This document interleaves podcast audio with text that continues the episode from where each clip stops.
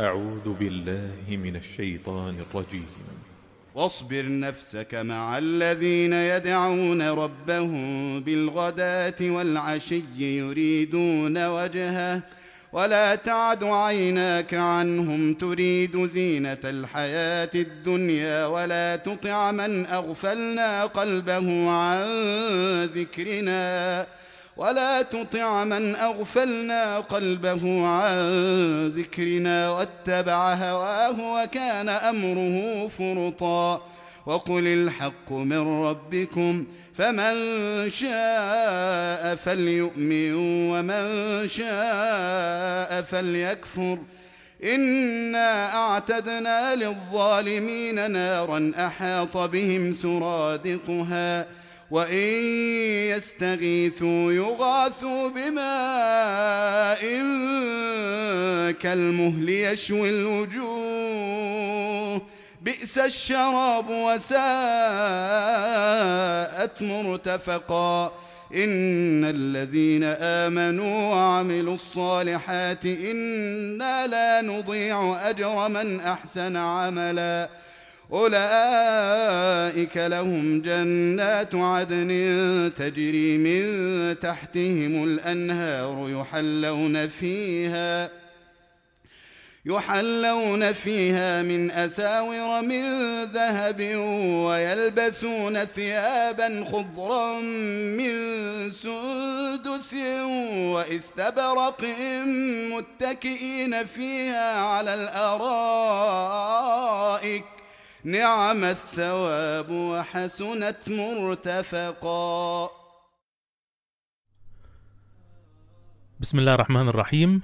السلام عليكم ورحمة الله وبركاته وأهلا بكم في حلقة جديدة من اللقاء المفتوح. كما رأيتم في العنوان الحلقة اليوم بعنوان ماذا تعلمت من الشيخ أحمد السيد؟ سأحكي لكم سبب هذه الحلقة وهذا اللقاء المفتوح ولماذا خصصت هذه الحلقة لهذا الرجل الطيب.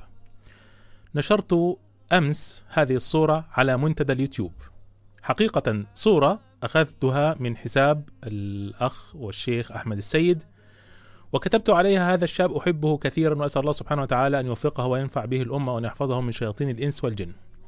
لم أكتب أي أسماء أو أي تفاصيل وفوجئت بسيل من التعليقات. لم أتوقع ذلك. مبدئيا هذه الصورة هي أعلى صورة حصلت على تفاعل في قناتي منذ إنشائها. ثانيا التعليقات عجيبة جدا. وجدت أن كثير من الشباب والفتيات قد تأثروا بهذا الرجل الطيب. ووجدت تعليقات إيجابية كثيرة تتح... يعني تتحدث عن ما تعلموه منه وما أخذوه منه. فبصراحة أنا ذهلت من هذا الأمر. فقررت اليوم أن يكون البث المباشر اليوم وحلقة اليوم في اللقاء المفتوح عن هذا الرجل الطيب. ماذا تعلمت منه؟ وعايزين النهارده الناس اللي شاركوا اللي تابعوا حلقات الشيخ أحمد السيد أو شاركوا في البرامج التي يقدمها أو يعرفوه يعني يكون عندهم الأولوية طبعا لطلابه. وكذلك أيضا المشاركة ستكون عن طريق الواتساب والتليجرام لكن الواتساب له الأولوية. طبعا آه، أنا متابع لقناته على اليوتيوب اولا بأول وطبعا أنصح الجميع أن يشتركوا فيها. ما شاء الله يقدم محتوى طيب جدا. كذلك أنصح الجميع بأن يدخلوا الموقع الخاص به. هو طبعا لديه أكاديمية اسمها أكاديمية الجيل الصاعد. فيها برامج تتعلق يعني بالأطفال وبالكبار وهكذا. فيها مسار الجذور ومسار غراس وأيضا هناك إشراق. يعني رائدات الجيل الصاعد بذور وهكذا مسار إثمار وهكذا. وكمان يعني من ضمن الأشياء وإن شاء الله هنستقبل اتصالات الناس تستنى دقيقة واحدة وهفتح باب الاتصال. شبابنا ألو؟ طيب الشباب اللي بيتصل أخي الكريم خليك معايا بس دقيقة واحدة سامعني؟ ماشي ماشي. طيب فالنهاردة كمان فوجئت بأنه أعلن عن آه، مشروع العمر للمصلحين. هذا مشروع يبدو والله يعني من العنوان يعني فقط مشروع العمر للمصلحين وهذا البرنامج آه، فيه تفاصيل كثيرة. ادخلوا على القناة ستجدوا فيديو يتكلم فيه عن هذا الموضوع أو ادخلوا على آه لحظة كده أهو آه آخر فيديوهات الأحدث. مشروع العمر يتكلم هنا عن هذا الموضوع. ادخلوا وشوفوا. الفيديو. مشروع العمر المصلحين تعريف مختصر بالبرنامج. فبصراحة أنا ذهلت من هذا التفاعل ومن آه، هذه النشاطات ال- الكبيرة خصوصا إني أيضا آه، كنت قد قرأت منذ أيام قليلة. بعض الناس يعني يعني بيحاولوا يهاجموا على الشيخ وكلام هذا. فقلت لا لازم لابد أن نسمع لطلاب الشيخ ونعلم ما هي القصة. ماذا تعلموا منه ولماذا كل هذا التفاعل ولماذا كل هذا الثناء؟ فناخذ أول متصل معانا الشاب اللي معانا. تفضل أخي الكريم.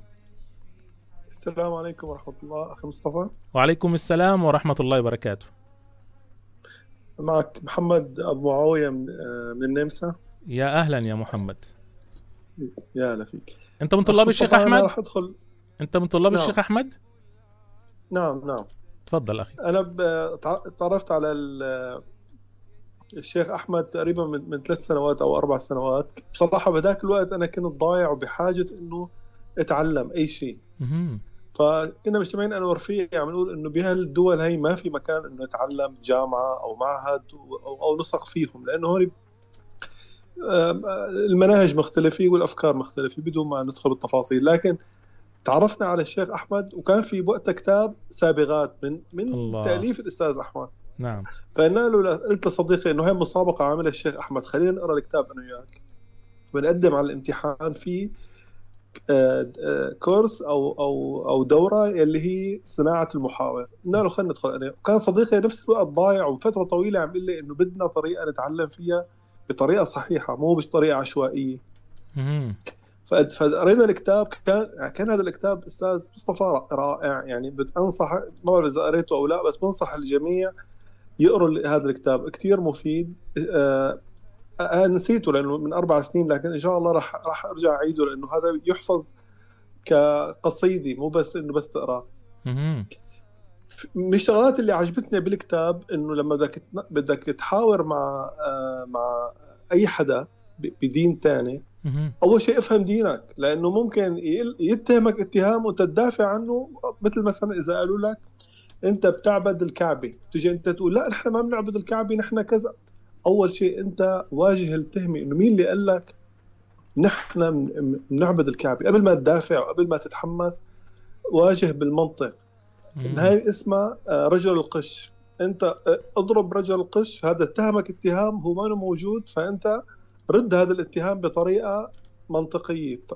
هون بلشت التعلم من هاي النقطة فعجبتني طريقته بهذا البناء. فدخلنا الحمد لله أنا وصديقي على الكورس. كان الكورس رائع.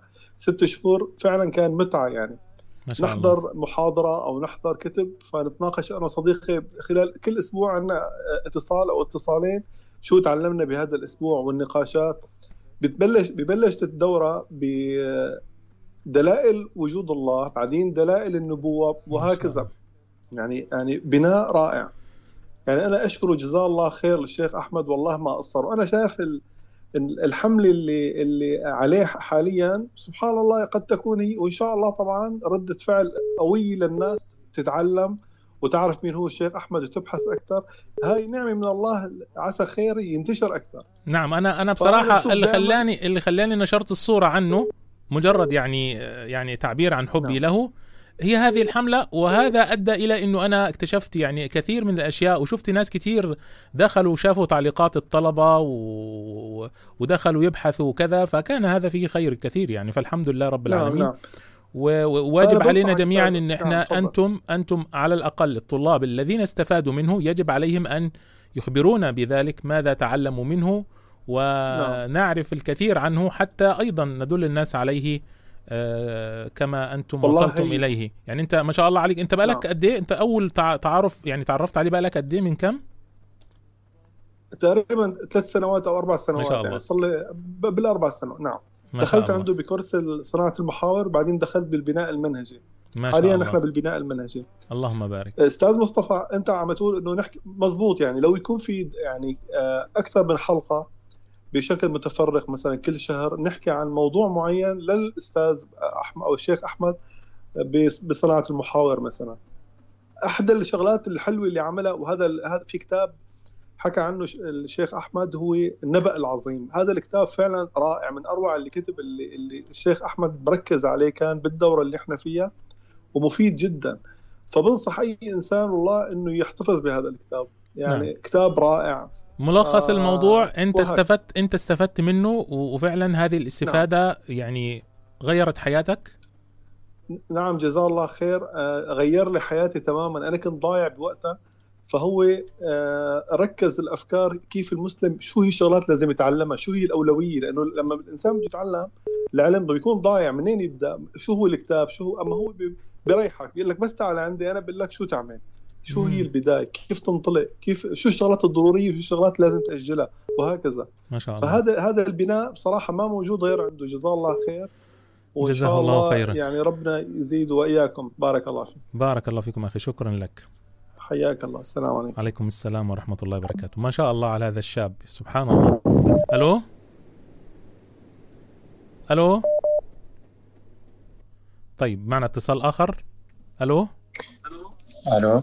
نعم. السلام عليكم. وعليكم السلام ورحمة الله وبركاته. أهلا وسهلا. أستاذ مصطفى مساء الخير. أهلا وسهلا أخي. آه، معك عبد الرحمن أنا طالب عند الأستاذ أحمد السيد من برنا... آه، حاليا في برنامج البناء الفكري. مهم. ماذا تعلمت منه؟ ونحن... والله حاول أختصر ما أطول عليكم لكن في كثير والله من الأمور اللي تعلمناها. جزاه الله خير أستاذ أحمد.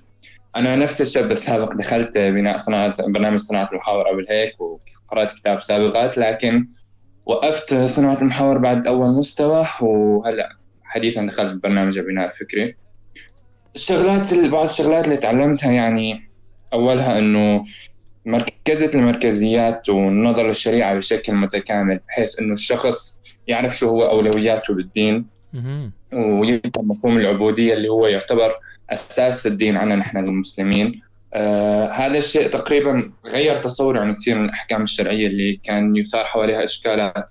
إنه مثلا ليش الرجال بيسوي هيك ليش المرأة بتسوي كذا؟ إنه ليش الواحد مثلا ممكن يعني يعمل شغلات تكون مخالفة لهواه مخالفة لرغباته وليش يتعب نفسه حتى التعب الكبير. وآخر شيء بعدين الواحد لما يفهم المنظور الإسلامي بشكل كامل حيعرف إنه لا إنه هو ما عم يساوي الشغلات بس لأنه عم ينقل له يسويها وإنما لا في آه، مؤسسة إسلامية تشريعيه ضخمة هي اللي من خلالها الواحد بيفهم الأحكام الشرعية.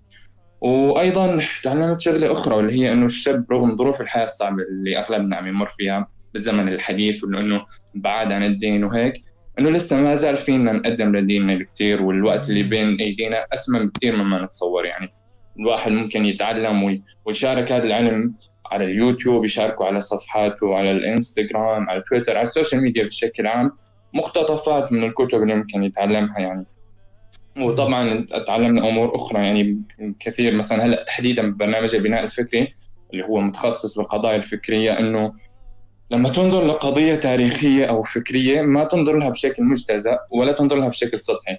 وما في شخصية اللي هي بيضاء تماما أو سوداء تماما من الشخصيات في نقل اللي بنشوفها إنه إنه في حال إنه خلص يعني تقصي الشخصية تماما بدون ما تقرأ عنها لأن أنت بحاجة تقرأ عن الشخصية بشكل مفصل لأنه حبيت الشخصية أو كرهتها إلها ناس متأثرين فيها ولا تقدر إنك ترشد هدول الناس وتصوب أخطائهم. أنت بحاجة تقرأ نهج هذه الشخصية بشكل كامل وتحلله. ما شاء الله. فبالتالي إنك أنت محتاج إنك ما تكون شخص سطحي بالتعاطي مع الأمور هاي. وطبعا لتخطو هالخطوة أنت محتاج قبل هيك كله يكون عندك التأسيس اللي حكى عنه الشاب أخونا قبل شوي اللي هو إنك فعلا تكون متأسس لأنه سوى ذلك حتضيع فعليا أنت عم تقرأ لأفكار أخرى وهالكلام. فيعني مجملا إنه نحن لنقل الجانب المعرفي حاليا هو ممكن أكثر جانب متاح لنا كشباب كمسلمين ممكن نساهم فيه انه نتعلم نتعلم قدر الإمكان ونعلمه لغيرنا. لأنه حاليا ممكن ننظر لها على إنه الجهل مثل وباء وداء عم ينتشر والحل الوحيد لاستئصال هذا الجهل إنه نستأصله بالمعرفة. وإنه الناس اللي عندها معرفة ووعي إنها هي اللي تربي أولادها والاجيال القادمه على هذا الشيء. فبالتالي يصير أغلب أفراد المجتمع ناس واعيين وعارفين دينها وعارفين الصح. وهذا بدوره حيأثر كثير على على الإصلاح والشيء اللي نحن بنطمح نوصله كمسلمين أكثر بكثير مما نتصور. تمام. أنت إن شاء الله عندك رغبة حاليا إنك أنت تشارك في نشر الإسلام وفي الرد على أعداء الإسلام وإنك يكون ليك دور فاعل في الأمة إن شاء الله ولا تعلمت وخلاص وخدت هذا التعليم لنفسك وخلاص وهتقعد في البيت؟ ما ما هاي هاي النقطة جميلة جدا الأستاذ أحمد سيد حكى عنها واللي هي إنه الموازنة بين التحصيل والعطاء. إنه الشخص ما يركز بس على التحصيل ولا برضه يركز بس على العطاء. لازم يكون يعني على الأقل ثلثين من وقته تحصيل المعرفة والعلم الشرعي والثلث الآخر يكون على العطاء. مثلا شلون ممكن يشارك هذا ال... هاي المعرفة اللي حصلها مع الآخرين؟ كيف ممكن يفيدهم؟ كيف ممكن ينفعهم؟ ما شاء الله. جميل. جميل هذا الكلام. جزاك الله خيرا يعني أخي. جزاك الله خيرا و... خل- والله يعني إن شاء الله إنه يعني برامج الاستاذ أحمد زيد انه تنتشر بأكبر قدر بين الشباب لأنه فعليا يعني حنعرف إنه فعلا إنه نحن عندنا قيمة وفينا نساوي أكثر من اللي نحن متصورينه. نعم. وما زال قدامنا الكثير إن شاء الله. جزاك الله خيرا وربنا يوفقكم ويجزيكم خير وجزاه الله خيرا أيضا على هذا الوعي اللي قدمه للشباب. وإحنا محتاجين شباب فعلا يعني يكون عنده هم لحمل هذه الرسالة. مش معقول يا جماعة التفاهات اللي إحنا شايفينها حوالينا دي. جزاك الله خيرا. ولذلك إحنا أنا أطالب كل أب أو أم أو كل شاب أو فتاة بيتابعونا يدوروا على برنامج مناسب لهم ويشتركوا فيه فيها مع في أكاديمية صناعة المحاور. طبعا ما حدش آه، محتاج مني اكتب على جوجل أكاديمية صناعة المحاور ادخل على الموقع وتصفحه وعيش. يعني يعني مش لازم يعني, لازم يكون عندنا نشغل دماغنا الجميع. يعني لأن بعض الناس بيجي يقول لك فين الأكاديمية؟ موجودة على الإنترنت. شكرا لك أخي الكريم وبارك الله فيكم وجزاك الله خير حياك. الله أخي الكريم حياك الله. ما شاء الله يا جماعة والله هذا ه- هذه الثمرات اللي أنتم طيب خلونا نسمع نسمع تاني. ألو؟ للأسف. اللي اللي ما عندوش واتساب شغال يتصل على التليجرام. إن شاء الله هناخد اتصالات التليجرام. آه أنا قافل. ألو؟ ألو السلام عليكم. وعليكم السلام ورحمة الله وبركاته. آه هو أنا ما كنتش أعرف الشيخ بس طبعا شكرا جدا إنه حضرتك آه قلت يعني على الشيخ وكده. آم، لأنه متهيألي ممكن يكون في ناس كتير ما عرفتش فدلوقتي هتبقى فرصة كويسة إن أولياء امور كتير يعرفوا عنه ويعلموا الأولاد. نعم إنه جزاكم الله خير. يعني يشتركوا في الدورة وكده. إن شاء الله ناوية تشتركي آه، أنا بس كان معاهم؟ ناوية تشتركي معاهم؟ يعني أنت لسه تعرفتي دلوقتي ولا كنت عارفة بس ما كانش يعني مالكيش مش طالبة عنده؟ لا أنا لسه متعرفة دلوقتي يعني أنا ما كنتش أعرفه. قبل كده خالص ما كنتش ما أسمع شاء عنه. الله. ما شاء بس الله. أنا عندي 30 سنة فأنا مش عارفة يعني أنا دخلت حتى شفت الفيديو لقيت إنه مكتوب آه، إنه السنين من ال- من سن 15 سنة أو من سن 12 سنة سن 22 فانا مش عارفة هل في للكبار اللي زيي عندهم 30 سنة ولا لأ. حد يتصل علينا هي يفهمنا. إيه- إيه- هل هل إحنا اللي ختيارنا إحنا اللي كبرنا في السن ينفع إن إحنا نشارك في هذه الدورات ولا لأ؟ إن شاء الله حد يرد علينا لأن أنا ما عنديش علم. شكرا لحضرتك. وفي حاجة أنا بس كنت عايزة أقول حاجة كمان. يعني هي ليها علاقة برضه بالح- بالحاجات اللي هي بتاعت حضرتك يعني المحتوى وكده. آه بس لو مش هينفع النهارده عشان آه، حضرتك مش هينفع. للشيخ يعني ما فيش مشكلة. آه النهارده مخصصة الحلقة مخصصة عشان بس ما نخشش في موضوعات تانية. جزاكم الله خير خليها في في لقاء مفتوح آخر إن شاء الله. عليكم. وعليكم السلام ورحمة الله وبركاته. شكرا للأخت الكريمة. فرصة أهو. أول أول أول استفادة من هذه الحلقة إنه في ناس اتعرفوا عليه. ألو؟ أيوه يا شيخ مصطفى أنا حكيت أول اتصال بس لأنه ال- الأخت عندها سؤال فحبيت كمان تساهم بالموضوع ال- عم تسمعني أستاذ؟ سامعك طيب بسرعة عشان في ناس تمام. كتير بتتصل بس- بسرعة تمام الدورات اللي عم تحكي عنها الأخت طبعا في للأطفال خاص فيهم لكن للكبار هو أي عمر ما في عمر محدد صناعة آه. المحاور أو البناء المنهجي ما في عمر محدد أي إنسان بيقدر يدخل على الموقع بيسجل المعلومات بيتواصلوا معه بيعطوه رقم وهكذا. بيدخل على الكورس تماما. ما بيسألوا حتى عن العمر ولا هذا الموضوع ما مهم يعني. جميل. نبني الأمة بطريقة صحيحة. مش مهم العمر ولا طيب. الدولي وحتى أي هو يمكن يمكن ما- يمكن تحديد العمر اللي هو الحد الأدنى يعني. يمكن هم هي بس المشكلة إنه الناس آه، يلتبس عليهم الأمر. لما يكون في تحديد العمر الحد الأدنى فيمكن يمكن هذا هو اللي خلاهم يعني بس بس بالكورس بالدورات اللي عملناها أستاذ مصطفى ما في أي تحديد للعمر. لا لا لا وشغلة ثاني حتى ما في تحديد للمستوى التعليمي. يعني هو حتى إنسان صفر ما عنده أي خلفية دينية ما في مشكلة. ما بيشترطوا مؤهل دراسي ولا بيشترطوا يقول لك آه، كلام ابدا. ابدا ولا شيء. ولا بس في كتاب مثلا مثل هذا السابغات يلي 100 صفحة بيقرأه أي إنسان وفي أسئلة بسيطة جدا. إنه خلص دخل بالجو يعني إنسان جدي. جميل. بس يف... نعم لازم ما, لازم في طبعا. اي صعوبة. لازم اختبار هاي. الجدية. شكرا لك أخي الكريم على الإفادة. بارك حياك. الله فيكم. سلامات. وعليكم السلام ورحمة الله وبركاته. ما شاء الله حلو خالص الشاب ده أفدنا. معنا اتصال آخر.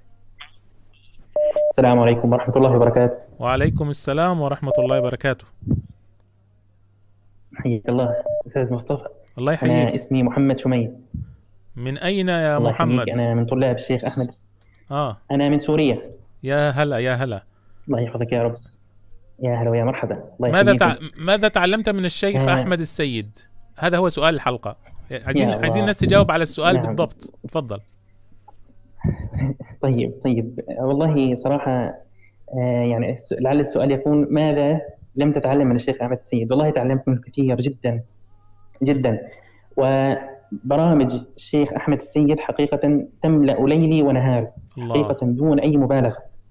عبارة أنا جميلة. حقيقة في الليل والنهار أنام وأستيقظ على برامج الشيخ أحمد السيد. الله أكبر. أنا خريج صناعة المحاور والآن في تخصص حجية السنة في صناعة المحاور. الله. وخريج أكاديمية الحديث الإلكترونية وطالب في البناء المنهجي في الدفعة الأولى. وطالب في البناء الفكري أيضا. ما شاء الله. نعم لعل هذه البرامج فقط. أنا طالب فيها. كل هذه زلت البرامج كل هذه يعني. البرامج الشيخ أحمد السيد بيشرف عليها شخصيا. نعم نعم كل هذه البرامج. نعم. وكنت بتتكلم معاه كان بيكلمك كده أو في حوار بيدور بينكم ولا أنت فقط بتاخد دروس أونلاين وخلاص ما فيش ما فيش أي تفاعل معاهم؟ وال- والله أنا شخصيا يعني من مدة قريبة في تواصل مع الشيخ. مم، مدة ما شاء قريبة. الله ما شاء الله. جميل يعني هو الحمد لله نعم أنا أنا الان أنا, أنا الآن نعم. نزلت فيديوهات حتى القناة وفعلا أنا حتى هعرض كمان شوية الفيديوهات لا واضح إن في كمان طلاب بيكونوا قاعدين معاه في الحلقات أحيانا وما شاء الله مجهود رائع جدا نعم أخي تفضل كمل نعم لنا نعم نعم ماذا- أيوة. إذن نعم. أنت- يعني أنت عاوز يعني تكلمت عنها عاوز. تسألني سؤال إيه، ماذا لم تتعلم من من, من الشيخ أحمد السيد هذا أنت تعتبر إي إنك والله. أنت يعني والله. استفدت والله منه. كثيرا يعني والله لا أبالغ أنا حقيقه إي والله لكن يعني لو أردت يعني لا لا أريد أن يكون الكلام هكذا مرسلا لو أردت أن أحدد أشياء ماذا تعلمت تحديدا من الشيخ أحمد السيد؟ يا ليت. مسألة حمل مسألة حمل هم الدين وحمل هذه الأمة لم تكن في من قبل بعد يعني كما بعد أن تعرفت على الشيخ أحمد السيد. أنت تعرفت تقريبا على الشيخ قبل ثلاث سنوات. يعني كنت شابا أصلي ماشي أحفظ كتاب الله سبحانه وتعالى. لكن ما كانت مسألة حمل هم الدين حمل هذه الأمة حمل أني شاب من المسلمين أحمل هم هذه الأمة وأدافع عنها. ما ما كنت يعني قبل ذلك أحمل هم شباب المسلمين أن أحد منهم مثلا يقع في إشكال سبحان الله. أو مثلا أحد من شباب المسلمين عنده شبهة عنده شيء. ما ما كان عندي هذا الشعور ما كان عندي شعور حمل الأمة. ما كان عندي شعور العمل بالعلم. شعور البذل والعطاء للأمة. شعور أنك أنت كشاب مسلم أنت ابن هذه الأمة. وأن هذه الأمة لن تنهض إلا بشبابها. ما كان عندي هذا الشعور قبل التعرف على الشيخ محمد السيد؟ ما شاء الله. نعم أنا تعلمت منه العلم أشياء كثيرة. لكن هذه المعاني لم تكن عندي من قبل. لم تكن عندي من قبل. فجزاه الله خير الجزاء. جزاه الله خير. جزاه الله خير الجزاء. اللهم والله أنا. يعني قبل قليل صراحة كنت جالس مع نفسي وتذكرته وتذكرت ما تعلمت منه. والله بكيت. بكيت والله. وكنت والله أدعو الله سبحانه وتعالى أن يجمعني به. فنسأل الله سبحانه وتعالى أن يجمعنا به وأن. يجزيه خيرا وأن يثبته وأن يتقبل منا ومنه. آمين. جزاكم الله خيرا أخي الكريم. ربنا يجمعنا وإياكم وإياه مع النبي صلى الله عليه وسلم وإخوانه من الأنبياء وأصحابه. جزاك الله خيرا أخي الكريم. شكرا لك. وإياك يا رب. السلام عليكم. وعليكم السلام ورحمة الله وبركاته. ما شاء الله ما شاء الله ما شاء الله. إيه ده يا شباب؟ طيب ناخذ اتصال. ألو؟ السلام عليكم. وعليكم السلام ورحمة الله وبركاته. السلام عليكم. وعليكم السلام ورحمة الله وبركاته. كيف حالك شيخ مصطفى؟ الحمد لله رب العالمين. تفضل أخي. والله معك إبراهيم. من أين يا إبراهيم؟ شيخ من وين؟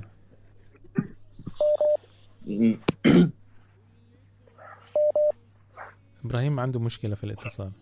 سا- سامعني يا شيخ؟ السلام عليكم. وعليكم السلام ورحمة الله وبركاته. شيخ آه نحن من طلاب الشيخ أحمد السيد. الله. والحمد لله رب العالمين. آه حابين نشارككم بعض ما خرجنا به من صحبتنا للشيخ. وملازمتنا له. الحمد لله نحن من طلابه في الواقع الحضوري. الفيزيائي. أنتوا الشباب اللي بيطلعوا في الفيديوهات دول يعني ولا حد تاني؟ أنا عمال أيوه بالضبط. يا عمال. أتفرج على الفيديوهات دلوقتي وناوي إن شاء الله إن أنا آه، آه، أذيعها دلوقتي إن شاء الله بعد شوية بس بمنتجها ما شاء الله عليكم. الله يبارك فيك. ماذا تعلمتم من الشيخ أحمد السيد؟ كل واحد كده يقول لي نقطة أو نقطتين آه، لو أنتوا أنا سامع أصوات شباب. سريعا في أيوة. خمس دقائق كلكم. نعم. يلا بسم الله. طيب بداية آه، أنا إبراهيم. آه، دخلت مع الشيخ أحمد كنت من طلابه القريبين من عدة سنوات يعني. والحمد لله رب العالمين بدي أحكي عن جانب أنا استفدته منه. هي قصة نوعا ما تختلف عن القصص اللي مشهورة أو كذا. آه، الفكرة هي إنه الحمد لله يعني أنا بالنسبة لي نشأت في بيئة نوعا ما محافظة ما شاء وكانت ال... وكانت الوالدة ترسلنا إلى معاهد وكذا. ومع الأسف كان أحد معهد اللي انضمينا لها من يعني تابع لفئة اللي هن فئة متشددة جدا. الأحباش لو أوف سمعت عنهم. أوف يا راجل. إي والله. طيب. فالحمد لله هذا معناه إن أنتوا ما كانش يعني هذا- ال- هذا ال- الكلام ال- ال- قبل كان لا الأمور. ميح خالص إن أنت تغلط في إنك توصل للأحباش والكلام هكذا. هذا معناه إن أنتوا يعني ما ما كان عندكم أي شيء ما كنتوش واخدين بالكم من من هؤلاء. مش مش معقول يعني الجماعة دول مكشوفين يكفرون المسلمين وكذا يعني. أي خليني أحكي لك. مم. هي الفكرة إنه دخلنا نحن مع الشيخ نحن معتقدين إنه أغلب ال- اللي حوالينا أو أكثرهم كفار ونحن الفئة اللي يعني خاصة المشرفين اللي كانوا معنا بهذاك المعهد كانوا يعني المسألة الأساسية لديهم هي تكفير الإمام ابن تيمية. أوف. وغيرهم من العلماء. يخرب بيتهم ف ف الفكرة إنه إحنا دخلنا مع الشيخ وكنا كنا كمان يعني هاي الإنسان لما يكون مختلط مع هاي الدوائر يكون عنده روح جدلية. روح هجومية. ف يعني دخلنا مع الشيخ نحن معتقدين بأكثر المسلمين إنهم غير مسلمين. و... والحمد لله يعني كان كنا كان في بيننا جلسات مع الشيخ نناقشه وكذا. وتم احتوائنا بصورة يعني الله يجزي الش- الشيخ عنا كل خير. هل هل هل هل هل التواصل المباشر التواصل المباشر بينكم وبين الشيخ كان له أثر في في إنه يعني استطاع إنه يحتويكم ولا يعني إيه ال إيه ال إيه السر يعني إيه النقلة دي المفاجاه من الأحباش إلى أهل السنة والجماعة؟ هو مثل ما قلت يعني الشيخ الله يجزيه الخير رب العالمين وهبه وهبه القدرة على على احتواء مثل هيك مواقف فكان فكان يعني الله يجزيه الخير احتوانا حتى الحمد لله رب العالمين. يعني كنا كانت هي على عدة جلسات وبعض المقررات وكذا. بعدها بفضل الله آه، ثم للشيخ أحمد إنه خلصنا من هذه الأفكار. الحمد لله رب العالمين. طيب اذا يعني دي تكفيك يا رجل. يعني مش لازم تقول لنا بقى بقية الحاجات. لو معاك ادينا الشباب التانيين إيه الأشياء اللي استفادوها منه أو تعلموها منه. ألو. السلام عليكم. عليكم السلام ورحمة الله وبركاته. آه، معكم عبد الله يا أهلا. أيضا من طلاب الشيخ آه، من ثلاث سنوات. أخبرنا. آه يعني الصراحة يعني الجوانب اللي يستفيد منها الإنسان يعني استفاد منها الإنسان قصدي من من الشيخ. كثيرة ولا لا تحصى ولا يعني صعب نقلها يعني. فأنا أحب إني أذكر نقطة بسيطة عشان كمان نتيح المجال آه. للإخوة الآخرين. اتصالات كتير. إيه آه النقطة اللي حابب أذكرها إنه يعني الإنسان قبل أن ينضم إلى مثل هذه الفعاليات آه يعني كان يتمنى أن يجد شيء يروي ظمأه يعني من آه من البرامج وال آه، يعني وال الأشياء التي تحتوي هذه الطاقات يعني طاقات الشبابية. فيعني عندما التحقت يعني وجدت ضالتي في في هذا في هذا المركز. كان عندك طاقة؟ يعني, يعني- أنت كان عندك طاقة وتريد شيء يعني فعلا يحتوي هذه الطاقة. نعم شيخنا يعني نحن يعني من هذا الواقع نعم أنا من سوريا. فعندما يرى الإنسان ال- ال- الواقع في في بلده وواقع المسلمين في- في كل الأماكن يعني يسأل نفسه سؤال واحد إنه أنا كيف ممكن أخدم هذا هذه هذا الدين؟ وكيف ممكن أخدم شعبي وأمتي كلها يعني؟ ما شاء الله. ف يعني الإنسان يفكر دائما إنه كيف ممكن أن يعني يجد الطريق الذي يخدم به هذه الأمة. وسبحان الله يعني وجدنا هذه وجدنا هذه الضالة عند عند الشيخ أحمد السيد وفي يجزيه الحمد الخير. لله. جزاه الله خيرا. نعم. لسه معكم كمان شباب؟ في في خير وبركة شيخنا. ديني كمان. السلام عليكم ورحمة الله. وعليكم السلام ورحمة الله وبركاته. حياكم الله. الله يبارك فيكم على هذه البدرة يكرمك. الطيبة. جزاك الله خيرا. الله بالعكس ده ده أنا ده أنا أنا مبسوط جدا جدا جدا. أنا كنت مفكر إن أنا لما أنشر الصورة يعني يعني عادي منشور عادي بس تعبير عن حبي للشيخ. فوجئت بسيل من التعليقات ما شاء الله عليكم. يعني أحباب الشيخ كثر والآن في الاتصالات كمان. لذلك اختصروا. آه، اتفضل الله أخي. يبارك. الله يبارك يا رب. آه والله أنا حابب أتكلم آه كان في نفسي حديث مستفيض لكن بعد كل هذا التحريص فإن شاء الله أقتصر على ما أراه أهم آه. يعني أهم شيء آه أنا لما قابلت الشيخ كان في نفسي كثير من التساؤلات على مختلف الأصعدة كان في نفسي تساؤلات عن المنهجية العلمية كان في نفسي تساؤلات عن الوجهة الإصلاحية كان نفس كان في نفس تساؤلات عن معنى التزكية ومركزية التزكية ومفهوم التزكية ما هو و آه، تساؤلات في مختلف النواحي. آه، والحمد لله رب العالمين. من أعظم النعم التي من الله بها علينا أنه تربية الشيخ لنا كان فيها نوع من أنواع الشمولية. كان فيها نوع من أنواع التكامل على مختلف الجوانب. فمثلا في الجانب العلمي كان هناك آه، بالنسبة للجانب العلمي كان هناك منهجية واضحة تؤسس الإنسان بشكل مستقيم بشكل متزن.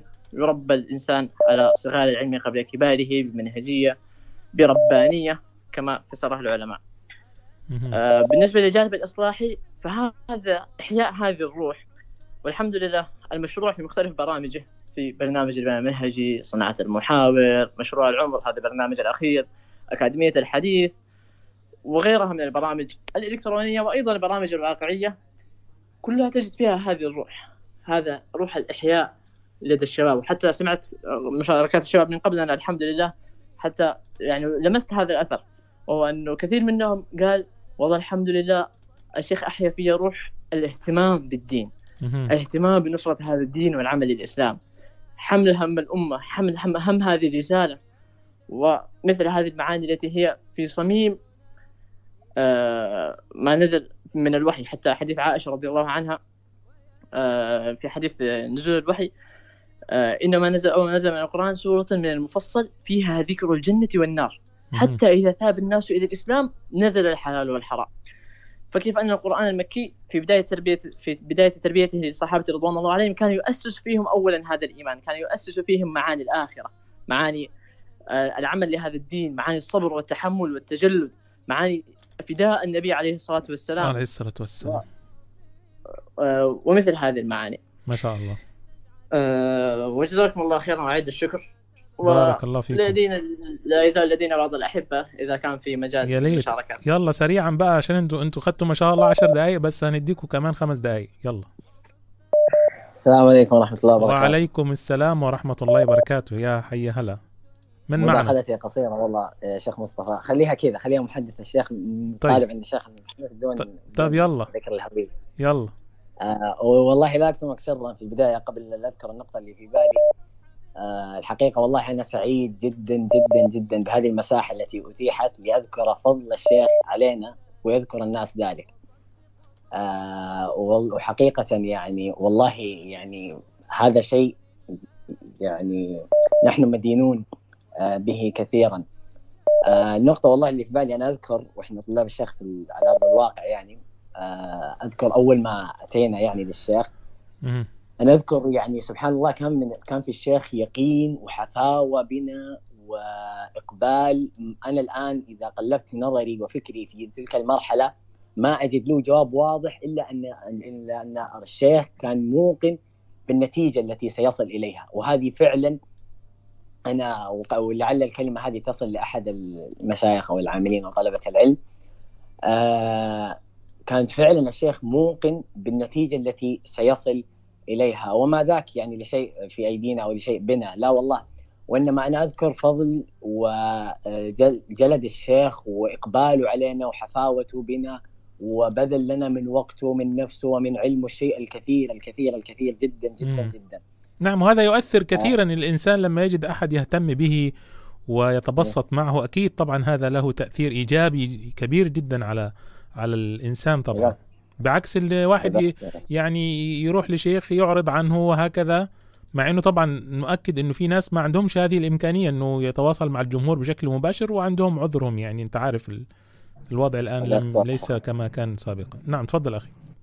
صدقت صدقت يا شيخ مصطفى. أنا هذا والله اللي عندي وما ودي نطول أكثر من كذا. جزاك الله. خيرا. جزاك الله خيرا وتحياتي لك أخي الكريم. بارك الله فيك. مصطفى؟ وعليكم السلام ورحمة الله وبركاته.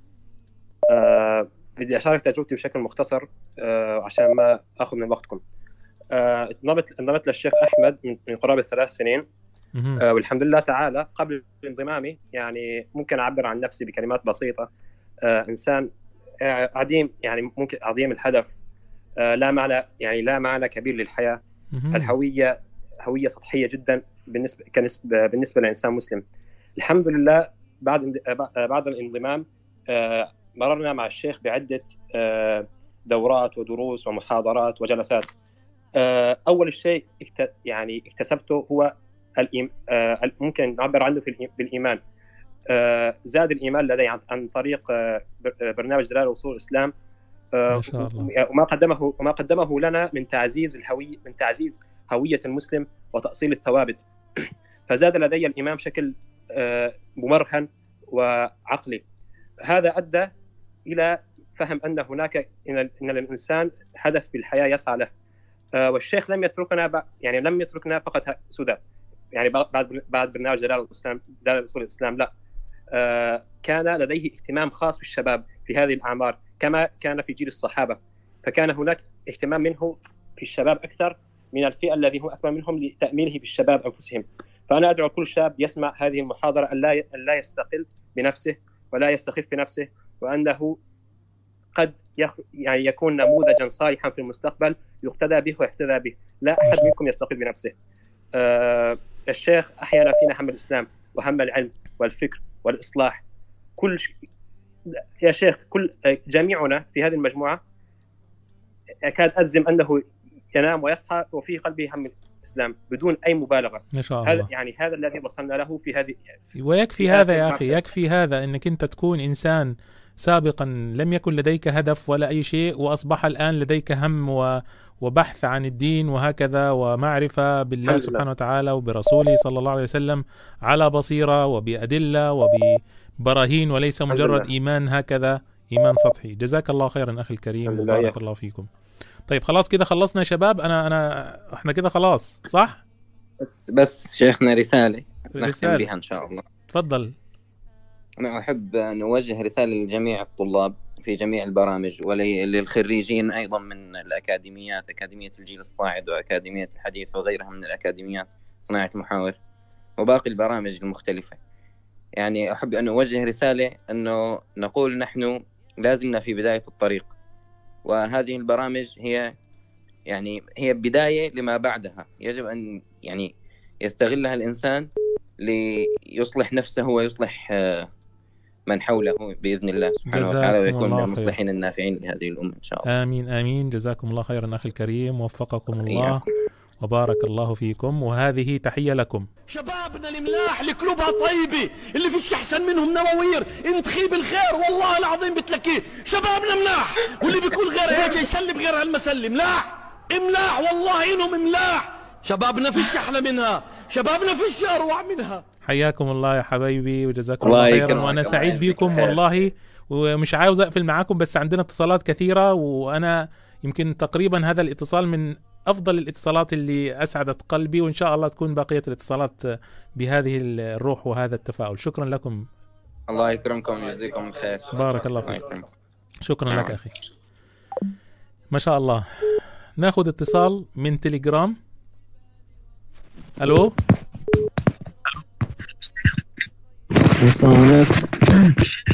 ألو عليكم السلام ورحمة الله وبركاته. أخي في دربكة كثيره جدا. أنا الصوت خرم ودني. الصوت كويس كده؟ يعني تفضل أخي تفضل كمل. أخي أخي لا لا لا الصوت الصوت مش الصوت حاول حاول مرة أخرى آسف. والله الصوت الصوت فيه مشكلة. الصوت فعلا فيه مشكلة فأتمنى الأخ يصلح الصوت. مع اتصال. السلام عليكم. وعليكم السلام ورحمة الله وبركاته عليكم. وعليكم السلام ورحمة الله وبركاته. ان أحب في البداية أن أحيي الجماهير السورية لاحمد السيد سبحان الله يبدو آه. له نصيب كبير عنده والله كنت لسه هقول الاخوه السوريين ما شاء الله عليهم شكلهم يعني مسيطرين على ك... إيه ده يعني في في في في, في الاتصالات تقريبا حوالي 90% من السوريين. ربنا يبارك فيكم وهي جاء كمان واحد سوري ثاني أهلا أهلا أهلا أهلا يا أخي. تفضل أخي. معك براء من حلب. في البداية أنا كنت أحزن لأن الشيخ أحمد السيد مركز يعني بشكل رهيب على الجهد الإصلاحي الذي يقوم به مما جعل اسمه غير مشهور في الأوساط الإعلامية دعني أقول وسائل التواصل اليوتيوب إلى غيرها. لكن سبحان الله إذا أراد الله نشر فضيلة طويت أتاح لها لسان حسودي. الله. سبحان الله يعني. كانت هذه الفرصة لكي تتعرف أوساط أخرى وشرائح أخرى على الشيخ أحمد السيد. نعم. كإجابة سريعة على هذا السؤال أريد أن أقول تعلمت من الشيخ أحمد السيد بشكل أساسي التوازن في الطرح. الاهتمام بالمركزيات والابتعاد عن الفروع التي يعني لن ينتهي فيها خلاف. اليوم الأمة تهاجم بمركزياتها تهاجم بأساسات دينها. مقدساتنا الهجمة الفكرية اليوم تجاوزت الفروع اليوم تهدف إلى الأصول فتعلمنا الشيخ أحمد السيد أن نركز نحن جميعا جهودنا على المركزيات وأن نتيح مساحة للاختلاف بالفرعيات ولا نشوش جهود الأمة ونتجه جميعا إلى الهدف المنشود. ولا أحب الإطالة. الله يجزيكم الخير ويعطيكم العافية. يعطيكم العافية أخي الكريم جزاك الله خيرا. بالنسبة للرسائل اللي أتتني شكرا لك أخي. بالنسبة للرسائل التي أتتني أنا هستقبل كل الاتصالات لحد ما يعني نزهق. فحاولوا بس مرة تانية لأنه طبعا أنا ما أقدرش أخد كل الاتصالات مع بعضها. اللي حاول يتصل يحاول مرة أخرى يسمع المكالمة ويتصل بعدها. هاخد الاتصال مرة أخرى من على التليجرام. ألو؟ ألو؟ أيوة. السلام عليكم. وعليكم السلام ورحمة الله وبركاته. كيف حالك أخ مصطفى؟ الحمد لله رب العالمين. الحمد لله.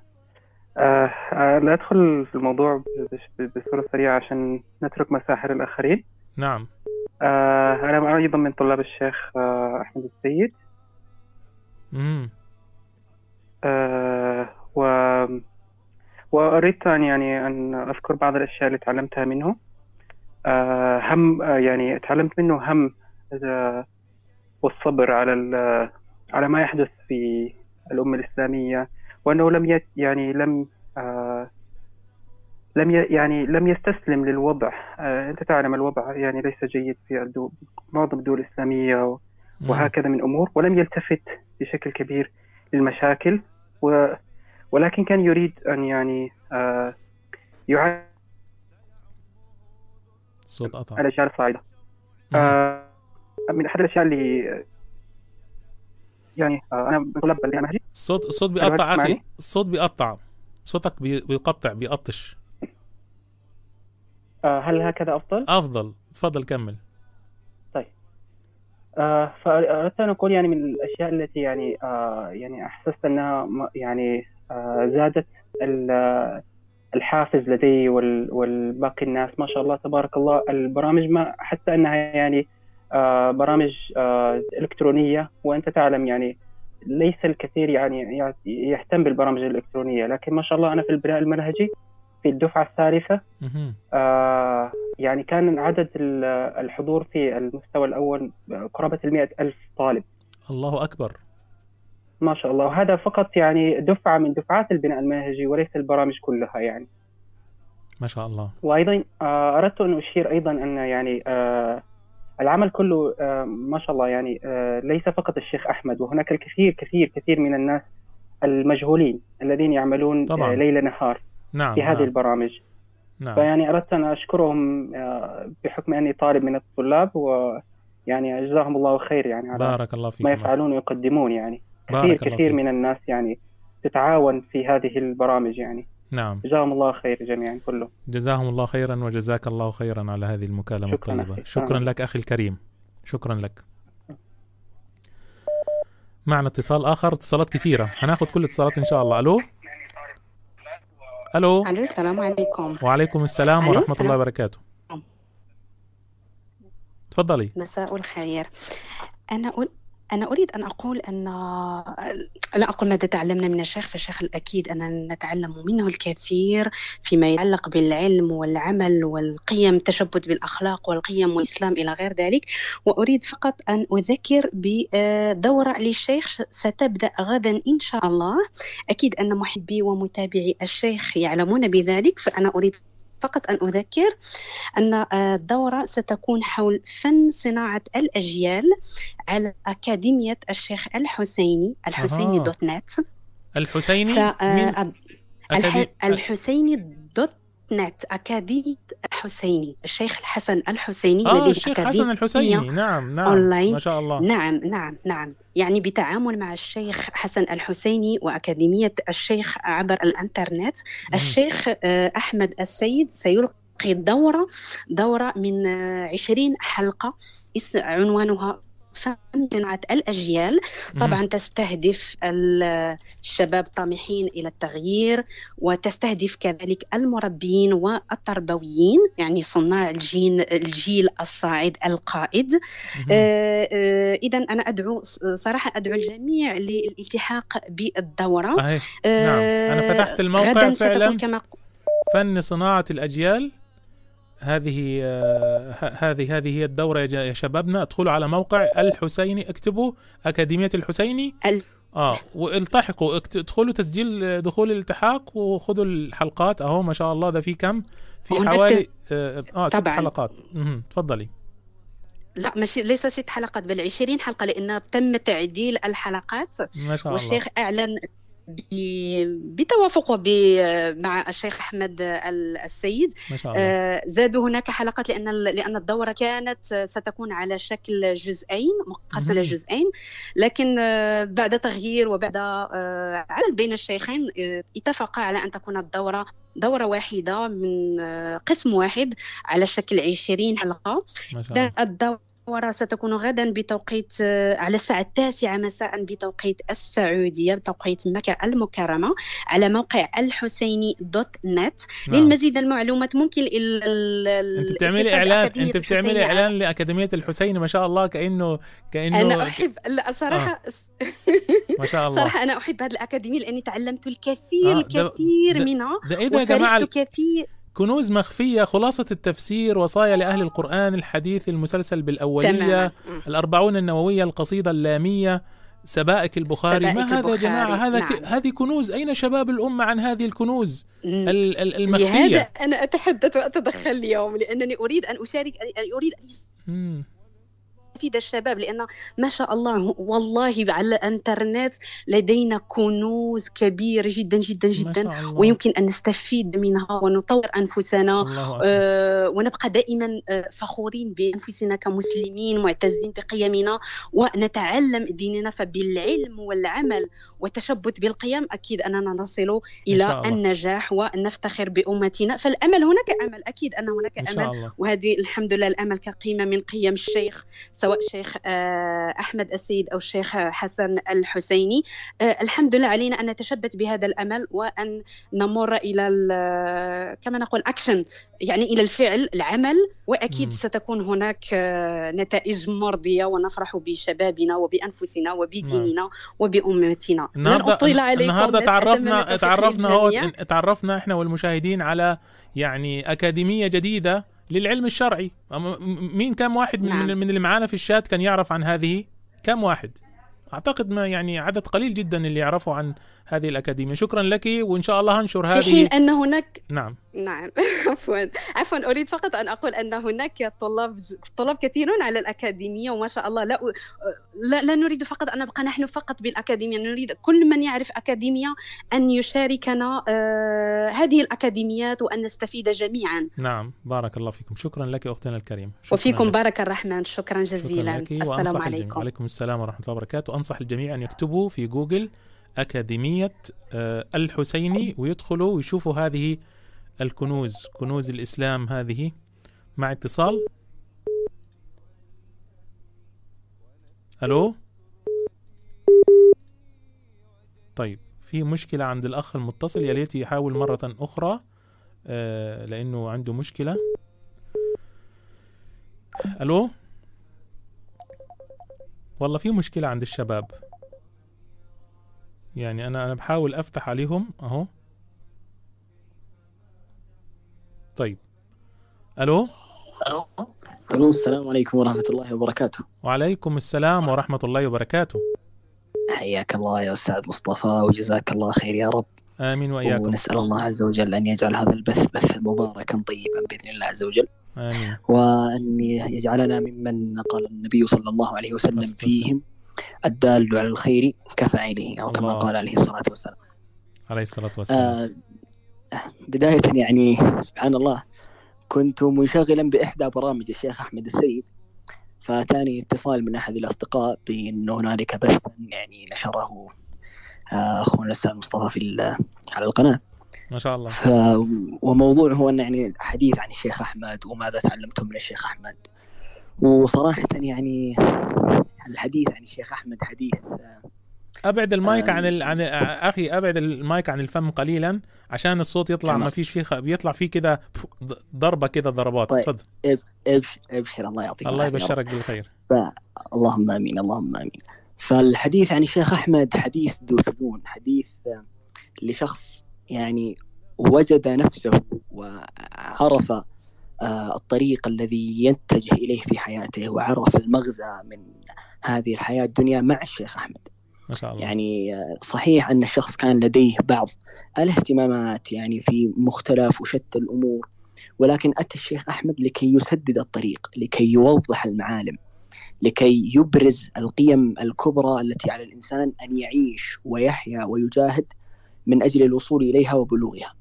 يعني أبهرنا الشيخ أحمد بتعاليم وبأفكار وبمنهجيات منها تتبع مرجعية الوحي، منها معرفة مراد الله عز وجل، منها مركزة المركزيات، منها أن أن يحمل الإنسان هم أمته أن لا يعيش الإنسان هكذا سبهللا في الحياة الدنيا لا يعرف معروفا ولا ينكر منكرا لا بل يعني أحيا للطلبة وأحيا لمن آه، قارب ولامس شيء من روح الشيخ أحمد آه، أن بالفعل أن هذه المرحلة التي تمر بها الأمة إنما هي مرحلة إعداد وامتحان من الله عز وجل لهذه الأمة الشريفة فمن منكم يحوز قدم السبق في أن يكون مصلحا صالحا في نفسه ابتداء ومصلحا لأمته بعد ذلك؟ ما شاء الله. آه، رايات الإصلاح التي حملها الشيخ كثيرة وكثيرة جدا. نتحدث عن رايات حملها ضد آه، المعتدين على الدين من الملاحدة ومن منكري السنة وغير ذلك. بل. ونحن ونحن شعرنا بشيء من هذا الجمال. نسأل الله الشيخ عنا خيرا آمين وإياك. نسأل الله عز وجل له الثبات إن شاء الله. آمين. والله يا أخي أنا بس عايز أسألك سؤال. أنت ما شاء الله الأسلوب ال- الكلام باللغة العربية الفصحى وهذا الكلام الطيب وكذا هذا جزء أيضا من اللي بيتعلمه الشباب أيضا في داخل الأكاديمية ولا فقط لازم بيتعلموا يعني هل هذا الأمر جزء من تكوين الشباب في الأكاديمية؟ اللغة العربية وهناك متون للغة العربية وهذه الأمور؟ اي بالضبط بالضبط. الشيخ طبعا نعم. ما شاء الله تبارك الرحمن يحرص في دروسه على أن آه، يكون الخطاب باللغة العربية الفصحى، لماذا؟ لأن الشيخ ما شاء الله تبارك وتعالى يعني له دائرة تأثير حتى قد تسع بعض الدول غير العربية والتي يعني يكون لديها بعض الإشكال حينما يتحدث الشيخ بالعامية، فلذلك يجعل الشيخ أحمد جل دروسه آه، بالمحتوى الفصيح. نعم. ومن يعني استطاع أن ينغمس في غمار مقاطع الشيخ أحمد ودروسه بالفعل يعني يكتسب هذه اللهجة ما ويكتسب. ويكتسب هذه اللغة منه ما شاء الله. جزاك الله خيرا أخي. وكذلك يهتم الشيخ في بعض البرامج باللغة العربية ما شاء الله تبارك الرحمن جزاك الله خيرا أخي. شكرا لك. اللهم آمين. وياك. ما شاء الله. الله يسلمكم يا رب. يبارك فيكم. ما شاء الله. شباب يا جماعة أنا لو فضلت أشغل شباب. السلام عليكم ورحمة الله وبركاته. وعليكم السلام ورحمة الله وبركاته. يا أهلا وسهلا. أنا طالب آه، الشيخ أحمد من أهم طلاب الشيخ أحمد سيد من أكاديمية الجيل الصاعد. آه، يعني سوف أعطي نبذة عن ما استفدناه من الشيخ. جزاه الله خيرا. الحمد لله آه، لي سنتين مع الشيخ أحمد. س- آه، في الأكاديمية. والحمد لله أتممنا جزءا معين من ال- من المطلوب منا ولله الحمد يعني مهم. أتممنا كثير من المواد وال... والتأسيس الشرعي. والشيخ والشيخ عندما كان يعطينا لم يذكر يوما ما يعني في دوام يعني سنتين لم يذكر ما أحد في سوء في سوء ولم يطعن في أحد. فسبحان الله يعني يعني يعني في في تربية هذا نوع من أنواع التربية أيضا نعم. والأخلاق نعم. والأمور هذه ما شاء الله ربنا يبارك فيه نعم. يوما ما يعني ولا يوم طعن في أحد معين. وسبحان الله يعني البرامج والف... والفوائد التي يخرج فيها الطلاب هي عظيمة وجمة. يعني الإنسان لو لو فتح وبرز هذا ال... هذا الشيء لا ينتهي من هذا الباب. ما شاء الله. سبحان الله عجائب عجائب تزكوي. أو الجوانب الأخرى الثقافية والفكرية. كيف الت- ارتقى الإنسان بنفسه؟ سبحان الله. نعم. من من يعني من مستنقع الشهوات وهذه الأمور إلى البركة والخير والغايات الكبرى مرضاة الله عز وجل ومنفعة الأمة الإسلامية وما إلى ذلك. فسبحان الله كيف يأتي بعض بعض الناس ويطعن ولا يسوي شيء أصلا للأمة الإسلامية فقط يطعن بهذا ويطعن بهذا. صحيح. هدم نسأل الله عز وجل. نعم هذا هو همهم الهدم و... والهمز واللمز. جزاك الله خيرا. يا حبيب. شكرا لك وعلى هذه. المشاركة وربنا يبارك عليكم. فيك وعليكم السلام ورحمة الله وبركاته. أنا بس عاوز أوجه رسالة لأولياء الأمور اللي كانوا تعبنا وزعلانين ويقول لك عاوزين عايزين أشياء لأطفالنا وشبابنا وبناتنا. أهو أكاديمية الجيل الصاعد أكاديمية الحسيني أكاديميات كثيرة أهي. العلم جاء إليكم إلى بيوتكم عبر الإنترنت بدل ما الأطفال يلعبوا. ألو معنا اتصال؟ طيب في مشكلة. أهو موجودة هذه الأشياء الناس تستفيد منها. مع اتصال؟ ألو؟ آه إن- إن- انت انت انت تلميذة عند الشيخ أحمد السيد؟ السلام عليكم ورحمة الله تعالى وبركاته. وعليكم السلام ورحمة الله وبركاته. أنا قلت خلاص كمان الأطفال الرضع بيلتحقوا بال بالأكاديمية. تفضلي.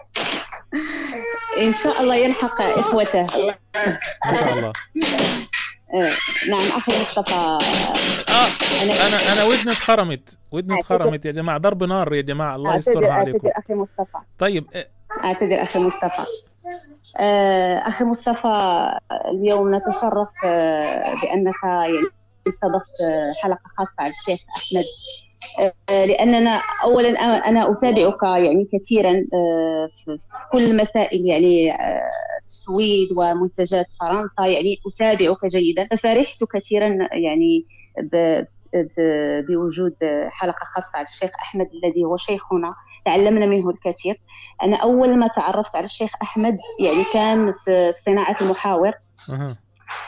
صناعة المحاور هي خاصة بمحاورة طرق محاورة يعني المشككين وفيما يتعلق بالإلحاد آه، ما أريد أن أقول على صناعة المحاور هي مرحلة اليقين. يعني الشيخ آه، الكثير كان قطع الصوت. انقطع الصوت من عند الأخت. إن شاء الله تتصل بنا تاني. للأسف الشديد انقطع الصوت والناس اللي بتتصل صدقوني هناخد كل الاتصالات. مع اتصال؟ ألو؟ ألو؟ ألو السلام عليكم. وعليكم السلام ورحمة الله وبركاته. آه، حياك الله. ارفع صوتك أخي أنت بعيد خالص عن الصوت. آه، اسمي أمين من المغرب. تفضل يا أمين. ماذا تعلمت من الشيخ أحمد السيد؟ السؤال صراحة صعب جدا يعني. طب صو- صوتك لكن- صوتك منخفض أخي صوتك منخفض. أنت أنت في حاجة عن الصوت الآن واضح؟ مية مية. يلا. صعب السؤال. تمام. اي صعب لأنه يعني لا يستطيع أن يحصي جميع ما تعلمه من الشيخ لكن يعني ممكن أقول أنه أهم شيء تعلمته من الشيخ أحمد أول شيء أنا طالب عنده قبل سنتين يعني. يعني منذ سنتان ما كنت أعرف شيء اسمه طلب العلم والتعلم والقراءة. يعني كانت حياتي حياة أي إنسان. آه، همه الوحيد أنه يحاول ينجح في مساره الدراسي يحافظ بعض الأحيان على الصلاة وكذا. لكن ما ليس عنده ذاك الهم الدعوي أنه لماذا أنا مخلوق لماذا أنا موجود عبادة الله عز وجل الجنة. ذلك الهم وذلك الأشياء ما كان عند الإنسان. ربما كان همه يعني إيش؟ يختم السلسلة كذا المسلسل الفلاني أوه. الفيلم الفلاني. يعني هذا هو في البداية الهم بعدين آه، كان آه، فترة الحجر في كورونا. فكان هناك نوع من الفراغ الكبير. والحمد لله بفضل الوالدة آه، اقترحت علي برنامج أكاديمية الجيل الصاعد في لما بدأ لما كان أول افتتاح أول دفعة. يعني لما أول مرة تم افتتاح الأكاديمية آه، اقترحت علي الوالدة إني أدخل فقلت خلينا نجرب يعني بدافع الفضول والتجربة فقلت نجرب يعني. فسبحان الله يعني لما دخلت في الأكاديمية واستشعرت ذاك الجو الجو التربوي الطلاب هناك الصحبة الصالحة المقررات التي كنا نأخذها الكتب القراءة يعني ممكن نقول أنه أمين الآن ليس هو أمين قبل سنتين يعني يا فرق حصل تغيير في حياتك؟ يعني واضح؟ تغيير شاسع وكبير جدا جدا جدا. يعني الإنسان يعني قبل كان أهم الإنسان الكبير أنه مثلا يحصل على نقطة جيدة ويشتري الوالد مثلا جهاز لابتوب جديد ومثلا آه، يخ- يختم اللعبة الفلانية. الآن لا الآن موضوع مختلف جدا. يعني أصبح آه، هذه يعني حالة ليس فقط يعني خاصة بي بل كل من يعني تخرج واهتم بالأكاديمية وكل طلاب الأكاديمية استشعروا هذا المعنى. أنه أصبح همهم أنه يعني كيف ينصرون الإسلام كيف يدافعون عن الإسلام. يعني أنا أرى الآن يعني المه... ال... يعني ناس مسلمين مشردين في كل مكان. أرى ناس أنهكتهم الحروب أرى مسلمين متأثرين بالشبهات. كيف أنا أستطيع أن أساعد؟ كيف أنفع المسلمين؟ أصبح هناك تول أو تولد لنا يعني هم هم دعوي هم إصلاحي. يعني كيف سنساعد كيف سنضع بصمة يعني؟ وك... استشعرنا قيمة أننا ترى إحنا مسلمين و... يعني مو بس كما يصطلح علينا الآن مراهقين. يعني. أغلب يعني أغلب السياقات الآن تقول أنه المراهقين يعني يعني ما لهم فائدة في المجتمع ما لهم دور كبير.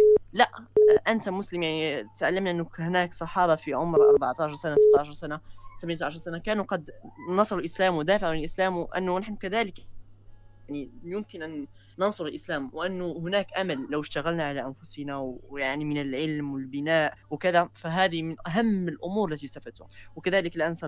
البناء التزكوي أنه الشيخ كان حريص جدا على التزكية أكثر من الجانب العلمي يعني برامجه برامج الشيخ مشتل بجميع البرامج يعني أهم ما فيها أنه تعتني بالجانب التزكوي القلبي أكثر من الجانب ال- العلمي. يعني جانب أن الإنسان كيف يعبد الله عز وجل كيف يعمل بعلمه. يعني الغاية أنه دائما في البرامج العلمية بتاع الشيخ أنه الشيخ يؤكد علينا دائما أنه الغاية ليست أن نجمع المعلومات وخلاص. لا الغاية هو أنه لابد أنه نعمل بعلمنا أنه هذا العلم الذي تعلمناه لابد أن يكون له أثر على أنفسنا وعلى غيرنا. ولو يعني تسمح لي أخي مصطفى أنه تختم. يعني هناك كثير كثير من الشباب يعني اليوم قد لأول مرة الحمد لله يعني هذه الحملة اللي أثيرت على الشيخ.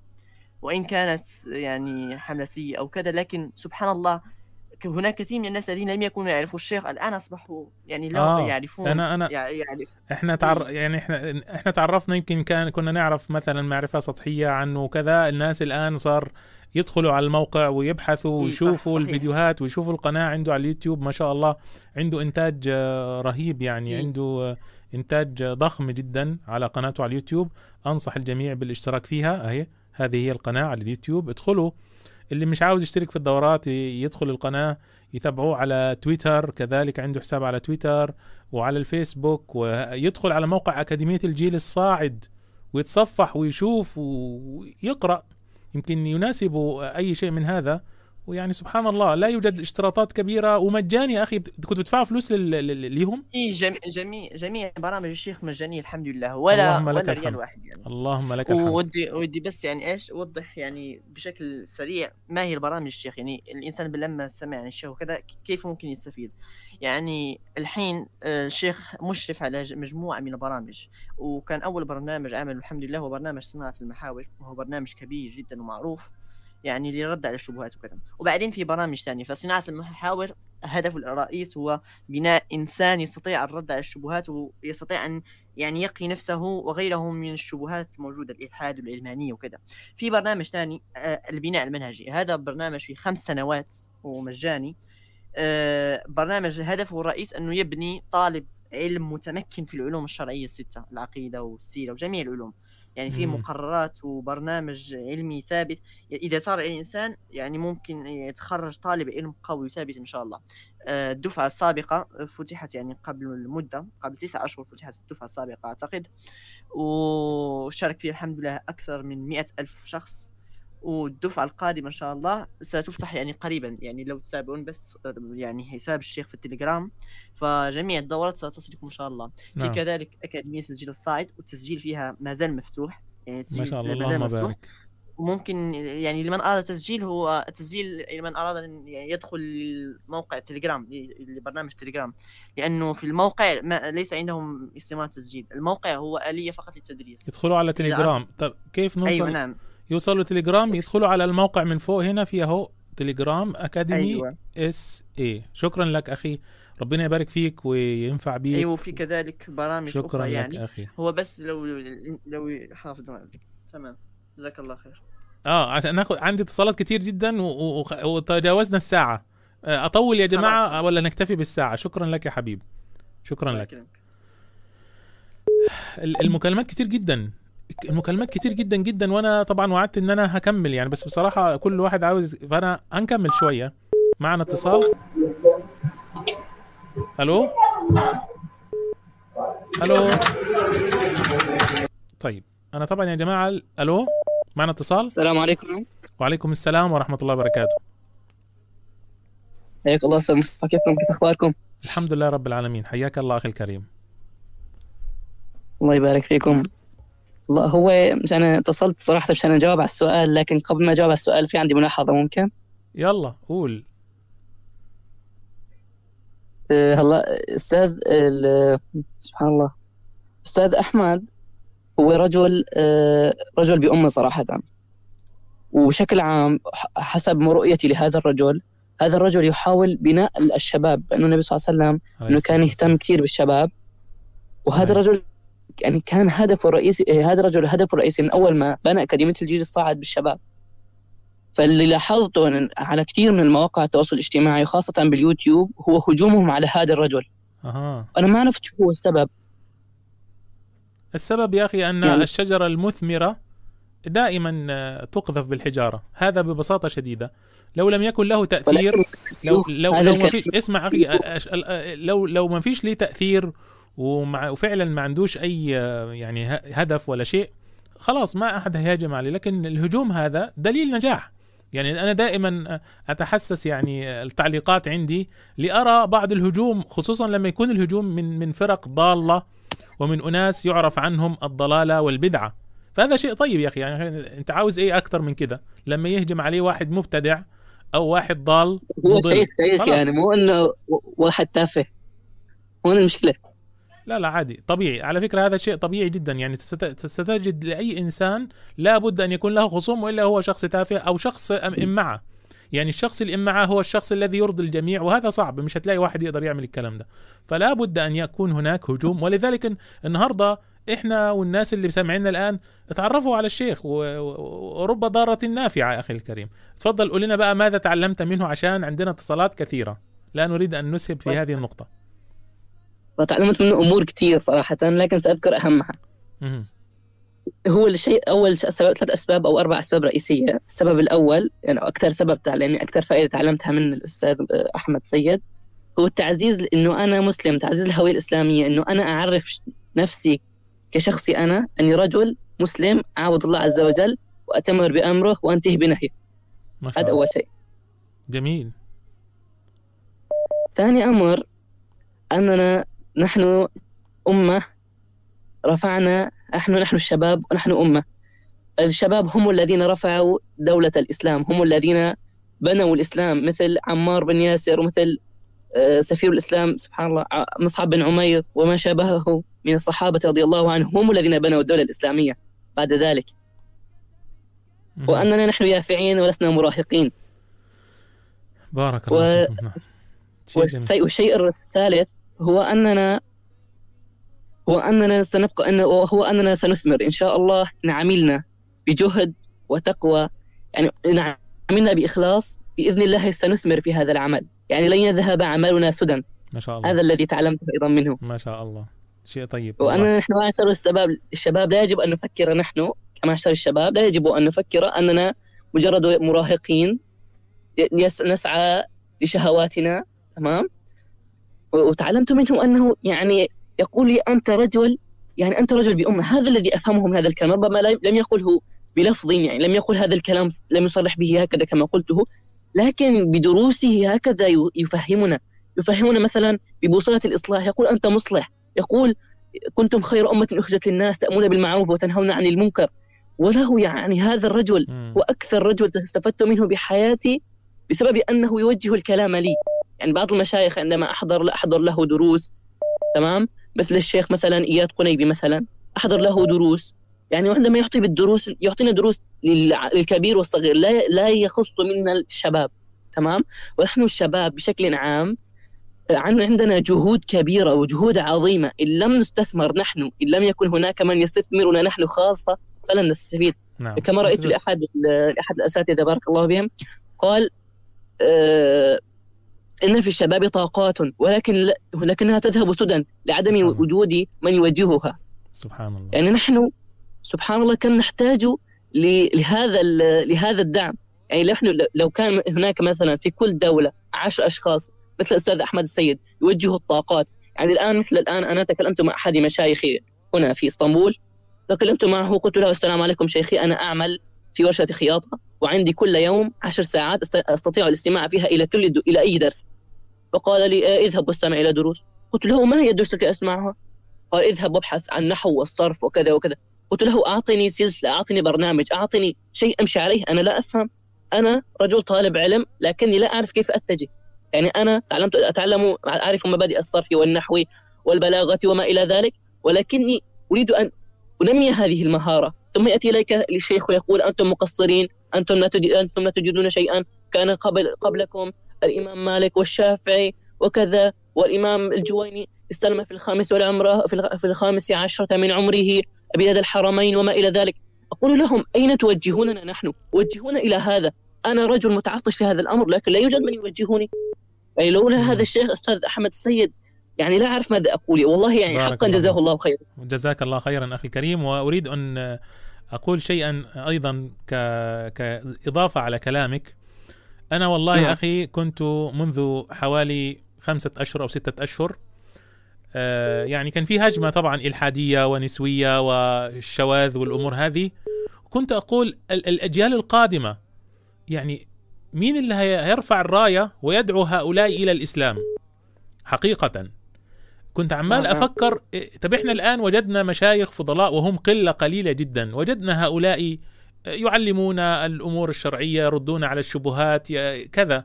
طب الشباب الجيل الجديد ده هل هيكون في وسط التفاهة دي كلها ومفيش آه، آه، أشبال ومفيش شباب يدعوهم؟ فلما تعرفت في الأيام الماضية على أكاديمية الجيل الصاعد وعلى آه، كثير من البرامج التي تقدم و... ولما نزلت المنشور امبارح وشفت التعليقات قلت الله أكبر. اللهم لك الحمد. هذا الشيء أعطاني أمل كبير انه لسه في الأمة خير كثير وإنه إن شاء الله في شباب ربما أفضل منا بكثير.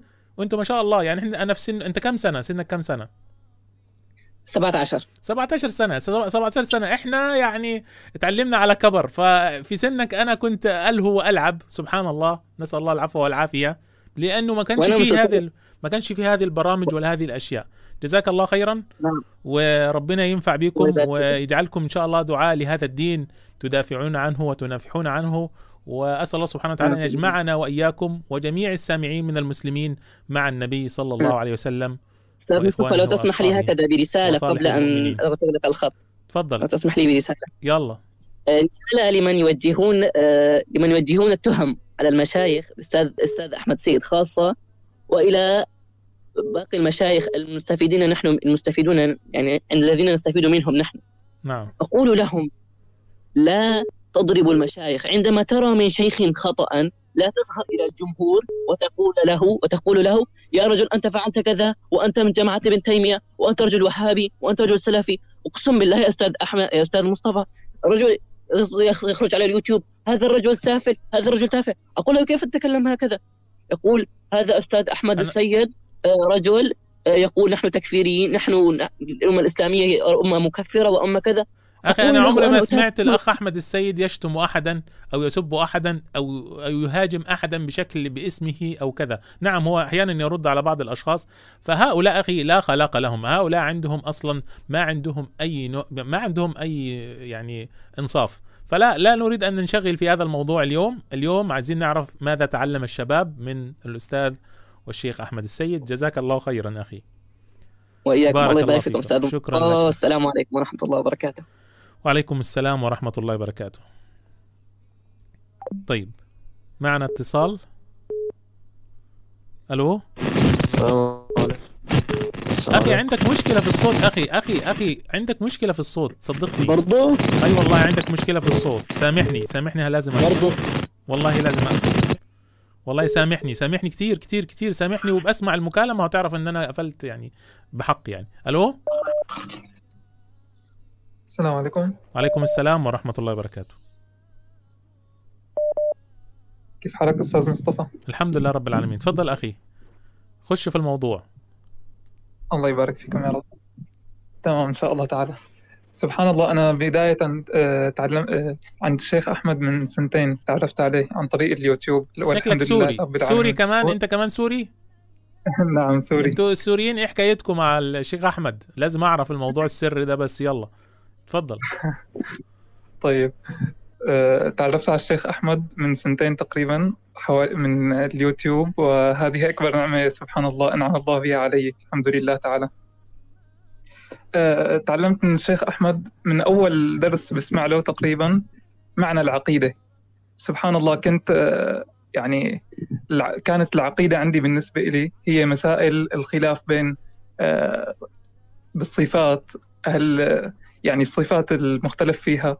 فقط يعني تقريبا هذه كانت آه، آه، هي العقيدة بالنسبة لي. هي مسائل أخذ ورد لكن سبحان الله من أول مقطع للشيخ أحمد الله يجزيه الخير يا رب. آه، تعلمت آه، ما معنى العقيدة حقا هي آه، القلب التوكل على الله ال- يعني تعرف على الله سبحانه وتعالى التعرف الله. وصفاته و... نعم، نعم. وأدلة وجود الله. وهذه الأمور أيضا تعزيز اليقين الله والعقيدة وتع- تعالى وصفاته والتفكر فيها وعبادة الله تعالى فيها نعم هذا هذا هذه أهم فائدة تعلمتها من الشيخ أحمد والحمد لله يعني استفدت من برامجه الكثيرة آه، أكاديمية الجيل الصالح أكاديمية الحديث البناء المنهجي صناعة المحاور الحمد لله تعالى. يعني وقتي مليء بالشيخ أحمد. أحيانا الله. يأتي يوم آه، علي مثلا خمس مقاطع للشيخ أحمد في نفس اليوم. كل. مقطع ساعة ساعة ونصف هكذا. الحمد لله الحمد لله. جزاك الله خير ربنا يوفقكم. وهذا شيء طيب إن إحنا نسمع إن شبابنا يعني لا يهدرون أوقاتهم في الألعاب الإلكترونية والأمور التافهة ومتابعة ال- المشاهير والتافهين من من سبحان الله كنت الضلال. وقتي كثيرا. سبحان كنت الله. أضيع وقتي كثيرا لكن بعد التعرف على الشيخ أحمد يعني سبحان الله أصبحت لدي عادة القراءة. الحمد لله. أحببت الحمد لله. القراءة. أحب آه يعني خلاني أحب القراءة. ما شاء الله. أصبحت لدي مكتبة الحمد لله تعالى. الله أصبحت أكبر. أقرأ. الله أكبر. الحمد شاء لله. ما شاء الله. والله الله افرحتم أفرحتم آه، آه، قلوبنا بهذه بهذه المداخلات. شكرا لك أخي. نعم الله. يبارك فيكم. أنصح آه، السادة المشاهدين يعني الذين لد- لديهم آه، حب الدعوة إلى الله أن يشاهدوا سلسلة بوصلة المصلح لأهميتها الكبيرة جدا جدا جدا جدا. هذه هذه السلسلة في القناة على اليوتيوب. ما نعم، شاء الله عنده شرح المنهاج من ميراث النبوة وتجارب والسيرة النبوية للمصلحين. آه موجودة. 13 حلقة. 13 حلقة نعم. ما شاء الله. ومجالس قرآنية الهداية المعرفية غيث السنة أسئلة الجيل والله الذي. يشاهد الشيخ أحمد يدمن عليه. أوه. لا ما إحنا مش عاوزين إدمان بقى. نطلع من لا أمزح طبعا. لأمثال هؤلاء يعني الإنسان يملأ وقته بشيء مفيد طبعا. الحمد لله رب العالمين. ونسأل الله سبحانه وتعالى لله. يسخرنا لخدمة دينه. شكرا لك أخي الكريم. شكرا لك. وفيكم. بارك الله فيكم. السلام عليكم. وعليكم السلام ورحمة الله وبركاته. هناخد كل الاتصالات. لا تقلقوا. معنا اتصال؟ السلام عليكم ورحمة الله تعالى وبركاته. وعليكم السلام ورحمة الله وبركاته. آه، نعم آه، أخي مصطفى أنا التي كنت أتكلم عن آه، صناعة المحاور وما يخص آه، مرحلة اليقين. آه.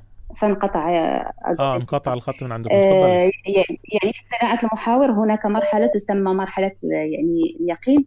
آه، فهذه المرحلة يعني أجمل مرحلة يمكن أن يعيشها الإنسان. يعني أنا أنا أعدت صناعة المحاور مرتين لأن فعلا آه، آه، آه، الدورة تستحق آه، العناية. فمرحلة اليقين كانت يعني بمثابة إعادة ترتيب الأولويات والمحكمات في في في, في الإسلام. فمن ينتقد الشيخ فهو لا يعرفه لا يعرفه بتاتا. هذه أولا. ثانيا أنا آه، معه أيضا معلمة آه، في معهد إحياء. وأيضا لديه معهد آه، يختص بالقرآن للرجال والنساء. أنا معلمة في هذا المعهد ف... فما أقول على المه... على هذا المعهد أنه معهد يعني آه سبحان الله يعني آه منظم ويعني آه بر... سبحان الله. ما أتذكر على الشيخ ولا أنساه له كمعلمات في هذا المعهد تسمعني أخي مصطفى؟ سامع حضرتك تفضلي سامعك.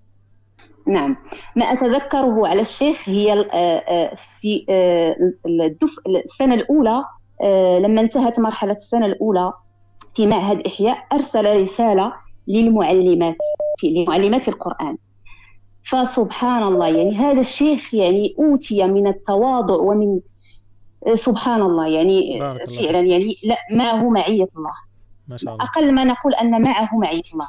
نسأل الله ونسأل له ثبات في الدنيا والآخرة. نعم. فكلمة الشيخ يعني كانت نعم كلمة الشيخ كانت بالنسبة لي أنا شخصيا كانت بمثابة يعني رفعة يعني مدح المعلمات على جهدهن الجبار. يعني وكأنه يعني فعلا يعني عرف قدرهن ومجهود مجهوداتهن. فالشيخ يعني أقل ما نقول عليه أنه شيخ معلم مربي مؤدب. يعني أنا شخصيا آه، آه، الآن أنا طالبة معه في البناء المنهجي. وأولادك ولي- كمان؟ مدخلة آه، أولادك ابني- كمان معاهم ولا؟ نعم نعم. أبنائي معه في الجيل الصعيد آه، 17 سنة. ما شاء الله. والبنت 12 سنة وهي تتابعك أيضا يا شيخ آه، مصطفى. طيب البنت كويس 12 سنة تتابعك جيدا. الله أكبر ما شاء الله. آه، ربنا يبارك فيها. فسبحان الله، بلغيها آه، سلامي. قولي لها قولي لها يعني أن أنا أسلم عليها وجزاها الله خيرا على متابعتي وأتشرف بها أن تكون متابعة عندي يعني. جزاها الله خيرا. بارك الله فيكم. نعم بارك الله فيكم شيخ. بارك الله فيكم. شكرا لكم وجزاكم الله خيرا.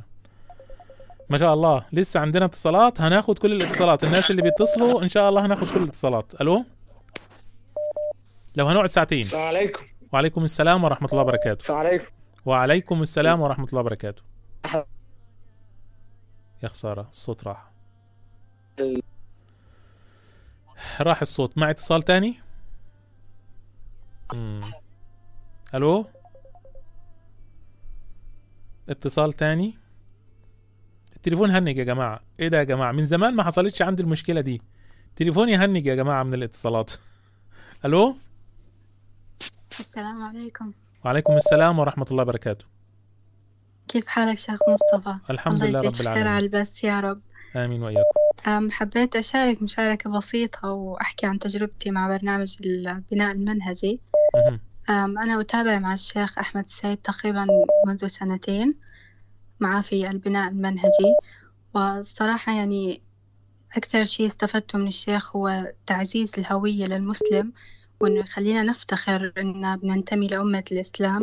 وبالذات إنه يجيب فقرة يعني جدا أنا ضعيفة فيها. يعني كمان أنا كنت سافرت إلى أوروبا وأعيش في ألمانيا فالشيخ سبحان الله يعني وكأنه انتشلني من هذا الوحي ومن ضياع الوقت على المسلسلات التركية وغيره يعني.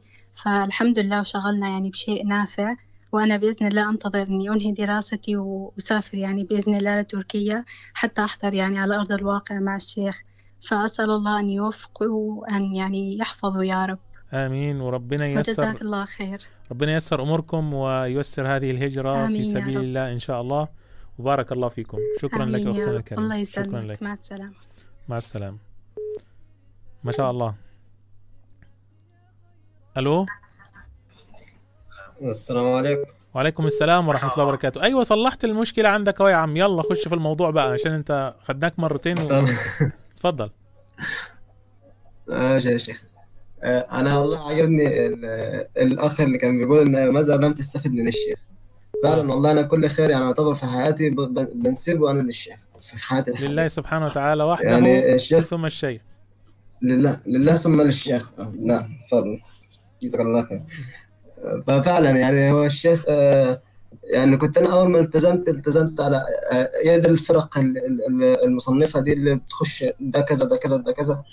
وكنت يعني ما كانش فيه طلب علم كل كله شكا كله شجارات ف الشيخ بصراحة آه، لاول ما عرفته انضممت لبرنامج البناء المنهجي آه، كان يعني آه، بصراحة لمس فيه ال- ال- الجانب العلمي والإيماني والبناء بجد بناء هو فعلا بناء. فالواحد يعني آه، آه، عارف ان ان إن ال- الدين مش مش بس ده كذا وده كذا وده كذا. التصنيفات مهمة وكل حاجة لكن مش مش مش بس كده. أنت لازم تتبني الأول يعني. والشيخ يعني آه، آه، آه، بفضل الله يعني آه، خل خلى الواحد عنده جزء من القاعدة من يعني ال- يعني بقى عارف فين فين هي- هيروح فين بعد كده؟ يعني عارف عارف طريقه. ما شاء الله. عارف يعني هو هيعمل إيه؟ هيصلح إزاي؟ الط- الطريق ماشي إزاي؟ وإيه إيه المجالات بتاعت الإصلاح؟ يعني الواحد ما كانش ما كانش في دماغه أي حاجة من الحاجات دي. كان كل دماغه دماغه بس إن هو بس يعني حاجات مهمة برضه إن هو ممكن يدعي حد للصلاة بتاعه. حاجات مهمة وكل حاجة لكن ما كانش في دماغه إن هو آه، آه، إن هو آه، يبني نفسه ويبني أمة آه، يعني هم الأمة هم هم. الدين كله. إن أنت مش بس بتعيش كواحد مسلم والدين ده شيء جانبي في المسجد وبتحاول تعيش حياتك كمتدين وخلاص. لكن لا هو عرفنا إن إن الدين ده رقم واحد أصلا. ده الدين ده هو بت- بتشوف حياتك من خلاله. ما شاء الله. وفعلا نجح بصراحة بفضل الله سبحانه وتعالى إن هو يوصلنا للطريقة دي. ما شاء الله. يعني الحمد لله يعني الواحد دلوقتي يعني فضل كبير من ربنا سبحانه وتعالى إنه عارف الشيخ. يعني. كل اللي بعرف أول ما بعرف حد يعني بصراحة بدله على الشيخ على طول. يعني أول حاجة اللي هو في برنامج مفتوح على طول على الشيخ. يعني ما شاء الله. أرسل له حاجات للشيخ يروح. والحمد لله الحلقة دي أنا أشكرك عليها برضه هتسهل علينا كتير إن إحنا نبعتها لل آه آه. ندوهم اللي عاوز ينضم آه اللي. عاوز أي حد ابعت له الحلقة دي وقول له خش وشوف بقى اعرف أنت اتفرج. تستفاد إيه فعلا. نعم آه. شكرا لك يا حبيب آه،. وربنا يوفقكم ويعينكم. جزاك الله كل خير. وإياكم. آمين. آمين يا رب. جزاك الله كل خير. شكرا الاخ الكريم. معنا اتصال. ألو؟ السلام عليكم وعليكم السلام السلام عليكم. ورحمة الله وبركاته. آه، أحمد لؤي من طلاب أكاديمية الجيل الجيل الصاعد ما شاء الله يا أحمد. تفضل ماذا تعلمت من الشيخ أحمد السيد؟ والله الحمد لله إنه دخلت الأكاديمية أنا وفي البداية ما كنت حابب إني أدخلها. الحمد لله الوالدة أجبرتني على ذلك. جزاها الله خيرا. وتعلمت أشياء يعني لا, لا تحصى يعني. وفي طب دلوقتي أنت مجبور ولا لا؟ حاليا بقى بعد بعد لا. بقى لك قد إيه؟ ال- الوالدة أجبرتك إمتى؟ من من قد إيه؟ من سنتين أجبرتني على أدخل غراس طيب والآن وهلأ أنت أنا أنت, قاعد أنت أنت مجبور الآن بقى ولا الآن أنت حابب و... لا لا. ومحب؟ الآن أنا بكامل إرادتي وقاعد أخلي الناس تدخل إجبارا. آه أنت اللي تجبر أنت اللي صرت الآن تمارس دور الوالدة وتجبر الناس يدخلوا ال- الأكاديمية. ما شاء الله. ربنا يبارك فيك وفي. الوالدة. آه. و- والله يا شيء. طيب. تفضل. آه، ممكن أذكر نقاط قبل ما أنت توقفني لأن النقاط يعني ما ما تحصى يلا. آه، أول شيء إنك تذوق حلاوة الإيمان. تصير تعبد الله بحلاوة يعني ما بعدها حلاوة. تعبد الله حبا له ولو يعني تصير حياتك لله وبالله يعني كلها قائمة على رضا الله. آه، ثاني شيء تستفيد جدا من الأكاديمية ومن برامج الشيخ كلها هي الصحبة الصالحة. أتعرف على صحبة يعني يشهد الله؟ أنه كل حد تعرفت عليه في الأكاديمية له مكان خاص في القلب وأنا بحبه أكثر من نفسي بكثير يعني. آه، الصحبة الصالحة اللي في الأكاديمية قد ما حكيت عنها ما راح أوفيها حقها. مم، آه،. ثالث شيء المربين؟ المربين تحسهم إخوانك ما ما بينك وبينهم حواجز. من. أول لقاء يعني خلاص يعني لحد لحد الآن ما انقطع الدعاء لهم. الله يجزيهم كل خير. ما شاء الله. والمفروض هاي النقطة نقطة المربين تكون ملحقة بنقطة الصحبة الصالحة صراحة بس لأهميتها أفرد يعني كان ضروري أفردها في نقطة. ما شاء الله. آه، رابع شيء بتدفع الجهل عن نفسك وبتذوق حلاوة العلم؟ وهاي كمان من الحلاوات اللي مع حلاوة الإيمان اللي صعب تنشرح آه، إنك تذوق حلاوة الإيمان وتكون العلم وتعبد الله على بصيرة. يعني أترك لك التعبير. جزاك آه، الله. خير. خامسا تتعرف على حقائق الإسلام الكبرى. بيكون عندك خارطة ذهنية واسعة شاملة كل شيء. آه، كل شيء يعني بيرجع على أصول ثابتة جدا أنت مؤمن بها. فما بتحس إنك مشتت أبدا. يعني الأكاديمية بنت لي منهجية مش طبيعية. آه، أقدر أبني عليها العلم بدون فجوات. مهم. آه، سادس إشي إنك تحمل هم الإسلام وهاي نقطة ذكرها أكثر من حدا قبلي. نعم. آه، هذا هم الإسلام. هذه أنا بالنسبة لي دي أهم نقطة لأني كنت أنا حامل هم الدين إنه إحنا الأجيال الحالية دي مين اللي هيتولى ويرفع الراية في المرحلة القادمة. فخلاص أنا الواحد لما شاف النشاطات وشاف الشباب وشاف ال- الأجيال الصاعدة هذه اطمأن كثيرا. أكثر كمان من من ده أنا الآن علينا إحنا أنا خايف علينا إحنا. فربنا يبارك فيكم ويجعلكم إن شاء الله دعاء إلى الإسلام وحمله هذه الراية. نعم تفضل أخي. آمين يا رب. الله يجعلنا قد هذه المسؤولية. آه وهم الإسلام أنت ضمن يعني في مضمونه كلمة الهم. فصراحة ما أقدر أنه أعبر أنه هم. هو عبارة عن طاقة وحافز كبير يجعلك أنت حجة على غيرك. آه سابعا أنه خصوصا هاي بالأكاديمية آه بيكون عندك مجال أنك تنصر الإسلام بمهاراتك آه إما تصميم أو مونتاج أو يعني إلقاء أو خط. تتيح لك بيئة تربوية ممكن أنت تنفع غيرك وأنت تنتفع معهم. آه، فجزا الله خير الشيخ أحمد جزاه الله. المربين وكل حد قائم على هذا. جزاه الله خيرا يعرفوا وبارك الله فيكم يعني مقدار شكري لهم. و- الله يجزيهم الخير. وجزاك على هذه المبادرة بارك الله فيكم أخي الكريم. شكرا لك.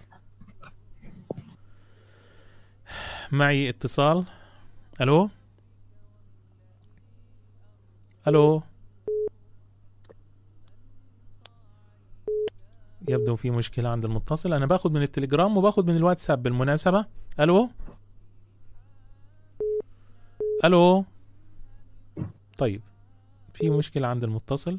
يتصل علينا مرة أخرى. معنا اتصال آخر. فشل الاتصال. مرة أخرى من التليجرام. ألو؟ السلام عليكم. وعليكم السلام ورحمة الله وبركاته. السلام عليكم. وعليكم السلام ورحمة الله وبركاته. أهلا وسهلا. طيب. في مشكلة وفي الاتصالات كثيرة والخطوط عمالة تخش في بعض. ألو؟ السلام عليكم ورحمة الله وبركاته. وعليكم السلام ورحمة الله وبركاته. السلام عليكم. وعليكم السلام ورحمة الله وبركاته. أنا هقفل التليفون وافتحه كيف حالك يا أستاذ مص- مصطفى؟ الحمد لله رب العالمين. تفضل أخي. والله شبابنا عندهم مشكلة. بفكر أقفل التليفون وأفتحه مرة أخرى لأنه الآن عندي زي ثواني خليكم معايا يا جماعة. طيب هاخد اتصال يمكن تظبط. ألو؟ لا والله. والله الجهاز آه، حصل فيه شيء. خليكم معانا. طيب اتصال. ألو؟ ألو؟ تليجرام؟ السلام عليكم. وعليكم السلام ورحمة الله وبركاته. أيوه السلام عليكم. وعليكم السلام أيوة. ورحمة الله وبركاته. حضرتك سامعاني؟ لا حول ولا قوة أيوة. إلا بالله. اتصال آخر. السلام عليكم ورحمة الله وبركاته. وعليكم السلام ورحمة الله وبركاته. آه، أنا عندي كلمة سريعة. آه، أنا طالبة من طالبات الأكاديمية الجيل الصاعد. آه، كنت عايزة حاب حابة أقدم كلمة باسمي وباسم بعض الطالبات. كلمة لمن؟ آه. للشيخ أحمد ولا ولا للبرنامج للجمهور؟ آه، الشيخ أحمد السيد. طيب تفضلي. يا رب يسمعك إن شاء الله في في في هذه الكلمة. إن شاء الله. آه، من نعم ربنا علينا في الزمن ده وجود الشيخ أحمد السيد والأكاديمية. وفي الحقيقة أن أستاذ الشيخ أحمد السيد كان نعمة من من آه، نعمة المربي نعمة الناصح بفضل الله ثم بفضله أخرجنا من اللامبالاة التي كنا عندنا التي كانت عندنا. أخرجنا من التفاهة بشكل عام. الحمد لله. أصبحنا صالحين نافعين زرع فينا حب العلم الشرعي حب الناس. اجتثنا من الظلمات. أو نقول أعطانا صفعة صفعة مربي من أجل أن تفيقنا من أجل أن تقول لنا استيقظوا كونوا واقعيين انظروا حولكم انظروا لواقعكم. والحمد لله إن إحنا بنبذل كل ما بوسعنا من أجل أن يعني ما نفارق الأكاديمية. ما شاء الله. حضرتك كم سنة كم سنة أختي أنت؟ آه، أنا 15 سنة. ما شاء الله ما شاء الله ما شاء الله. اللهم بارك. أنا برضو قلت يعني شابة لسه يعني ما شاء الله عليكي ربنا يعينك ويوفقك. والتحقتي بالأكاديمية بقالك قد إيه؟ آه، سنتين. سنتين. يعني من 13 سنة من عمر 13 سنة. ما شاء الله. يعني انت انت كمان سنتين ثلاثة إن شاء الله لو كملتي إن شاء الله وإن شاء الله تكملي أكثر وأكثر. إن شاء الله بتكوني داعية وبتكوني مؤثرة في الناس اللي حواليكي آه، من الصديقات وكذا وربنا يعينك. لأن إحنا محتاجين ناس كتير في هذا الزمان اللي مليان فتن. بارك الله فيكم. تفضلي. وأنا أبذل كل ما بوسعي من أجل أن أفارق الأكاديمية. آه، أنا واحدة من الناس اللي دخلت الأكاديمية ووع- ووعيت باللي حولها وكان سبب دخولي آه، انشغال البيت. الأم آه، مشغولة بالبيت والأب في العمل مشغولين. فلما دخلت الأكاديمية عرفت نفسي وعرفت القيم اللي ما, اللي ما كنتش عارفاها وعرفت مواهبي المتعددة. عرفت صحبة لو خيروني بها آه، وبين أغلى كل أي شيء بختار الصحبة الصالحة اللي تعرفت عليها. ما شاء الله. آه، وأمي الحمد لله لما شافت اللي إحنا فيه آه، دخلت إخواتي يعني أنا عندي دلوقتي أربعة في الأكاديمية إخواتي. ما شاء الله أربعة أنتم أربعة. ما شاء الله. الله يبارك فيك وفي الوالدة وفي الوالد. يعني مش عارف. وكل هذا كان بفضل الله ثم شيخنا ثم المربيين. أنا من بعد الأكاديمية بدأت يعني أحدد الأهداف اللي عاوزاها. بدأت أنظر إلى الأمام بنظرة آه، متشوق إلى طلب العلم. هو والله لو جلست أكتب يعني أو أعبر مش يعني مش أنتهي ما يعني. شاء الله عليك. آه، كتب. الله أجركم جميعا. بارك الله فيكم وجزاكم الله خيرا. وهذه هذه هذه هذا الاتصال ذكرني بالبنات وال- والشباب المشغولين في الكيبوب والكي دراما ادخلوا إلى هذه البرامج وتعلموا شيئا وأفيدوا هذه الأمة وانشغلوا بعيدا عن هذه التفاهات. شكرا الاخت الكريمة. جزاها الله خيرا. والله هذه حجة علينا وحجة على الأولياء الأمور. ألو؟ السلام عليكم ورحمة الله وبركاته. وعليكم السلام ورحمة الله وبركاته. آه، يعطيكم العافية أستاذ مصطفى. الله يعطيك العافية. تفضلي. آه، أنا طالبة مع الشيخ أحمد من 2017 تقريبا. ما شاء الله. آه، والحمد لله رب العالمين على نعمة الوجود في هذا الجو مع الشيخ أحمد. الله يرضى عنه يا رب. آه، بالإضافة لكوني طالبة مع الشيخ أحمد أنا أعمل معه من تقريبا سنتين آه، في معهد إحياء لتعليم القرآن الكريم تعليم يعني تحفيظ القرآن الكريم في البناء المنهجي زائد آه، أكاديمية الجيل الصاعد. أنا مربية في الأكاديمية. وسبحان الله الإنسان تعلم مع الشيخ أحمد في كو في في في العمل آه، أكثر ما كان يتعلم كطالب. يعني سبحان الله يعني ال- ال- ال- مجال العمل آه، يبقى فيه طالبا حتى وهو يعمل مع الشيخ هو دائما طالب. آه، من الأمور اللي تعلمناها مع الشيخ أحمد آه، يعني ما ذكروه آه، سابقا هي آه، كلها أمور عظيمة. آه، وكلها سبحان الله يعني لمسها الإنسان في نفسه. آه، لكن آه، آه، أيضا وجد الإنسان أنه هو آه، كان مبعثرا فجاء الشيخ أحمد ولملم هذه هذه البعثرة يعني. آه، منهجية الشيخ أحمد الطريقة ال- التي يعلمنا فيها الشيخ أحمد آه، بالمنهجية آه، ال- المنهجية في العلم وفي العمل آه، سبحان الله هي شيء عظيم جدا. يعني الإنسان آه، ما وجدها في مكان آخر. يعني كان دائما يبحث عن المنهجية دائما يبحث عن الترتيب عن النظام آه، فوجد أنه آه، هذا المكان في في التعلم والعمل مع الشيخ أحمد وجده حاضرا جدا وجد أنه هو دائما مع الشيخ أحمد في مجال للعطاء ب- بغير سقف. آه، سبحان الله يعني كان آه، دائما يعني دائما آه، الإنسان يجد أنه مهما فعلنا لا لا نستطيع أن أن يعني لا لن نكون جزءا من من التمكين لن نستطيع أن نكون ذو ذو أثر عظيم. لكن سبحان الله في العمل مع الشيخ أحمد وجد أنه يستطيع أن يعمل بعطاء بغير سقف محدود. يستطيع أن يكون آه، ذو أثر وأن يكون له آه، سبحان الله يعني أن يكون له آه، أثر ممتد ويكون ذو ذو بصمة. وهذا العطاء الذي يقوم به وإن كان بسيطا جدا يعني أحيانا يكون تقوم بعمل بسيط جدا أن ترد على طالب أن ترد برسالة واحدة فيكون هذا أثره ممتدا بعشر طلاب مع مع هذا الطالب. يعني بأن يعني ال- الواحد يضاعف بعشرة. فسبحان الله هذه من الأشياء العظيمة التي وجدناها مع الشيخ أحمد. وكما قلت بداية أنه كن- كنا مبعثرين فجاء الشيخ أحمد ولملم هذه البعثرة بمنهجيته.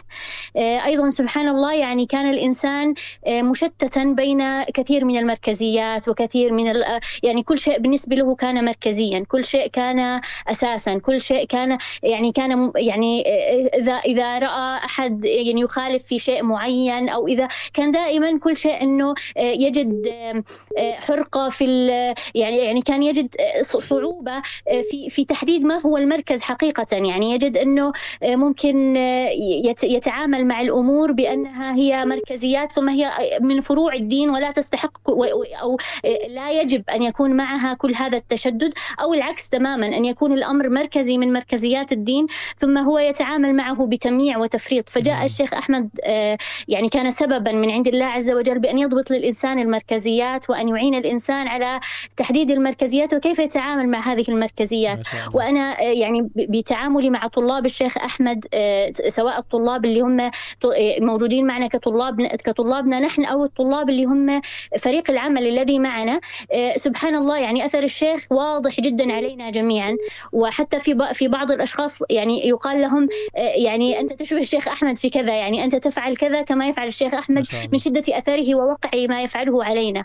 وسبحان الله من الأمور التي وجدناها أيضا مع الشيخ أحمد رفقة الطريق. يعني كان الإنسان مو يعني سبحان الله في المكان الذي أنا موجودة فيه دائما مشكلتي رفقة الطريق. دائما أبحث عن رفيق الطريق الذي يعينني على آه، إكمال المسير أن أثبت على هذا الطريق. فسبحان الله وجدنا كان دائما الشيخ أحمد آه، في أي مجال في أي مكان ندخل به مع الشيخ أحمد نجد رفقة الطريق ليس لها مثيل سبحان الله. آه، وشيء آه، في تعامل الشيخ أحمد معنا كمربي وكمعلم كل طالب منا يشعر أنه طالبه الوحيد وهذه نقطة عظيمة جدا يعني أرى أنه يت... يعني يتشبه بخلق النبي صلى الله عليه وسلم في تربيته. لأصحابه كان النبي صلى الله عليه وسلم آه، دائما يعني كل صحابي يشعر أنه صحابيه الوحيد وأنه حبه الوحيد وأنه قريبه الوحيد. وهذا سبحان الله الشيخ أحمد آه، يعني مع طلابه كل واحد منا يشعر أنه طالبه الوحيد من شدة ما يعطينا من وقته ومن اهتمامه. فرضي الله عن الشيخ أحمد وسامحونا بارك على طيب. رضي الله عنه وعنكم وعن جميع المسلمين. شكرا لك يا أختنا الكريمة على هذه المداخلة القيمة. شكرا لك. ما شاء الله يا جماعة. آه، أنا أنا ملاحظ أنتوا أنتوا ملاحظين اللي أنا شفته؟ في أثر طيب على يعني ما شاء الله حسن الخلق وحسن التعبير اللي في جميع الطلبة. في الحقيقة يعني هذا شيء مفرح بصراحة. م- يعني هذا شيء شيء طيب جدا وواضح جدا. مع اتصال؟ السلام عليكم. وعليكم السلام ورحمة الله وبركاته. كيف حالكم؟ إن شاء الله بخير. بارك الله فيكم على هذه العالمين. الطيبة. بارك الله فيكم. آه، أنا طالبة عند الشيخ آه، اسمي هبة من المغرب. وحقيقة أريد أن أقول كلمة مختصرة فيها بضع نقاط إن شاء الله تكون نافعة في الإجابة على هذا السؤال المطروح. آه، بدايتي حقيقة مع الشيخ كانت من خلال البرامج الإلكترونية وأنا خريجة صناعة المحاور من الدفعة الثالثة. الحقيقة انتفعت في هذه ال- البرامج من المنهج العلمي الرصين في تعلم العلوم الشرعية. وهذا الشيء الذي وجدته في صناعة المحاور وغيره من البرامج لم أجده في المحاضن التربوية الواقعية أو الإلكترونية في ذلك الوقت. وهو أن المنهج الذي يحرص عليه يحرص على اتباع الوحي والدليل من الكتاب والسنة. ما شاء الله. وبالطبع مع, مع عدم وجود غلو في الأشخاص ولا تقديس لهم ومع توقير كبير لقدر العلماء. وإذا وجد النقد فيكون نقدا منهجيا. لكن الأهم في نظري هو حرصه على التزكية والبعد التزكوي. وهذا ما يميز عن كثير من البرامج العلمية الأخرى. وحقيقة أنا من الأشخاص الذين يتعلمون بالمساءلة وكنت شديدة الحرص على اتباع الدليل قبل قبول أي قول بطبيعة الحال. ثم صرت من طلبة الشيخ على أرض الواقع ورأينا منه ما كنا نسمع وكنا نظن الإنسان تعرف آه، أستاذنا الكريم أنه إذا سمعت عن الشخص ليس كما تراه نعم. وربما آه، تصبح نظرتك عنه آه، نظرة سلبية بعد أن تراه. لكن ما نشهد به أنه شيخ علمنا بحسن الخلق والدين قبل أن أن يقول أي كلمة.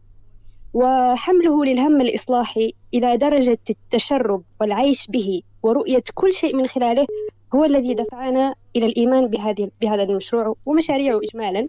وكل ما يتصل بها لأنه لم يجعل يوما البرامج العلمية متمركزة حول شخصه وإنما حول الدين. ومؤدية إليه.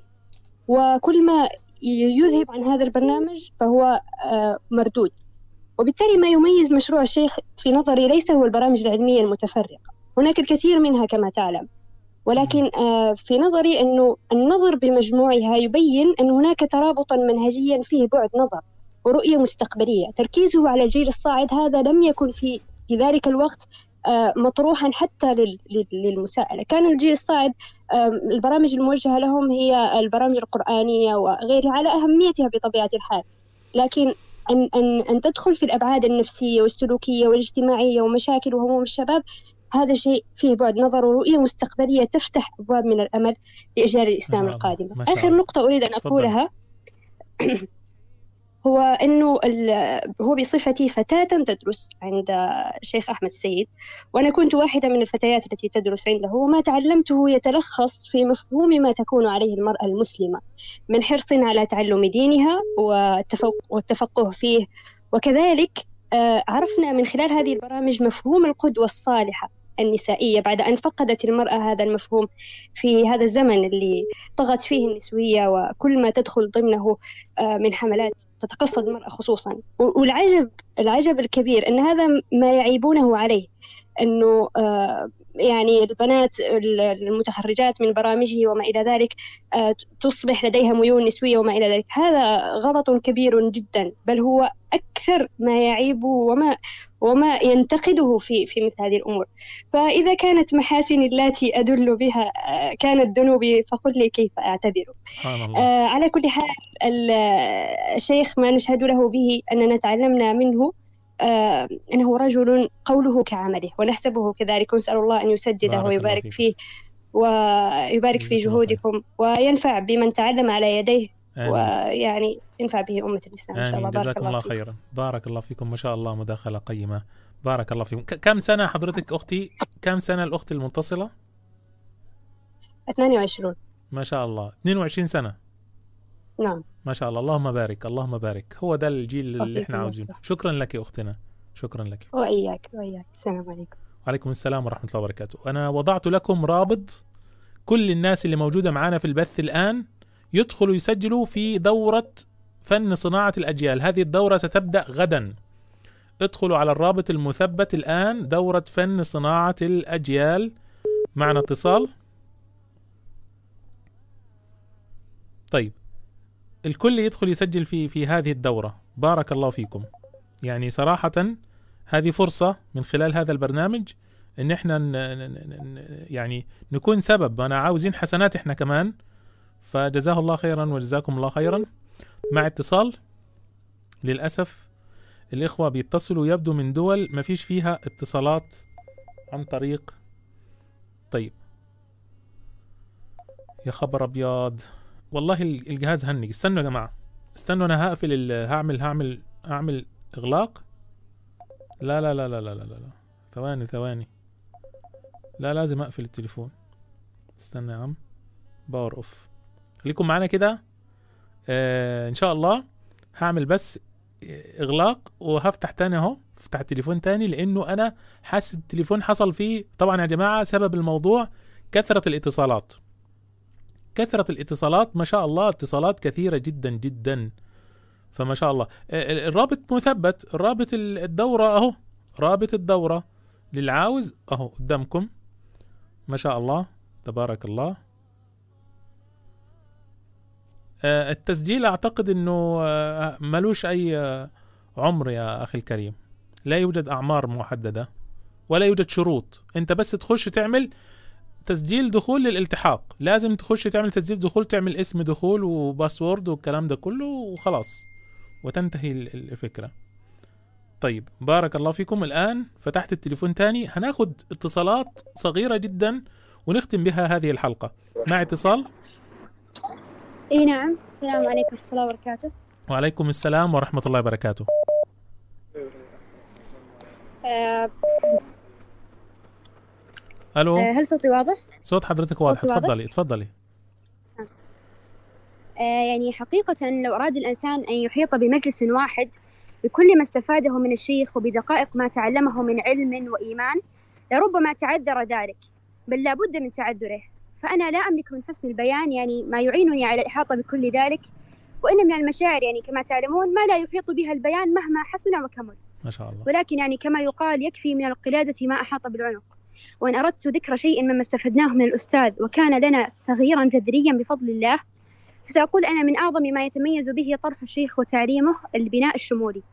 لا تظنوا لا تظنوا أننا أننا نتعلم في برامج الشيخ شيئا من الفقه فقط. أو أننا نتأصل في علم الحديث مثلا أو أننا نكتفي بأخذ دروس في التفسير. الأستاذ يركز على أن يكون بناؤك العلمي مكتملا من جميع زواياه.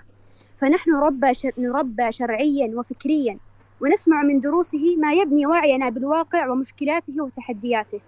ويغرس فينا هم الإصلاح. نستقي منها ما يرسخ هويتنا ويوضح لنا دورنا في هذه الحياة. ونحضر منها ما يزكي نفوسنا ويعلمنا الإيمان وحب الله ورسوله. وهذه نقطة أحب أن أن أنوه عليها بشدة. من أجمل وأروع ما يميز طرح الأستاذ وبرامجه هو التركيز على الجانب التزكوي وأعمال القلوب. فنمسي بفضل الله نتعلم العلم لنعبد الله به لنتزكى به لنهتدي به ونضعه في مكانه الصحيح. فكم من عالم جانب التوفيق لفساد قلبه ووضع ما يتلقى من العلم في غير موضعه. فالاستقامة الإيمانية والسلوكية البناء المعرفي البناء الفكري البناء بناء الهم الدعوي بناء فهم الواقع توضيح الرؤية المستقبلية للطالب. ست محاور تجتمع في محاضن برامجنا ودروس أستاذنا. لتنقش في قلوبنا عبارة تقول كونوا جيلا يتسامى عن الدون وينطلق من إيمانه ومبادئه وعلمه ووعيه لإحياء الإسلام لتجديده في قلوب الناس. باختصار كونوا صالحين مصلحين أملا لهذه الأمة. وسراة يحملون النور في لياليها الدامسة.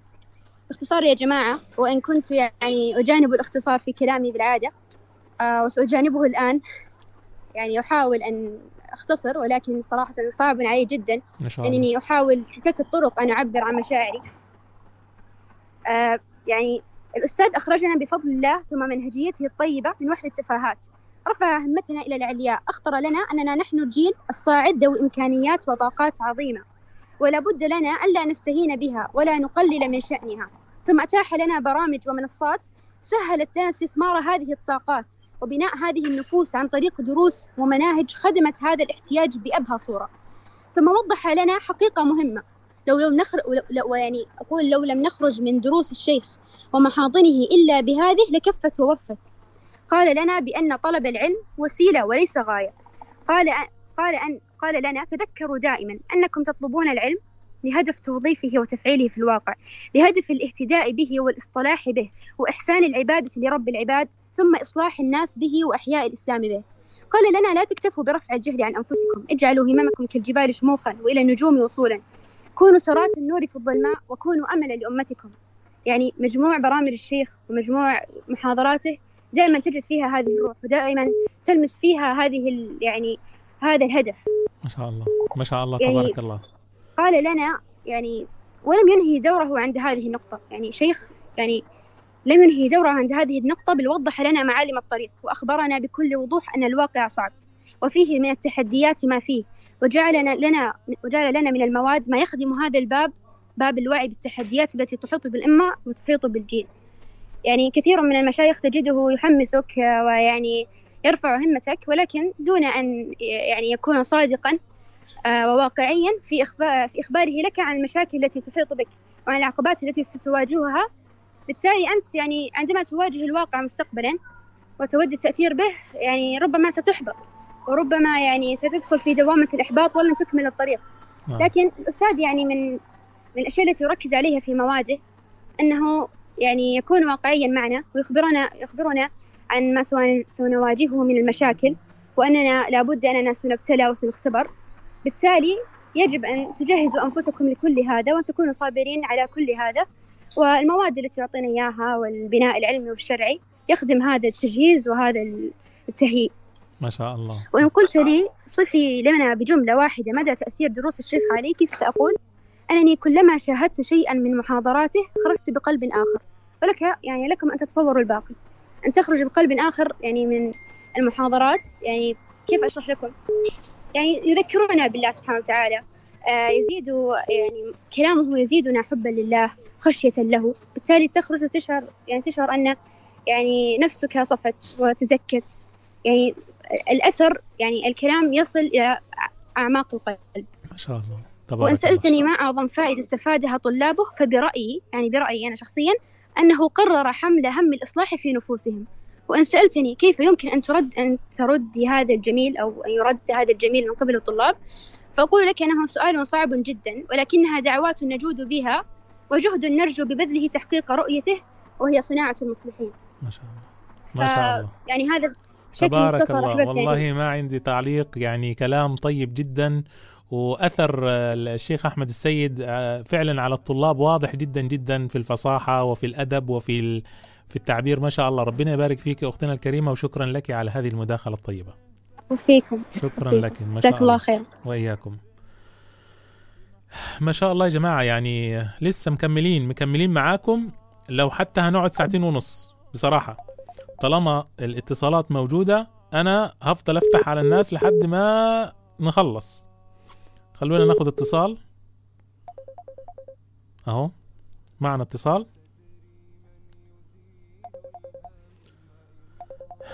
طيب والله والله والله يعني آه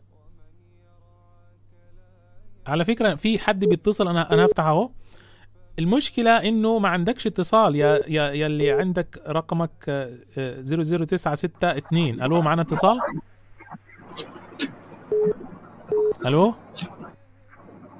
ألو. السلام عليكم وعليكم السلام. ورحمة الله وبركاته. ازي حضرتك يا شيخنا؟ الحمد لله. انت شاركت قبل كده؟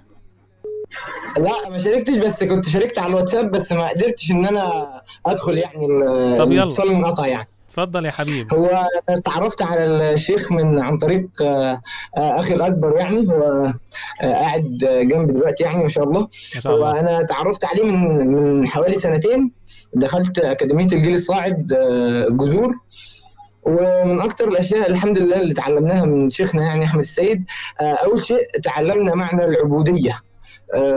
وتاني شيء برضو تعلمته هو من الأشياء المهمة جدا في حياتي تعلمت ما هي هويتي كشخص مسلم آه، وكيف آه، آه، أتعامل مع هذه الهوية مع الهويات الأخرى التي كانت تطغى عندي على هذه الهوية.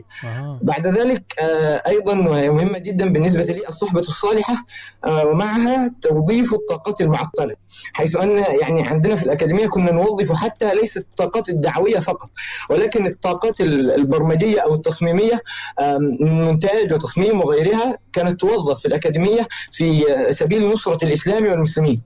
آه، أيضا وهي آخر نقطة آه، المشرفون بالأكاديمية ومن فريق الشيخ أحمد سيد آه، الذين يعني لهم في قلبي يعني كبير الاحترام وكبير الود والحب ولا أستطيع أن أوفيهم حقهم وناس يعني كانوا ينتظرون معنا بالساعات في التعليم والدروس وحل المشكلات وما إلى ذلك. يعني ولا نستطيع أن نوفي الشيخ حقه جزاك الله خير لحضراتكم على ربنا تحت هذه. النافذه انت أنت كم سنة؟ سنك كم سنة؟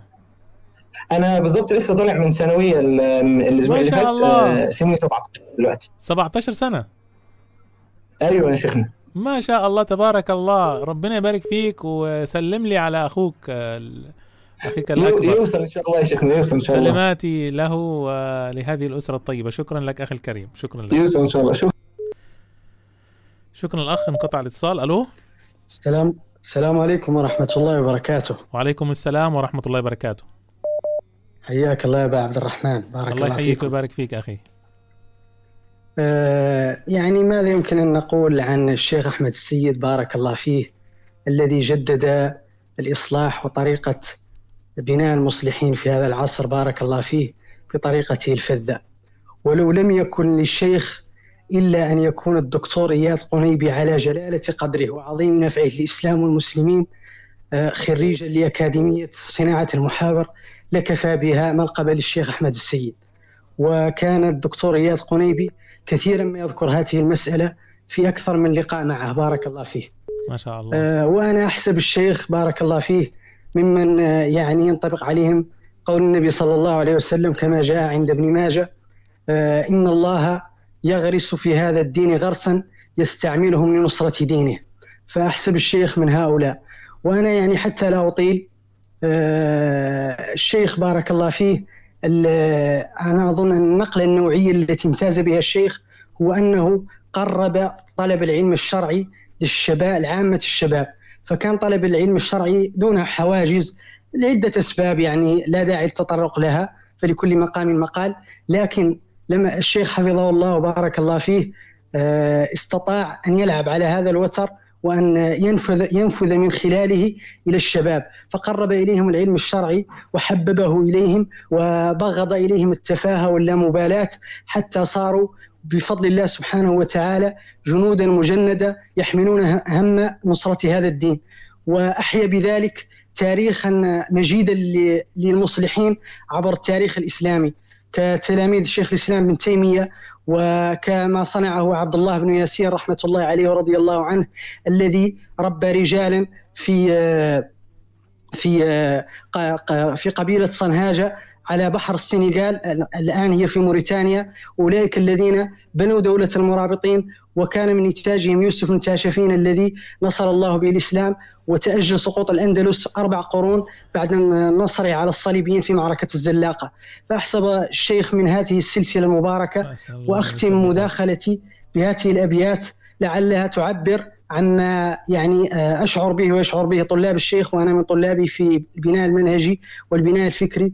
فأقول شيخ يبث من العلوم رفيعها وينير درب السالكين بسمته أحيا من الشبان كل فضيلة فبدا على الأجيال رونق غرسه فجزاه ربي كل خير ما مضى.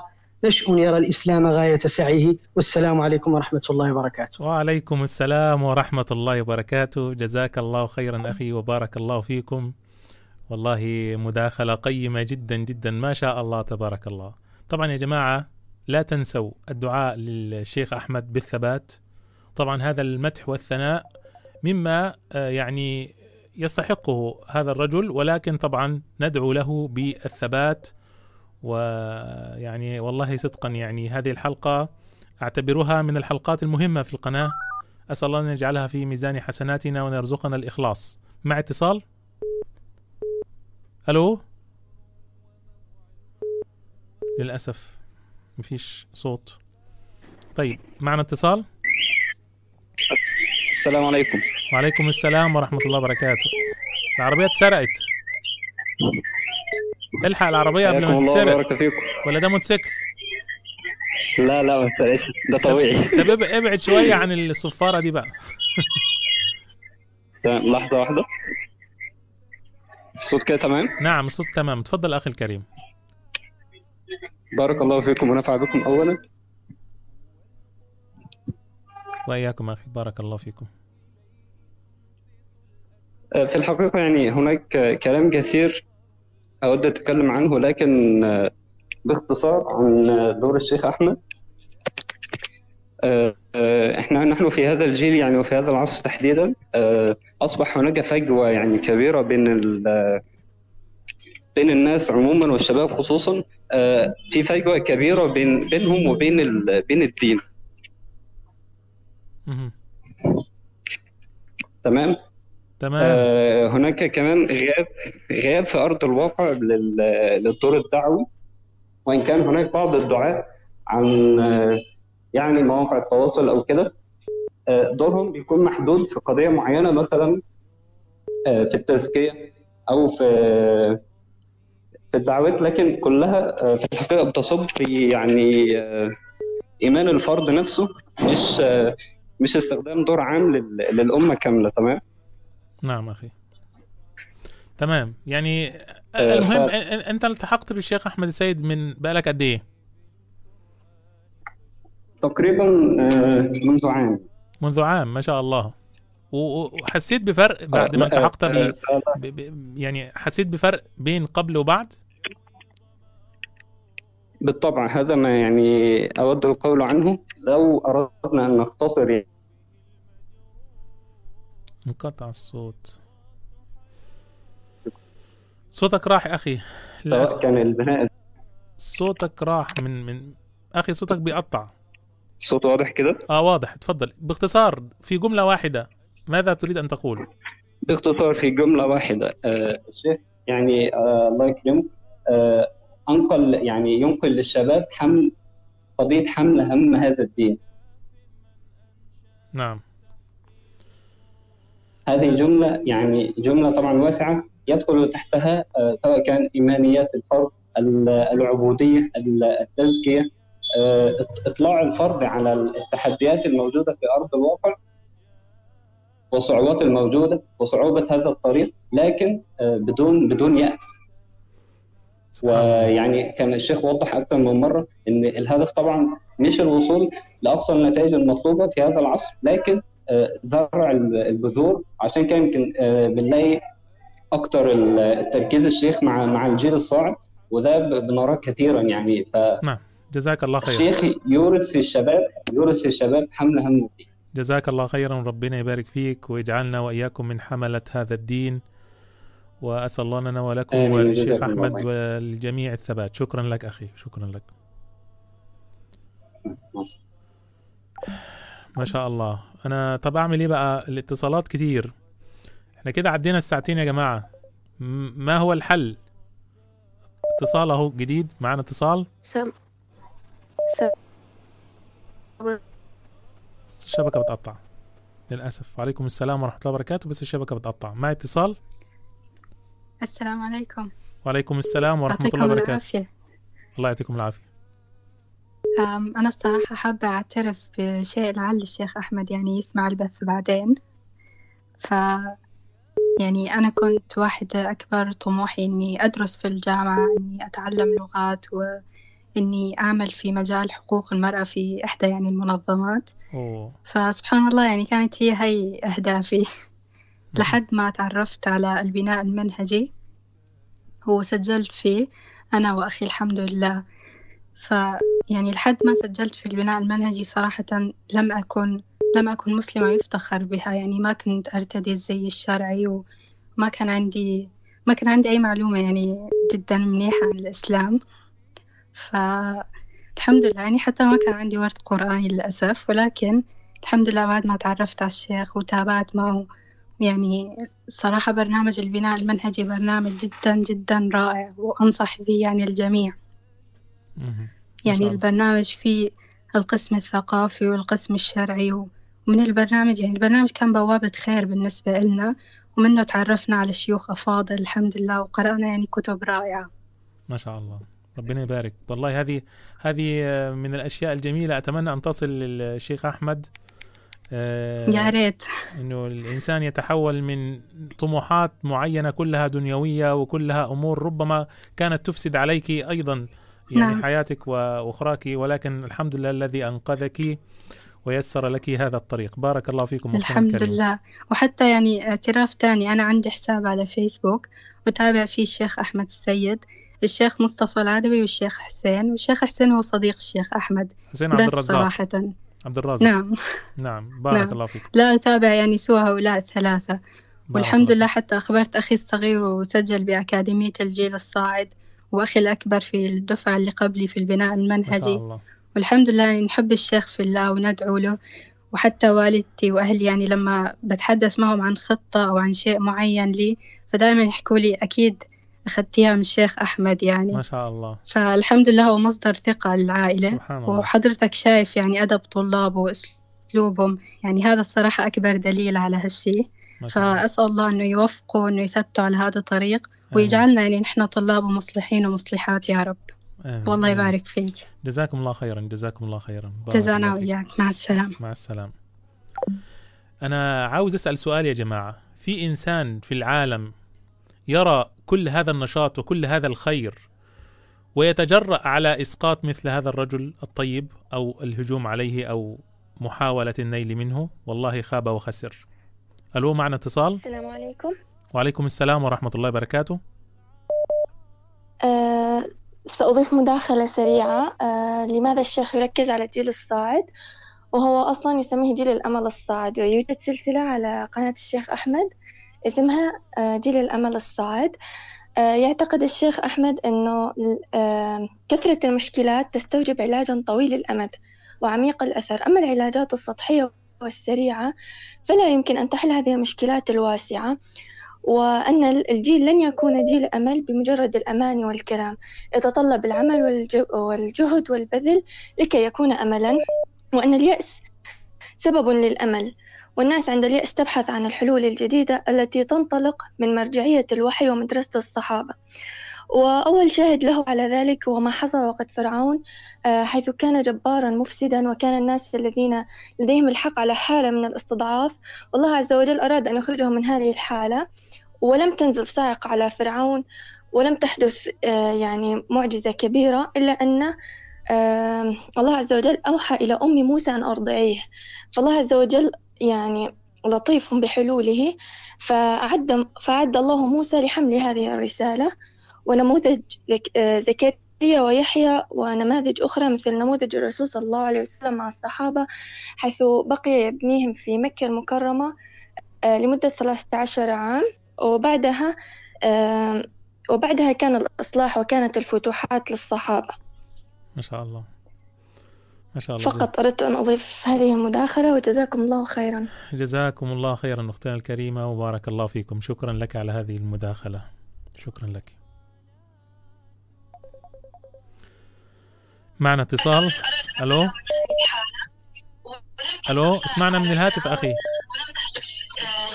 الصوت مزعج جدا. ألو؟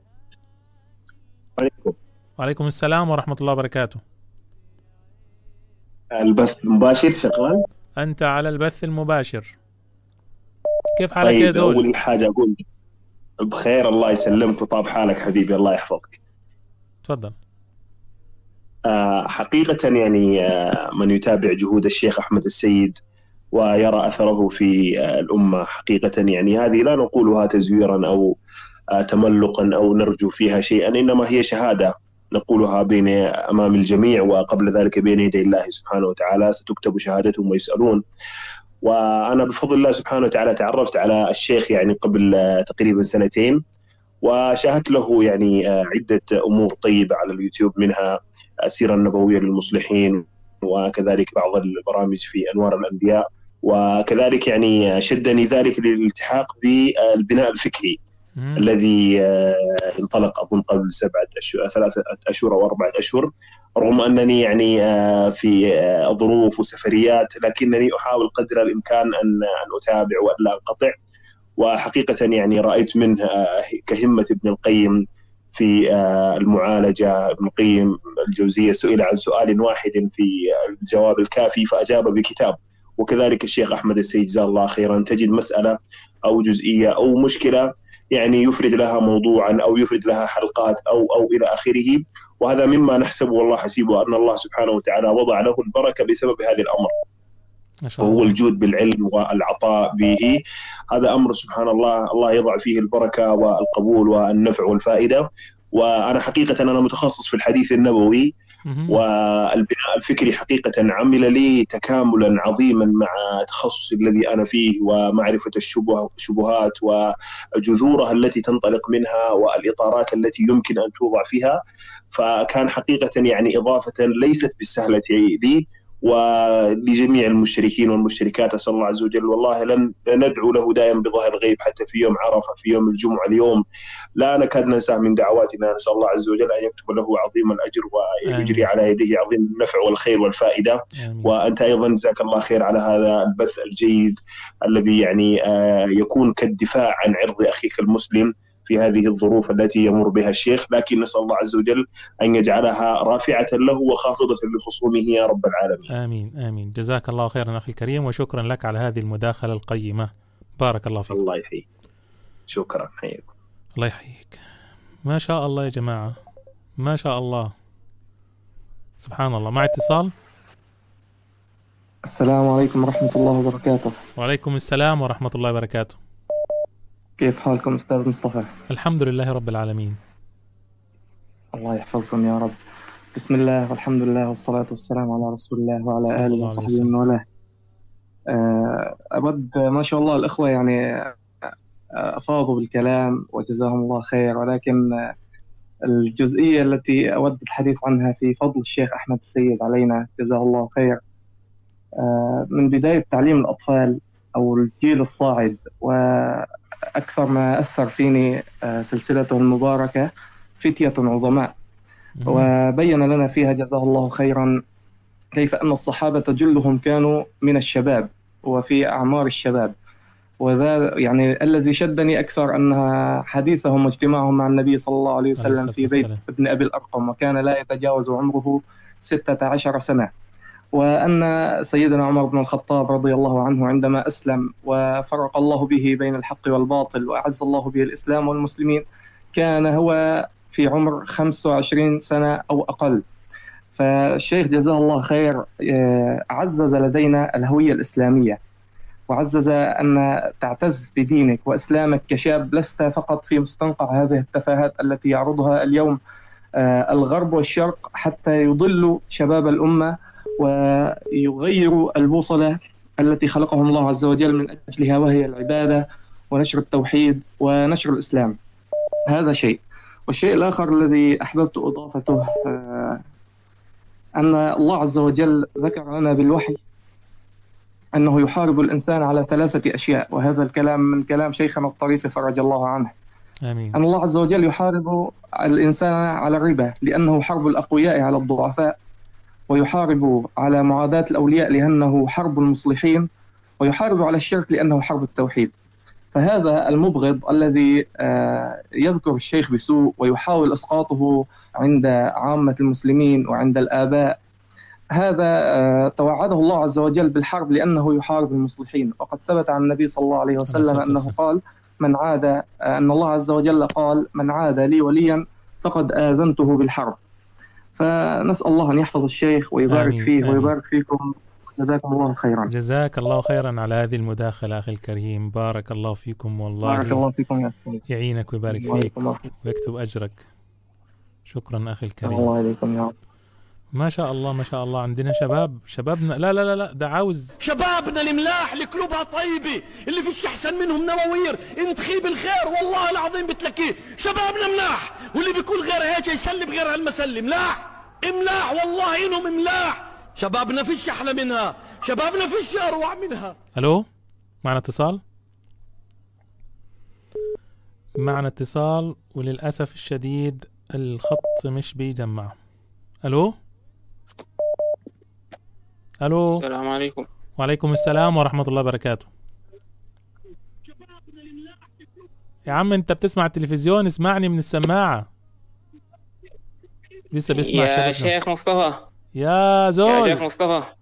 يا السلام زول. عليكم. وعليكم السلام ورحمة الله آه وبركاته كيف حالكم؟ إن شاء الله بخير وعافية.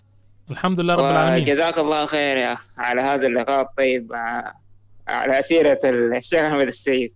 بارك الله فيكم. أنت من السودان ولا من وين؟ نعم نعم أنا من السودان. يديك العافية إن شاء الله.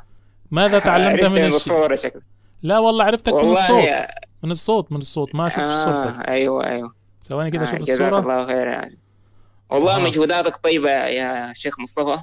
والشيخ أحمد السيد والله أنا سعدت جدا يعني لما رأيت ال- الإعلان بتاع اللقاء ده وحرصت إنه أنضم للمشاركين.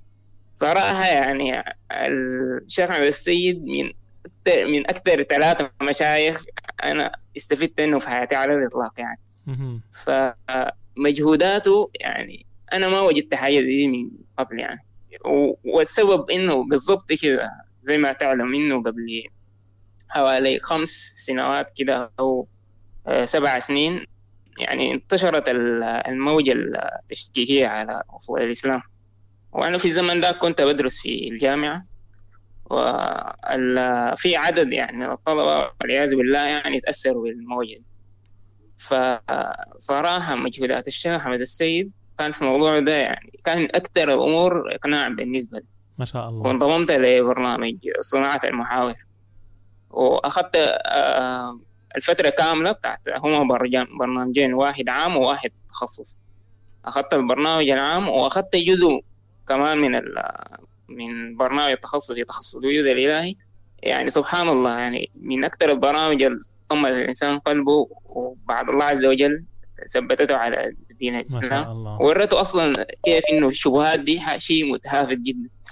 والنقطة الثانية اللي دار أضيفها بس عشان ما أطول آه، أنا مؤمن تماما يعني آه، لما الإنسان يدرس الواقع واقع المسلمين وواقع الغرب في الزمن صراحة ال- في في فجوة علمية بين بين ال- المسلمين والغرب. الغرب متقدم حاليا لكن آه، ال- الكلام بيجي إنه الإصلاح ده آه، ما بيجي بين عشية وضحاها.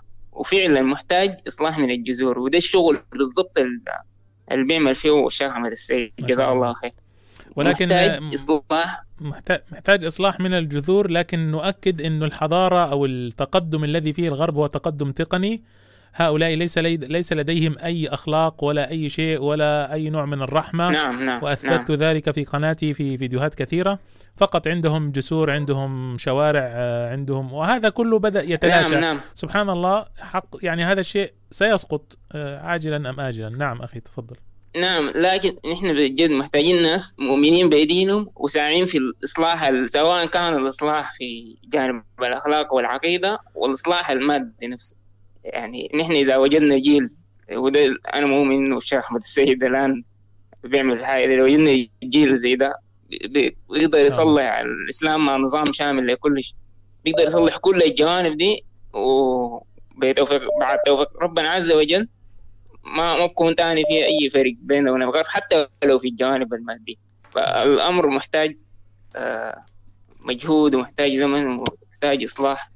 ما شاء الله. آه، فنحسب ان شاء الله أن المصلحين يعني الشيخ أحمد السيد المخلصين. ودي أهم حاجة نحن محتاجينها في الزمن ده. اتمنى يعني أرى دائما من من طلبة الشيخ يعني. من طلبة الشيخ آه، الجيل الجاي ده يكون فيه مية أحمد السيد. ما شاء أتمنى الله وارجو يعني. والله أنا لما شفت لما شفت أمثالك وأمثال الشباب والأخوات اللي اتصلوا أنا استبشرت خيرا أخي وإنه إن شاء الله الأمة فيها خير كثير جدا جدا.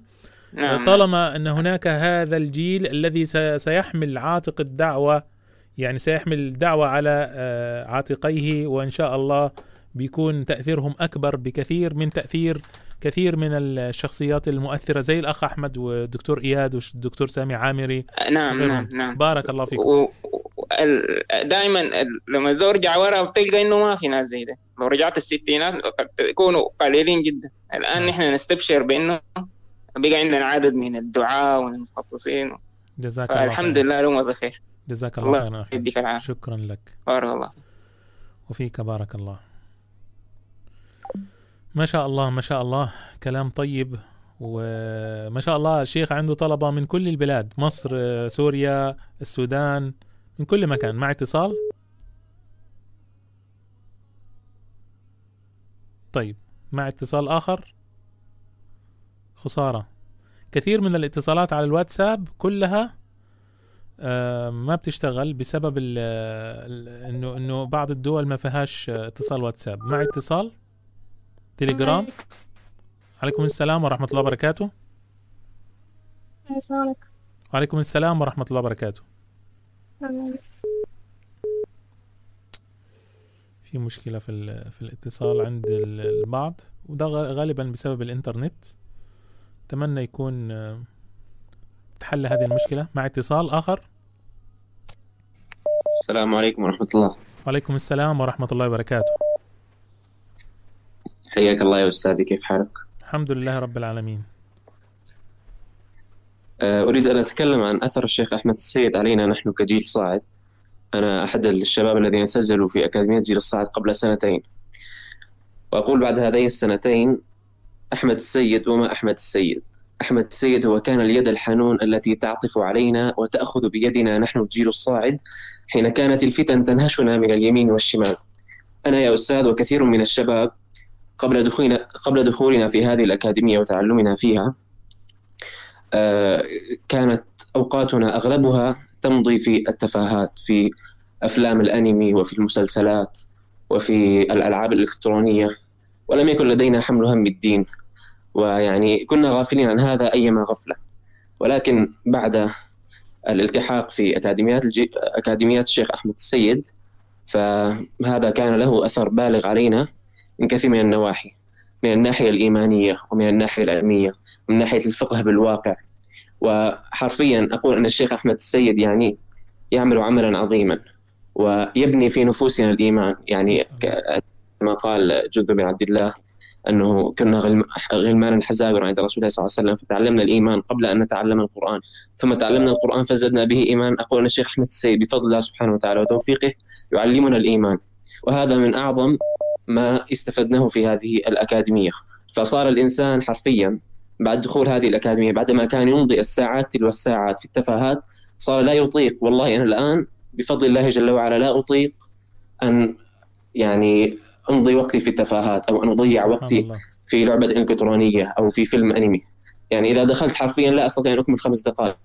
يعني لأنه سبحان الله النفس عندما تملأ بمعالي الأمور وبالمعاني العظيمة الإيمانية فإنها يعني لا تستطيع أن تجمع بين هذه المعاني العظيمة التي كنا نغذ- نغذى عليها في هذه البرامج وبين التفاهات وسفاسف الأمور. ما شاء الله. فهذا من أبرز يعني ما ما شاء الله. ما استفدناه من أكاديمية الشيخ من- من أكاديمية من ونعم. أكاديميات الشيخ أحمد السيد. أسأل الله أن ي- أن يجزيهم عنا كل خير. آمين. وهذا ما لدي. جزاكم الله خير. وإياكم أخي. الله المستعان. انقطع الخط. جزاك الله خيرا أخي الكريم. ألو؟ السلام- عليكم. وعليكم السلام ورحمة الله وبركاته. كيف حالك يا شيخ مصطفى؟ الحمد لله يا رب العالمين. الله يحفظك الله يبارك فيك. أنا طالب من طلاب الشيخ أحمد السيد حفظه الله وحفظك. آه، من طلاب البناء المنهجي الدفعة الثالثة. ما شاء الله. يعني آه، الحمد لله الحمد لله. أولا وآخرا أنه تعرفنا على هذا الرجل وعلى هذا الشيخ الطيب. يعني حقيقة تجد عنده يعني رفع الهمة بكل مستوى بكل لا, تكاد تجد لقاء عنده إلا ويحاول أن يرفع همة الشاب عن سفاسف الأمور إلى معالي الأمور. ويهتم كثيرا يهتم يهتم يعني تحضر محاضرة أو تشوف درس تحس إنه هذا الرجل يعني صاحب همة عالية وصاحب هم للإسلام والمسلمين. يهتم بجوانب ال- ال- الإلحاد والضياع كما ذك- ذكر أخي المتصل قبلي. ما شاء الله. أنه دائما يحاول ما يضيع وقتك بالتفاهات والسفاسف وهاي الأمور اللي يعني ما تجدي نفعا. دائما كن حريص على وقتك. دائما كن يعني همتك عالية متطلباتك عالية. لا ترضى يعني بالشيء القليل واليسير. ومن خلال يعني ال- البناء وال- وال- والروتين يعني تلتمس هذا كله. سبحان الله يعني أسأل الله أن يحفظه ويحفظك. آمين. وأن يكثر من أمثاله. يعني رجل شاب بهذا العمر وبهذه الطاقة ويعني الله بهذا المعلومات. والثقافة يعني ما شاء الله. جزاك الله خيرا أخي الكريم وشكرا لك على هذه المداخلة الطيبة. بارك الله فيك. جزاك, جزاك الله الجنة. أشكركم. نعم. آمين وإياكم وجميع السامعين. شكرا لك. ما شاء الله شبابنا ملاح والله يا جماعة. شبابنا شبابنا زي الفل. شبابنا زي الفل صدقوني. يعني ما فيش أحسن من كده حقيقة. طيب إحنا معنا اتصال مهم جدا. ألو؟ يا أهلا وسهلا يا أهلا يا مرحبا. يا مرحبا يا مرحبا. يا أهلا وسهلا. يا أهلا. الشيخ أحمد يا السيد. بالشيخ. بطل هذه الحلقة ويعني صراحة هذا يعني شرف لنا أن تتحدث معنا وأن تتكلم معنا في هذه الحلقة. ونحن أصلا كنا نتكلم عنك. حياك الله. الله يحييكم يا رب يبارك فيكم. أول شيء والله آه، لا بطل ولا شيء. يعني آه، القضية كلها فضل مح- محض من الله سبحانه وتعالى. يعني آه، سواء في تيسير إنشاء هذه البرامج من أساسها أو في انتقال الأثر إلى الطلاب أو في آه، يعني ما شاء الله هذه القدرة التعبيرية الرائعة من لا يعبروا عن أنفسهم ويتحدثوا عما استفادوا. هذا كله فضل من الله سبحانه وتعالى من أوله إلى آخره. ما شاء الله. فيعني الحمد لله أنا بالنسبة لي مستشعر هذا المعنى تماما في على طول الطريق كما يقال. ما شاء الله. والله يجزيك الخير يا رب على يعني آه، حرصك على نقل الخير للناس وأن يعني نقل التجارب التي يمكن أن يستفيد منها الآخرون من الطلاب والطالبات لأنه تعرف كثير من شباب الجيل اليوم يبحثون عن شيء يمكن أن ينفعهم فحين يرون مثل هذه التجارب تزداد يعني همتهم ما وحماستهم شاء الله. يجزيك الخير يا رب جزاك الله خيرا وأنا والله سعيد جدا بهذه المكالمة وبهذا ال- الكلام الطيب وبالمناسبة يعني أنا والله تفاجأت بكم الثقافة واللغة العالية والبلاغة الموجودة عند الطلبة. حقيقة بارك الله فيكم وندعو لكم. بالثبات. وهذا يدل على الأثر ال- ال- الطيب والخير الذي وصل إلى هؤلاء الشباب.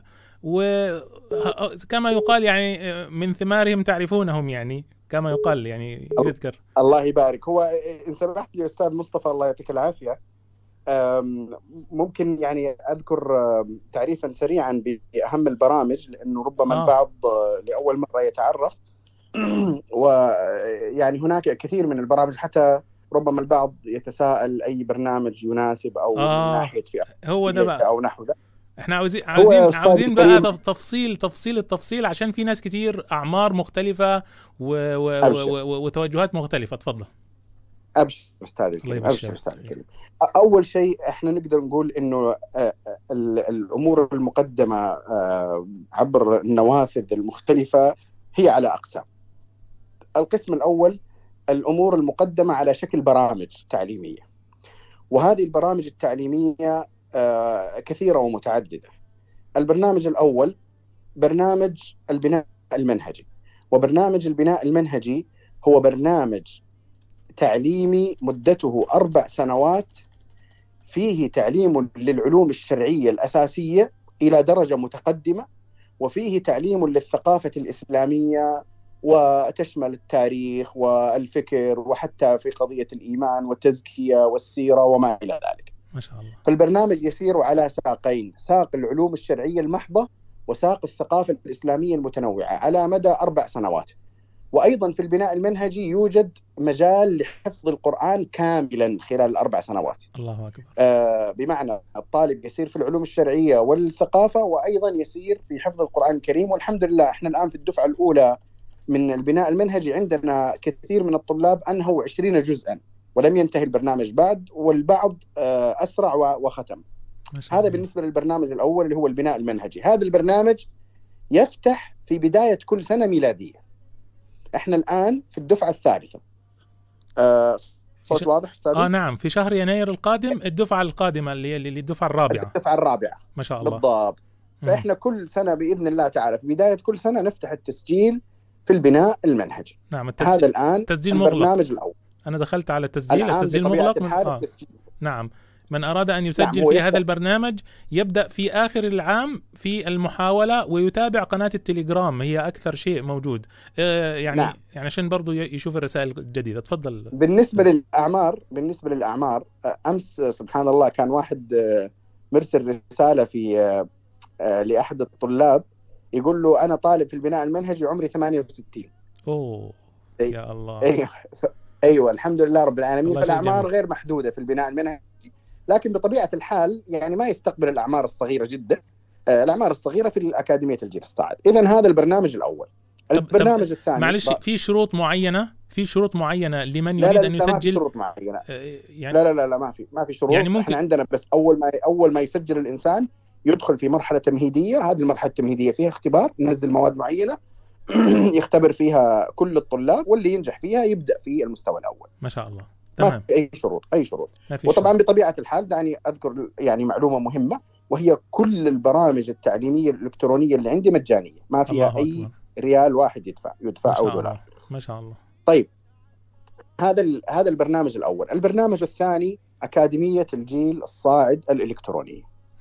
هذه الأكاديمية هي أكاديمية ضخمة آه، فيها مسارات متعددة. ونحن الآن الآن وأنا أكلمك الآن التسجيل مفتوح فيها.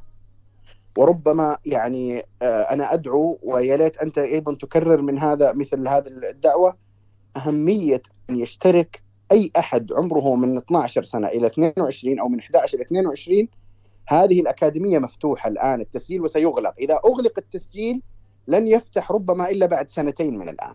مهم. جيد؟ مهم جدا أي نعم لأنه هذه إحنا كل دفعة مدتها سنتين ربما يعني سمعت بعض الطلاب يقول لك إنه آه، لي سنتين في البرنامج لي سنتين هذا اللي دخلوا في أكاديمية الجيل الصاعد الإلكترونية من البداية. مهم. فإحنا الآن سنغلق التسجيل بعد أيام قليلة يعني خلال فترة بسيطة فيا ليت إنه يكون في آه اهتمام وحرص أنا أرسل لك أيضا رابط ال- آه التسجيل في ال- القناة في عفوا في أكاديمية الجيل الصاعد. أنا فاتح الموقع الآن. على فكرة أنت أكيد أنت مش شايف الشاشه أنا أنا كل ما تتكلم فتحت موقع البناء المنهجي في جوجل. آه. يعني دخلت على جوجل وفتحته وكذلك أكاديمية الجيل الصاعد الآن أمامي. وفيها بس أنا عاوز اكد على نقطة.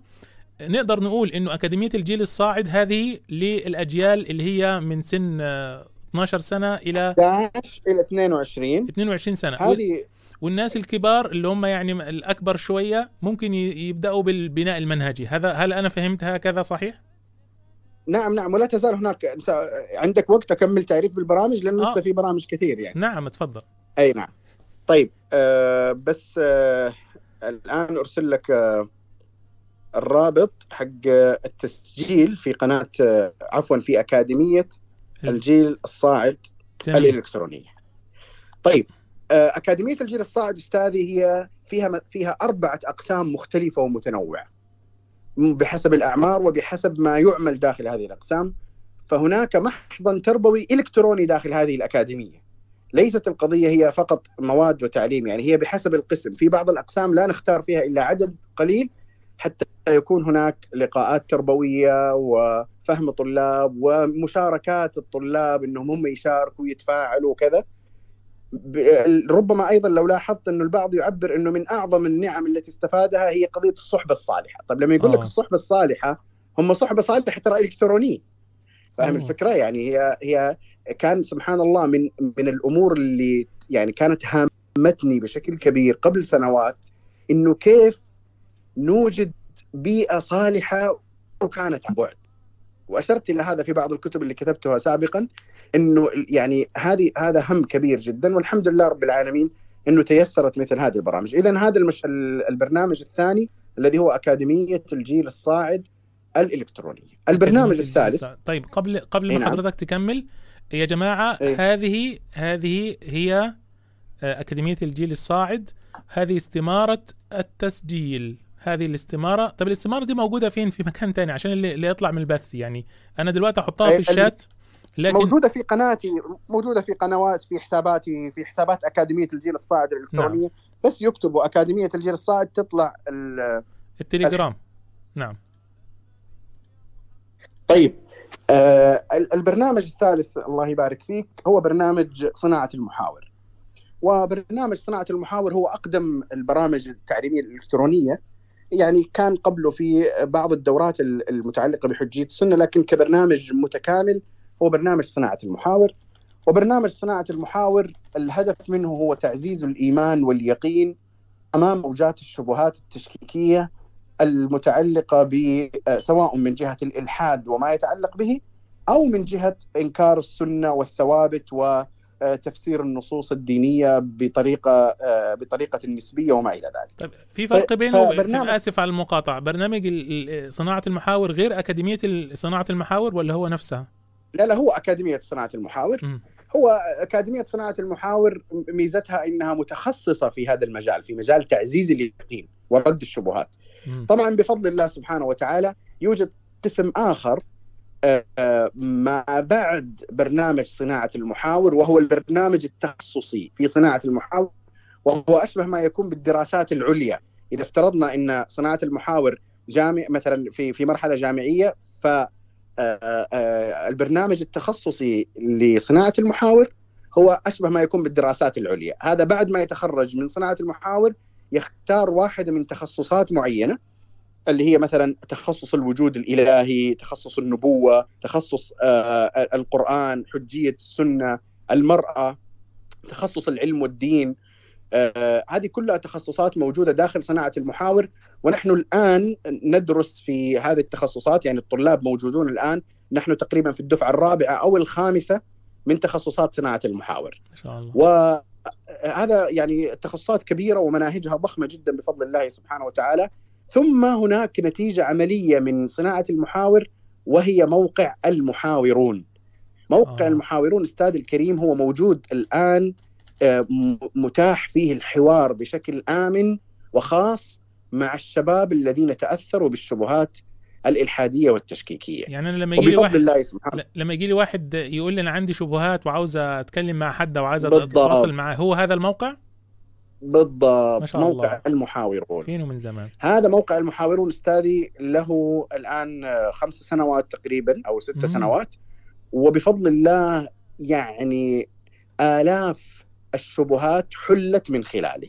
ما شاء الله. آلاف الشبهات حلت من خلاله بفضل الله تعالى. طبعا أنا لست محاورا في هذا الموقع. أنا علمت في صناعة المحاور ثم انتخبنا أهم طلاب وأكثرهم استفادة ليكونوا محاورين في الموقع. فجزاهم الله خيرا. طبعا أنا سآتي يعني أنا أو خليني أهتبر الفرصة الآن ل ل- يعني يعني خلينا نقول أطوي مسافات الكلام لآتي بنقطة متقدمة هنا فأشكر كل العاملين المتطوعين أنا أتكلم عن مئات المتطوعين في البرامج. يعني إذا عدتهم عدت فقط الفئات التي- المتطوعة لن أنتهي. ما شاء الله. محفظي القرآن ومحفظات القرآن في البناء المنهجي مشرفو التفاعليات في مختلف البرامج الإداريون المسؤولون عن ال ال كل برنامج بعينه.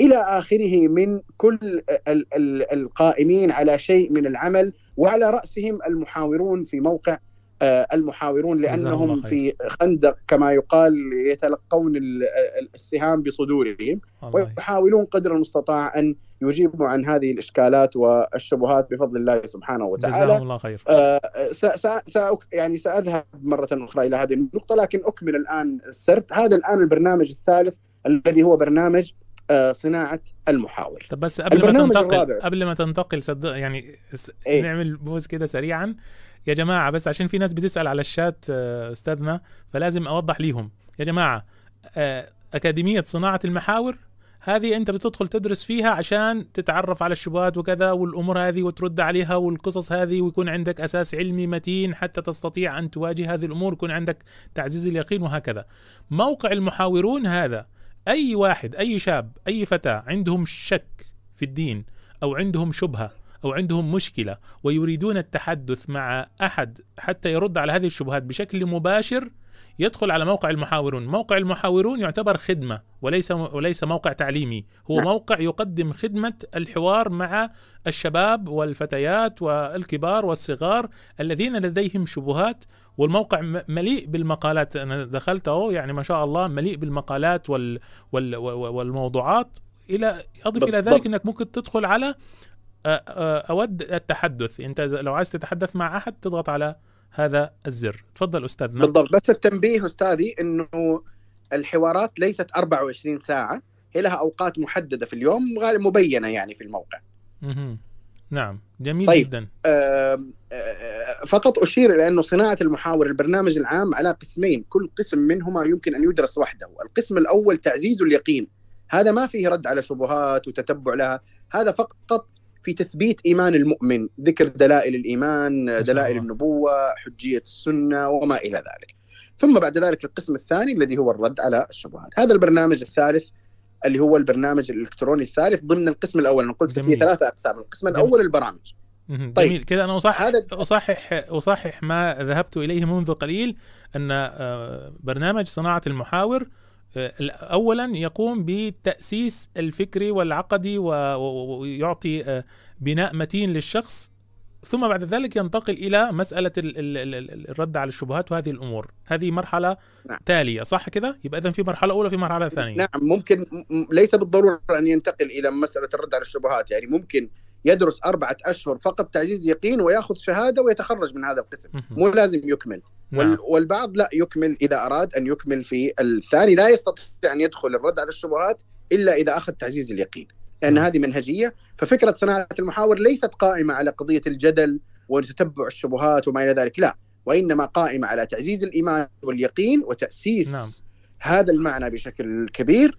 ثم بعد ذلك يتعلم مهارات الحوار مهارات الرد مهارات النقد يأخذ مناعة معينة ي- يعرف أهم ال- أصول الأفكار وليس فقط أفراد نعم. الشبهات أنا كان عندي فكرة خاطئة صراحة. عن عن عن صناعة المحاور بصراحة صدقا يعني زمان أنا أنا أسمع عنه بس أنا ما لم أشترك ولم أتابع كنت مفكر إنه هذا ال هذا ال هذا البرنامج فقط لموضوع الشبهات وكنت بصراحة يعني عندي مشكلة في لا هذا لا يعني. لا. لا لا هذا هذا كلام توضيح مهم بالمناسبة أستاذ كريم يعني كثير من آه، يعني حمله شهادة الدكتوراه في الشريعة وحتى بعضهم من الأساتذة والعلماء وطلبة العلم المشهورين بفضل الله سبحانه وتعالى دخلوا البرنامج صناعة المحاور.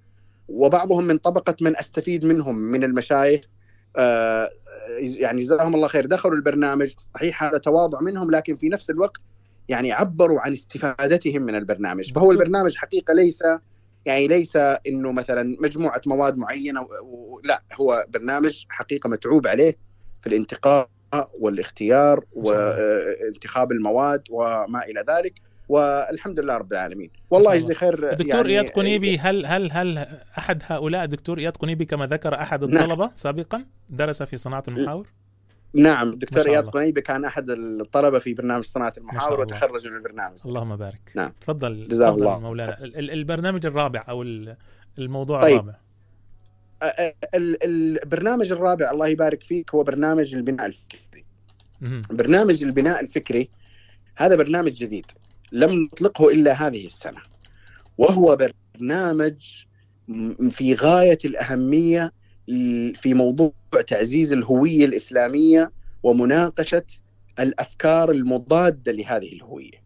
الأفكار المضادة لهذه الهوية بمعنى العلمانية، الليبرالية، الحداثة، آه، التشكيك في السنة، آه، الأفكار الغربية ال- وما يتبعها الشذوذ إلى آخره، لكن ببناء شمولي. آه، بمعنى إنه نتناول ملفات كثيره مع حتى تاريخ الفكر الغربي وأصول هذه الأفكار ولذلك هذه الأكاديمية تعتبر ليست للمبتدئين جدا، يعني ما لا أنصح بها إنه من من يعني يتعرف على العلم يبدأ مباشرة بها، لا، وإنما هذه لتخرج أناس متمكنين في المجال الفكري، قادرين على نقد الأفكار، آه، معتزين بهويتهم بحجة وبرهان، ومن جملة ما يدرسون في هذا البناء الفكري بعض المواد في صناعة المحاور، لكن هذا أوسع من صناعة المحاور بكثير. هذا البناء الفكري أيضا في بداية كل سنة ميلادية يفت- يفتح، نسيت أقول لك أيضا إنه صناعة المحاور في بداية كل سنة ميلادية أيضا آه، يفتح. والآن في هذه الفترة الله يجزي خير الشيخ مطلق الجاسر أيضا آه، يعني مسؤول عن هذه القضايا في صناعة المحاور. هو بداية كل سنة ميلادية يفتح البرنامج آه، صناعة المحاور والبناء الفكري.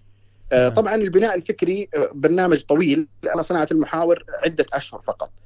البناء الفكري اذا هذا موضوعه وهذا مجاله وحقيقة الطلاب الذين دخلوه بفضل الله سبحانه وتعالى يعني استفادوا كثيرا ووجدوا قيمة مضافة حقيقية من خلال البناء الفكري. ومن دخل صناعة المحاور فمن الجيد جدا أن يكمل في البناء الفكري. طيب هذا بالنسبة للبرنامج البناء. الفكري. معلش آسف على المقاطعة. لا يوجد موقع إلكتروني إلى الآن للبناء الفكري. كيف أعرف آه، أو أتابع ال- ال- الأمور؟ على تويتر فقط ولا له قناة أيوة، خاصة على أي- التليجرام أيوه إن شاء الله الموقع قيد التصميم. لعله نحاول إنه آه، الدفعة الثانية لما تبدأ يكون الموقع جاهز. نحاول يعني مو نعم. مو وعد لكن نحاول بإذن الله تعالى. نعم. آه حقيقة أمر المواقع ما يخفاك ليس سهلا يعني. إحنا. الآن عندنا عدة مواقع يعني إحنا عندنا موقع خاص بأكاديمية الجيل وعندنا موقع خاص بالبناء المنهجي وعندنا موقع خاص بصناعة المحاور وعندنا موقع خاص بأكاديمية الحديث سيأتي التعريف بها بعد قليل بإذن الله الله. تعالى. وسيكون هناك إن شاء الله موقع خاص لأكاديمية البناء الفكري كذلك بإذن طيب، الله تعالى. البناء الفكري- ونسأل الله سبحانه وتعالى العافيه آمين نعم. اللهم آمين. البناء الفكري يفتح كل آه، على رأس كل سنة وكذلك في في بداية السنة الميلادية وكذلك أيضا البناء المنهجي وصناعه المحاور. الثلاثة دول بيبداوا في أول السنة التسجيل. هو خذها قاعدة أستاذي. آه، تقريبا كل البرامج لها موعدان بعضها لها موعد في بداية السنة وبعضها الآخر لها موعد في منتصف السنة الميلادية. يعني أكاديمية الجيل الصاعد تفتح دائما في آه، شهر سبعة تقريبا أو ستة ميلادي. وكذلك مشروع العمر للمصلحين وهذا سيأتي التعريف به إن شاء الله. نعم آه،. وبعض ال- ال- ال- البرامج وكذلك أكاديمية الحديث آه، في منتصف السنة تقريبا يعني وبعضها الآخر في بداية آه، السنة طيب هذا بالنسبة للبرنامج البناء الفكري وهو البرنامج الرابع آه، البرنامج الخامس هو أكاديمية الحديث الإلكترونية أو لأقل مشروع تسهيل السنة يعني تسهيل السنة أيضا موجود لأنه أكاديمية الحديث ضمن عنوان أكبر منه وهو تسهيل السنة. وهذا حقيقة يعني هو أقدم آم، خلينا نقول برنامج لكنه كان على شكل دورات في حجية السنة. أتكلم عن ما أتذكر ربما 2013 أو حولها كانت الدورات تقدم عبر تسهيل السنة. آه، آه، لكن الآن أ- أكبر مشروع في تسهيل السنة هو أكاديمية الحديث الإلكتروني. ما شاء الله. أكاديمية الحديث الإلكترونية هذا برنامج مدته سنتان. الآن في هذه الدفعة الثالثة الآن وأنا أكلمك الآن للتو أغلقنا التسجيل في الدفعة الثالثة من أكاديمية الحديث. في هذه الدفعة تحديدا سيز... ستزيد المدة ستصبح ما بين سنتين ونصف إلى ثلاث سنوات لأن البرنامج طويل. أضفنا عليه إضافات الآن في الدفعة الثالثة. هذا أستاذ الكريم أكاديمية الحديث هي ليست لمجرد دراسة المصطلح والعلل. وإن كان هذا من أهم المواد فيها. وإنما أكاديمية الحديث لفهم خارطة نقل الدين كيف نقل الإسلام إلينا؟ أساس علم الحديث أساس المنهج التوثيقي في الإسلام آه، معرفة حملة الدين الرواة مراكز مدارات الأسانيد والرواة وفي نفس الوقت لتعظيم سنة النبي صلى الله, صلى عليه الله وسلم, عليه وسلم. وكذلك للتفقه فيها. ولذلك في هذه الدفعة الثالثة سيكون هناك مستوى خاص كامل فقط عن حجية السنة النبوية بالإضافة إلى مستوى آخر أيضا منفرد بعنوان فقه السنة النبوية. ما شاء الله. ويدرسون علم الحديث من بدايته يعني من الدرجات الأولى الدنيا إلى الدرجات ال- آه، إلى درجات عالية متقدمة. يعني نحن ندرس في هذه الأكاديمية شرح علل الترمذي لابن رجب كاملا ندرس في هذه الأكاديمية رسائل للمتقدمين كالتمييز للامام مسلم العلل الصغيره للامام الترمذي منتقيات من علل ابن أبي حاتم وعلل البخاري العلل عفوا الكبير للترمذي وبالاضافه إلى طبعا قبل ذلك مقدمة ابن الصلاح وبطبيعة الحال المتون اللي هي نزهة النظر وأمثالها فهي دراسة شمولية لما يتعلق بالسنة وعلومها وبفضل الله سبحانه وتعالى خرجنا دفعة وأمس تقريبا أو يعني في هذه الأيام عندنا إغلاق اختبار الاختبار النهائي للدفعة الثانية فنحن على وشك تخريج الدفعة الثانية وفي انطلاق الدفعة الثالثة بفضل الله. الله سبحانه وتعالى. ما شاء الله طيب هذا بالنسبة للبرنامج الخامس الذي هو أكاديمية الحديث الالكتروني. البرنامج السادس هو مشروع العمر للمصلحين. وهذا البرنامج هو برنامج طويل الأمد مدته خمس سنوات وهو آه، فيه تخصصات كثيرة. حين يدخل طالب فيه يختار إما تخصص مفكر أو مربي أو داعية أو باحث أو مثقف آه، أو طالب علم شرعي متقدم. والدراسة فيه يعني فيها تفاصيل كثيرة وفيها مشاريع عملية تدريبية تخصصية تدرب الطالب على أن يتمكن في المجال التربوي إن كان مربيا أو في المجال الدعوي إن كان داعية. أو في المجال الفكري إن كان مفكرا أو في المجال الشرعي إن كان طالب علم وهكذا. هذه خمس سنوات فيها 20 مرحلة كل سنة في أربع مراحل ونحن حقيقة في الدفعة الثانية الآن مع أنه أول مرة نعلن بهذه الطريقة لأنه هذا البرنامج يجب أن يكون عدد الطلاب فيه محدودا لأنه آه، تكون هناك متابعة وتصحيح بحوث وما إلى ذلك فيجب أن تكون يعني القدرة الاستيعابية آه، محدودة جدا، نحن فتحنا الآن آه، التسجيل مفتوح فيه ولكنه خاص بطلاب البناء المنهجي في الدفعة الأولى والثانية أيوة. وبخريجي أكاديمية الحديث وبخريجي أكاديمية صناعة المحاور. يعني اذا هذا هذا شرط من شروط دخول مشروع العمر للمصلحين أن يكون خريج لبرنامج صناعة المحاور أو أكاديمية السنة أو البناء المنهجي صح كده؟ نعم لكن هذا الآن في هذه الدفعة. لا ندري ما الذي سيحصل في الدفعة القادمة وهذا البرنامج غالبا لا يفتح كل سنة. لا أدري حقيقة هل سنفتحه السنة القادمة أو التي بعدها لأنه هذا البرنامج متطلباته الاشرافيه كبيرة. آه الآن آه هذه الشروط. آه في المستقبل لا أدري هل ستظل هذه الشروط أم لا. طيب البرنامج التالي آه هو برنامج صناعة المربي.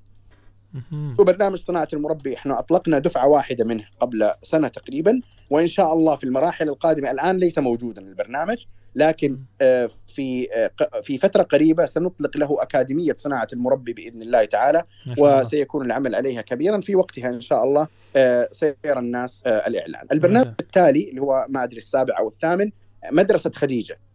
ومدرسة خديجة هذه مدرسة افتتحناها في بداية هذه السنة الميلادية أي لها الآن سبعة أشهر واخترنا فيها عددا محدودا فقط 200 طالبة. وكان خاصا هذا الإعلان خاصا بطالبات البناء المنهجي. الفكرة من هذا البرنامج الإلكتروني مدرسة خديجة ليس هي الفكرة التعليمية.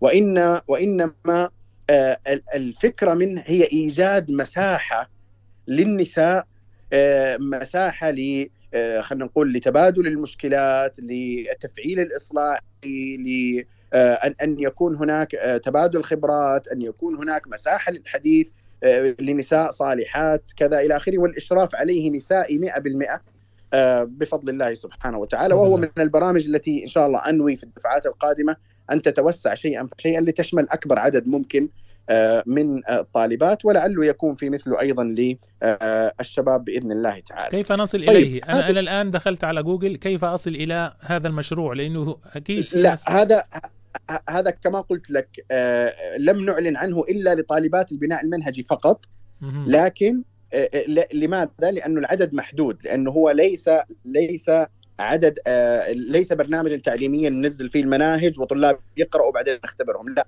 نعم وإنما في لقاءات بين الطالبات وفيها نقاشات وفيها كذا إذن هذا يتطلب أن, أن يكون العدد محدودا 200 طالبة فقط. لكن أنا فقط أخبر به الآن لأنه إن شاء الله في الدفعات القادمة سنوسع نطاق القبول بإذن الله تعالى. نعم طيب أكاديمية تسهيل السنة هل يوجد أي شروط للالتحاق بها؟ لا لا ابدا لا يوجد شروط. ولا أكاديمية المحاور نفس الحكاية برضو نفس الحكاية. الإنسان... ولا أكاديمية المحاور. أكاديمية المحاور أظن فقط إنه ما يكون أقل من 17 سنة. آه. آه وأكاديمية السنة نفس الحكاية. نفس الحكاية برضو لازم يكون يعني سنه 17 أكاديمية السنة أظن ما أذكر والله هل العمر بس أعتقد إنه في مساحة إلى 16 سنة أظن مسموح. نعم. آه آه مثل هذا العمر يعني. لكن يمكن ما نقبل فيها 12 أو 14 سنة مثل هذا العمر. هذول فتحنا لهم في أكاديمية الجيل الصاعد اللهم بارك. والله بارك طيب. هذا الآن كله آه أستاذ الكريم أسأل الله سبحانه وتعالى أن يعني يجعل هذه البرامج مباركة. هذا كله القسم الأول الذي هو قسم البرامج التعليمية. هناك قسم آخر وهو قسم المواد المفتوحة التي ليس بالضرورة لكي تستفيد منها أن تكون طالبا في برنامج من البرامج. وهذه القنوات المواد اللي هي موجودة في قناتي في يوتيوب. نعم. هذه المواد هي مواد مت يعني خلينا نقول فيها سلاسل تعليمية طويلة يمكن للإنسان أن يشاهد ما شاء منها. وكثير بفضل الله سبحانه وتعالى من الطلاب استفادوا من هذه المواد ولو لم يكونوا ضمن برامج تعليمية إلكترونية، طبعا هذه المواد الموجودة في القناة هي مواد كثيرة جدا ويتكرر علي السؤال حقيقة انه إنه طب يعني ما بماذا نبدأ؟ عندك أنت مواد كثيرة جدا في في في القناة صحيح. في سلاسل كثيرة. متعددة فب- فبماذا نبدأ؟ كيف يعني كيف؟ دعوني دعني إذا سمحت أستاذ الكريم يعني اولا أقسمها إلى أقسام. القسم الأول من هذه المواد هو القسم الموجه للجيل الصاعد. وهذا القسم الموجه للجيل الصاعد هي في فيه سلاسل كثيرة. السلسلة السهلة التي يمكن أن يبدأ بها الجميع هي سلسلة أبجديات الثقافة الإسلامية للجيل الصاعد. أبجديات الثقافة الإسلامية للجيل الصاعد، هذه السلسلة اظنها قرابة زمن 40 الخلفاء الراشدين. فيها حوالي الخلفاء 12 الراشدين حلقة. أي هذا فقط الخلفاء الراشدين لكن قبلها النبي في مكة عليه صلى الله عليه وسلم. وقبلها وبعدها النبي صلى الله عليه وسلم في المدينة هذه السيرة النبوية من خلال أبجديات الثقافة هي محزمة يعني أبجديات الثقافة النبي في مكة أبجديات الثقافة النبي في المدينة أبجديات الثقافة الخلفاء ما الراشدين شاء الله أبجديات أي هذه هذه أول سلسلة في في حزمة الجيل الصاعد، السلسلة الثانية في حزمة الجيل الصاعد أولو العزم من الرسل. أولو العزم من الرسل. السلسلة الثالثة في حزمة الجيل الصاعد فتية عظماء. السلسلة الرابعة في آه، آه، الجيل الصاعد هي تعزيز الهوية للجيل الصاعد. وتعزيز الهوية للجيل الصاعد أستاذي الكريم هذه مهمة جدا للجيل. يعني آه، هذه مادة بنائية يعني تخاطب الجيل الصاعد لتقول لهم من أنتم؟ من أنتم بنا- بناء على كونك على كونكم مسلمين كيف تعتزون بهذا الدين؟ ما ما القواعد التي تستندون عليها لتبنوا ثقتكم بهذا الدين ولتكون هويتكم أو هويتكم الإسلامية هوية واضحة هوية تنطلقون منها وتعتزون بها في ظل آه، محاربة الهوية و- و- وما يتعلق بها. آه، أيضا من السلاسل المتعلقة بالجيل الصاعد والموجودة في آه، القناة سلسلة إلى الجيل الصاعد هكذا اسمها إلى الجيل الصاعد ومن السلاسل كذلك آه، البناء العقدي للجيل الصاعد. وهي من السلاسل السهلة التي يمكن البدء بها أيضا للجيل الصاعد. ومن السلاسل كذلك ولكن هذه السلسلة هي آخر سلسلة من حيث الترتيب المنهجي للجيل لأنها صعبة شوية اللي هي اسمها الهداية المعرفية للجيل الصاعد. الهداية المعرفية للجيل الصاعد.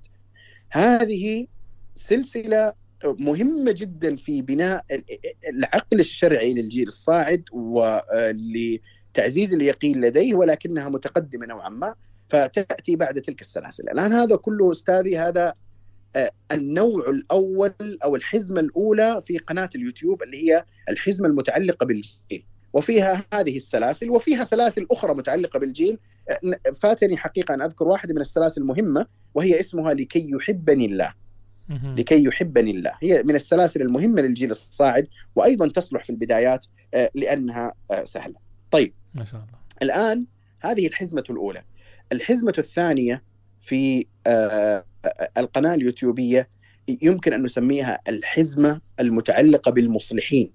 يعني بمن يراد ي- يعني يريدوا أن يكونوا من المصلحين. بمن يريدون أن يكونوا مصلحين.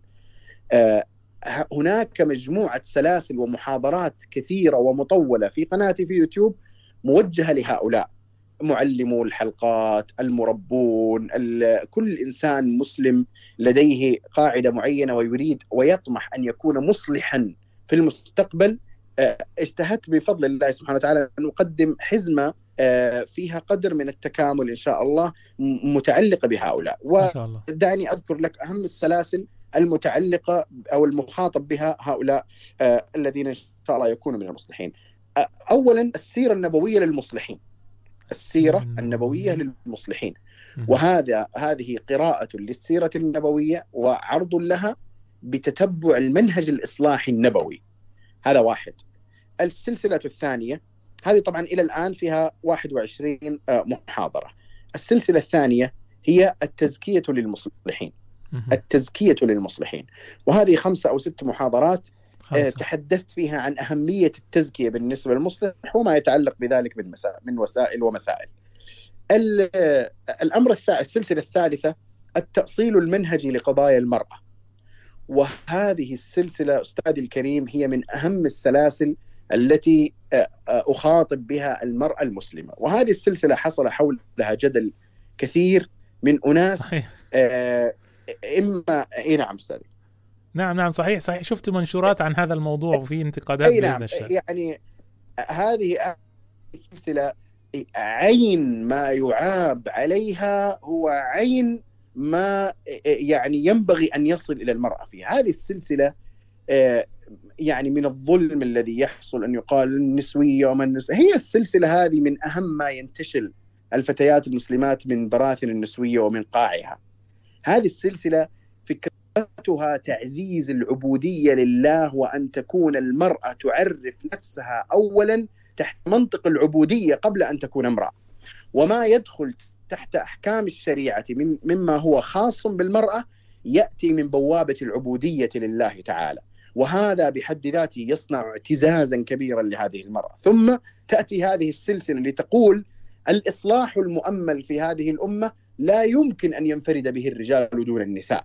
وبطبيعة الحال المرأة لها أحكامها ولها حدودها. بطبيعة الحال لا تشارك الرجال في كل المقامات، هذه أبجديات وأوليات لا ينبغي أن يزايد عليها، لكن أن أن ننظر في واقعنا هذا ثم نقول إن المرأة لن يكون لها دور في الإصلاح فيما يعني يناسب أحكامها الشرعية. وأن تكون جزءا من نهضة هذه الأمة الإسلامية الذي يقول هذا الكلام لا يدرك حقيقة الفعل النبوي ولا يدرك حقيقة ما فعله النبي صلى الله عليه وسلم في سيرته ولا يدرك يعني كثيرا مما يعني يمكن أن أن يكون قاعدة انطلاقية حقيقية أو قاعدة منطلق حقيقي لتصور ما ينبغي على المرأة أن تفعله تجاه دينها إنها مكلفة. كما قال الله سبحانه وتعالى والمؤمنون والمؤمنات بعضهم أولياء بعض يأمرون بالمعروف. وينهون عن المنكر.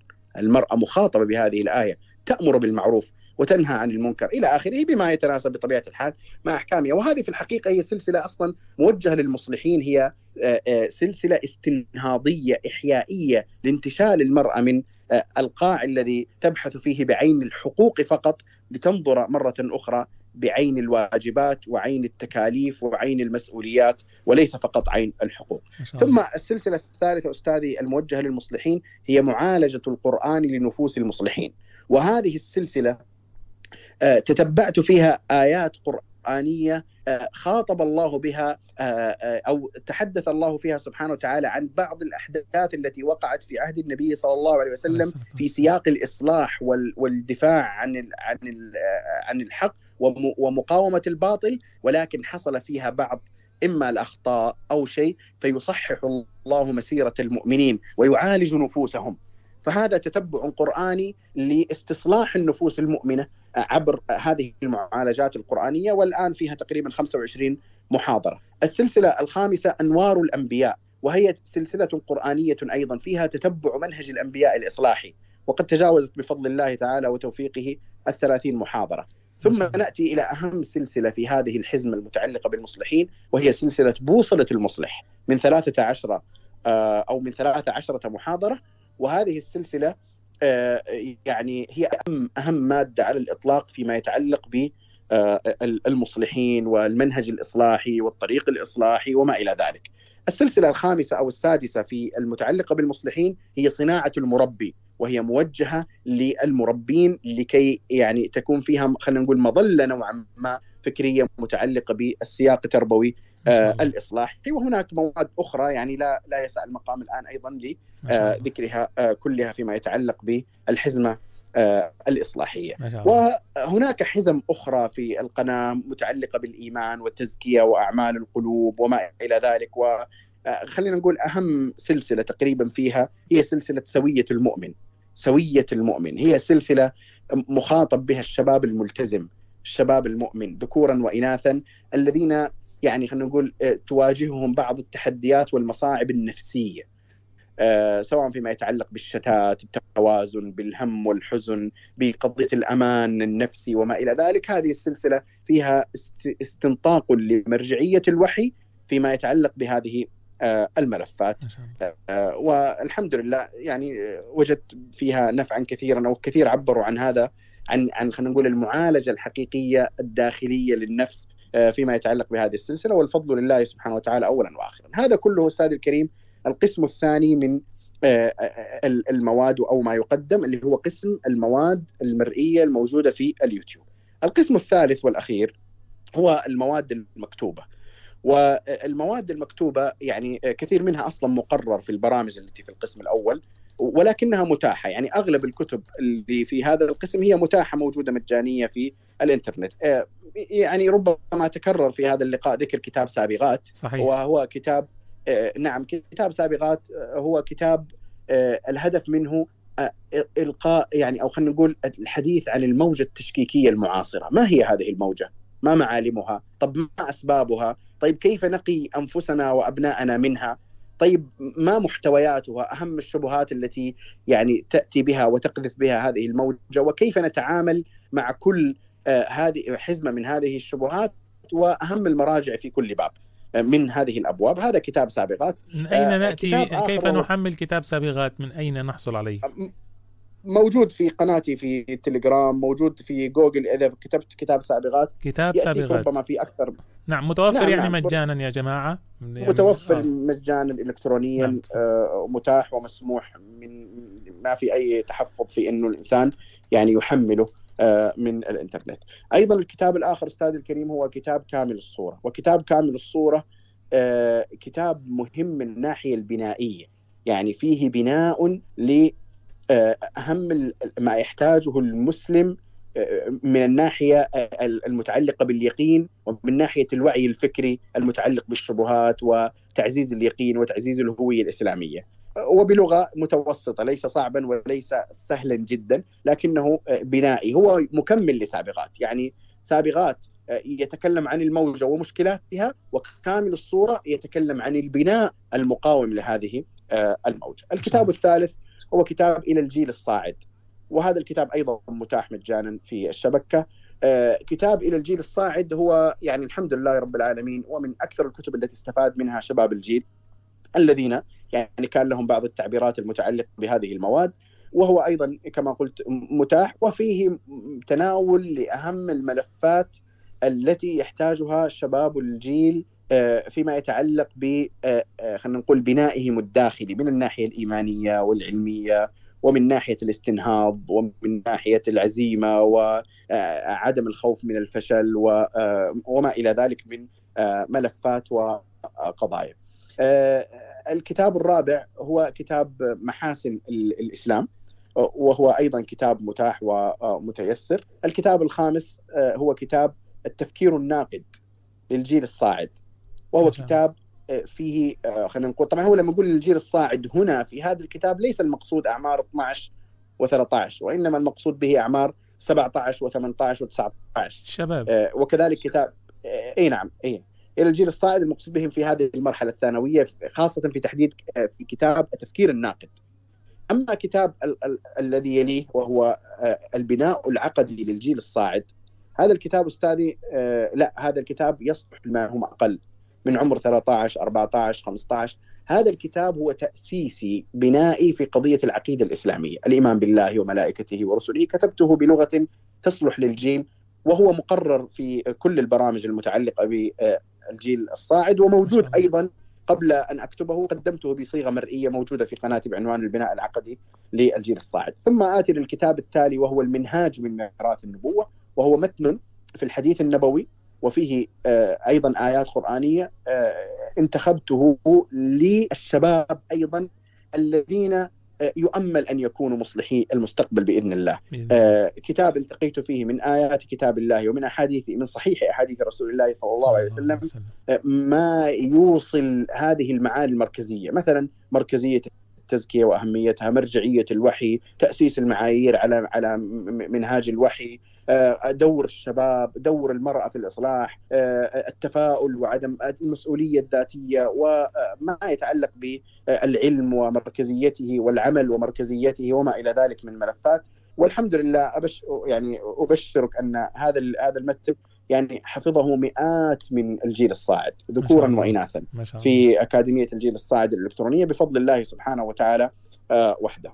سبحان الله و آه، آه، هذا هذه هذا القسم الثالث. طبعا قريبا إن شاء الله سيصدر كتاب بوصلة ال- المصلح. وهناك بعض الكتب الأخرى مثل أصول الخطأ في الشبهات الفكرية المعاصرة وكذلك كتاب تثبيت حجية السنة وكتاب أفي السنة شك. هذان الكتابان الأخيران هو هي في مناقشة منكري السنة. أفي السنة شك؟ آه، طبعا هذه كلها الآن متاحة التي ذكرتها كلها متاحة مجانا. آه، أفي السنة شك هذا كتاب يصلح للمبتدئين في موضوع حجية السنة فهم كيف نقلت السنة إلينا وما أدلة حجية السنة والوقاية من الشبهات المتعلقة بإنكار السنة وما إلى ذلك. آه، ثم آه، معي؟ ثم كتاب ثم كتاب تثبيت حجية السنة.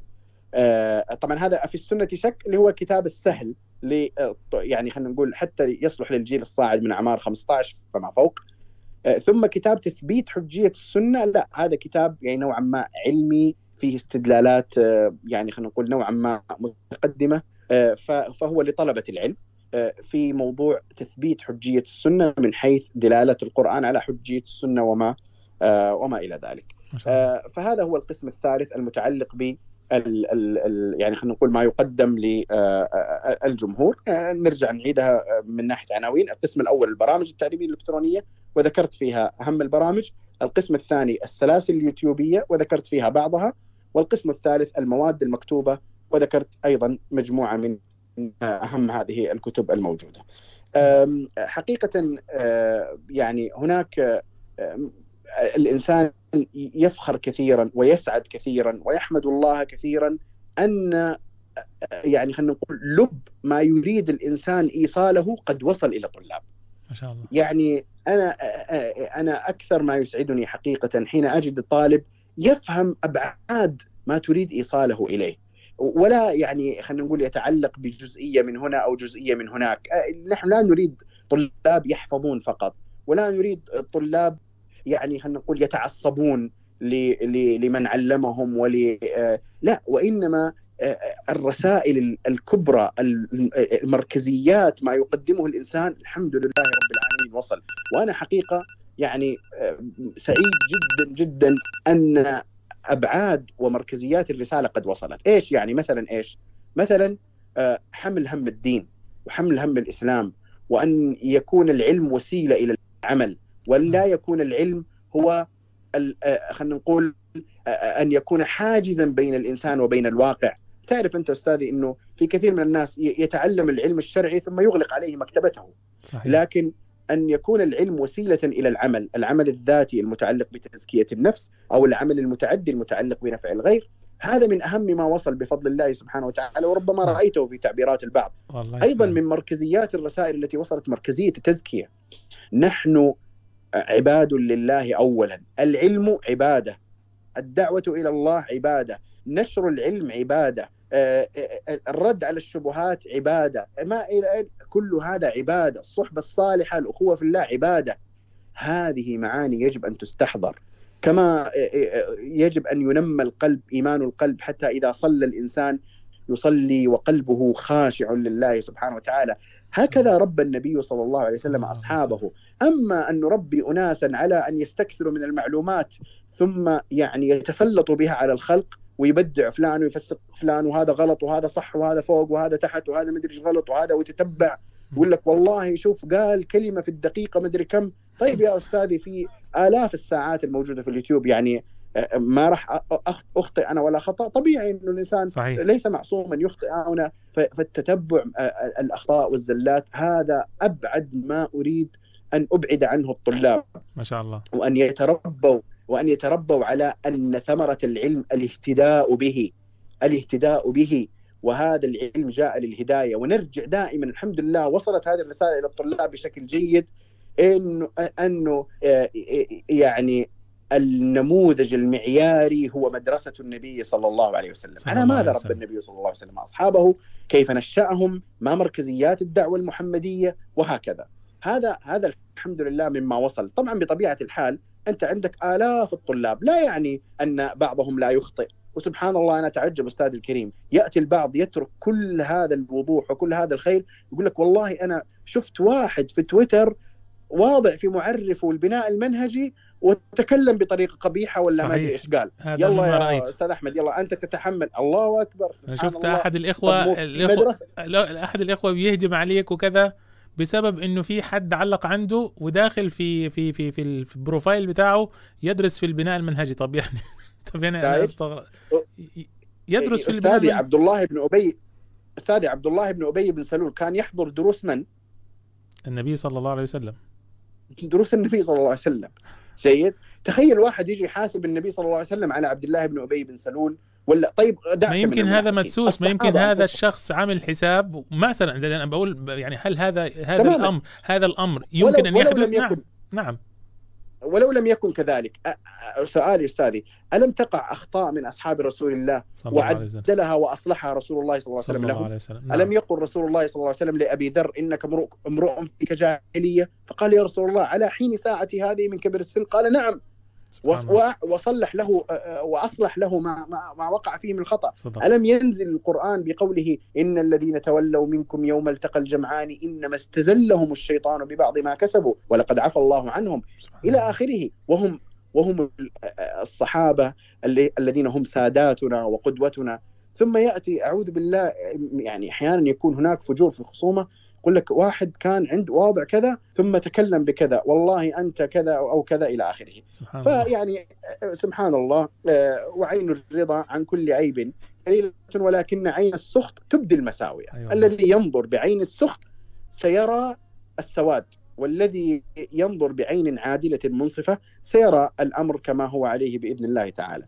فحقيقة أستاذي يعني أنا أقول لك من أكثر ما أسعد به أن الذي وصل إلى عامة الطلاب ليس مجرد المعلومات أو أنهم قرأوا الكتاب أو لم يقرأوا وإنما الذي وصل إلى عامة الطلاب هو مضامين هذه الرسائل ومركزياتها مركزية التزكية مركزية العمل أن يكون الإنسان عاملا لدين الله أن أن ينشغل بمركزيات الدين وأساسه وأسسه صحيح. آه، والى آخره من الأمور التي يعني الحمد لله تكرر دائما.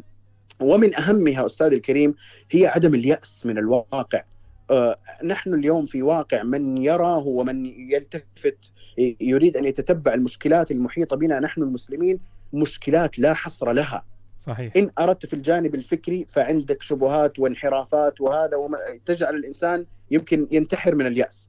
وإن, وإن رأيت أو التفت إلى جانب آه، يعني خلينا نقول الحروب التي وقعت على المسلمين والتهجير واللاجئين والفقر والمشكلات فهذه مشكلات لا حصر لها. وهذا دفع الكثير إلى اليأس. ومن أهم المضامين التي أريد إيصالها من خلال البرامج ومن خلال الكتب ومن خلال المواد أن زماننا ليس زمن اليأس. أن زماننا أهم زمن للعمل. إذا كانت هذه المشكلات كثيرة فكيف يمكن لنفوس يائسة أن تقابل هذه المشكلات؟ صحيح. وكيف يمكن لنفوس تافهة أن تقابل هذه المشكلات؟ نحن على خط خطير جدا جدا إما أن نكون أو ننتهي تماما. وهذا آه، لا يكون آه، يعني لكي نكون بالفعل آه، مأمونين. على هذا الدين وأن نكون حملة حقيقيين له لا بد أن آه، نطلق اليأس ونستدبر القنوط. نعم. نستقبل الأمل. نستقبل العمل. ولا ننظر إلى آه، آه، المشكلات المعقدة وإنما ننظر إلى المستقبل البعيد الذي يصنع اليوم. يصنع تصنع مقدماته اليوم حين ينفض الشباب أيديهم من التفاهة. وحين يرفعوا يرفعون رؤوسهم ويعلمون أنهم ينتمون إلى أمة محمد صلى الله عليه وسلم وأن الله ربهم هو الذي خلقهم ولم يتركهم سدى. أنزل عليهم القرآن وهذا فيه المنهج المتكامل وفيه النبراس وأن هذه النيران المشتعلة من حولنا ستطفأ بإذن الله تعالى بإذن على الله. أيدي هذا الجيل.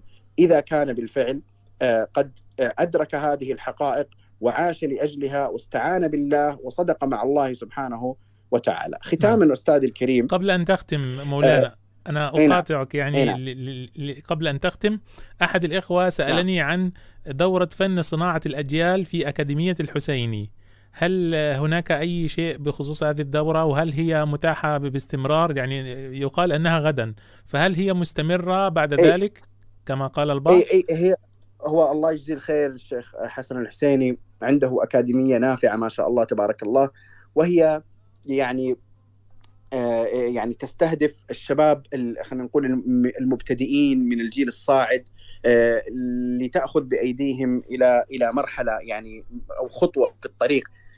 هي تختلف نوعا ما عن الأكاديميات التي لدينا، الأكاديميات التي لدينا يعني طويلة الأمد في الغالب، فيها بناء نوعا ما طويل، فيها يعني تخريج مقررات مستقبلية، أما الأكاديمية التي عند الشيخ فهي جدا مفيدة ونافعة ومهمة ولكنها فيما يبدو تعتمد على الدورات. نقول السريعة وهي صحيح. مفيدة كثيرا يعني كثير من الناس ليس مستعدا أن يدخل أكاديميات طويلة هو يريد أشياء وهي حقيقة أنا أنصح بالإستفادة منها ومنها هذه الدورة اللي هي صناعة الأجيال هي من هذا الباب هي دورة صغيرة مختصرة ولكنها بإذن الله تعالى مفيدة. في جزء منها كان يعني منشورا سابقا ولكن في جزء منها خاص لم لم يقدم إلا لهذه الأكاديمية آه، فسيراه الطلاب إن شاء الله إذا بدأوا في الدورة. آه، هي لا تكلف إلا دقائق في اليوم يعني فقط. أما إحنا برامجنا غالبا تكلف ساعة إلى ساعة ونصف في اليوم الواحد. آه، فهي هذا من هذا الباب. أما هل ستكرر أو لا ما أعرف والله.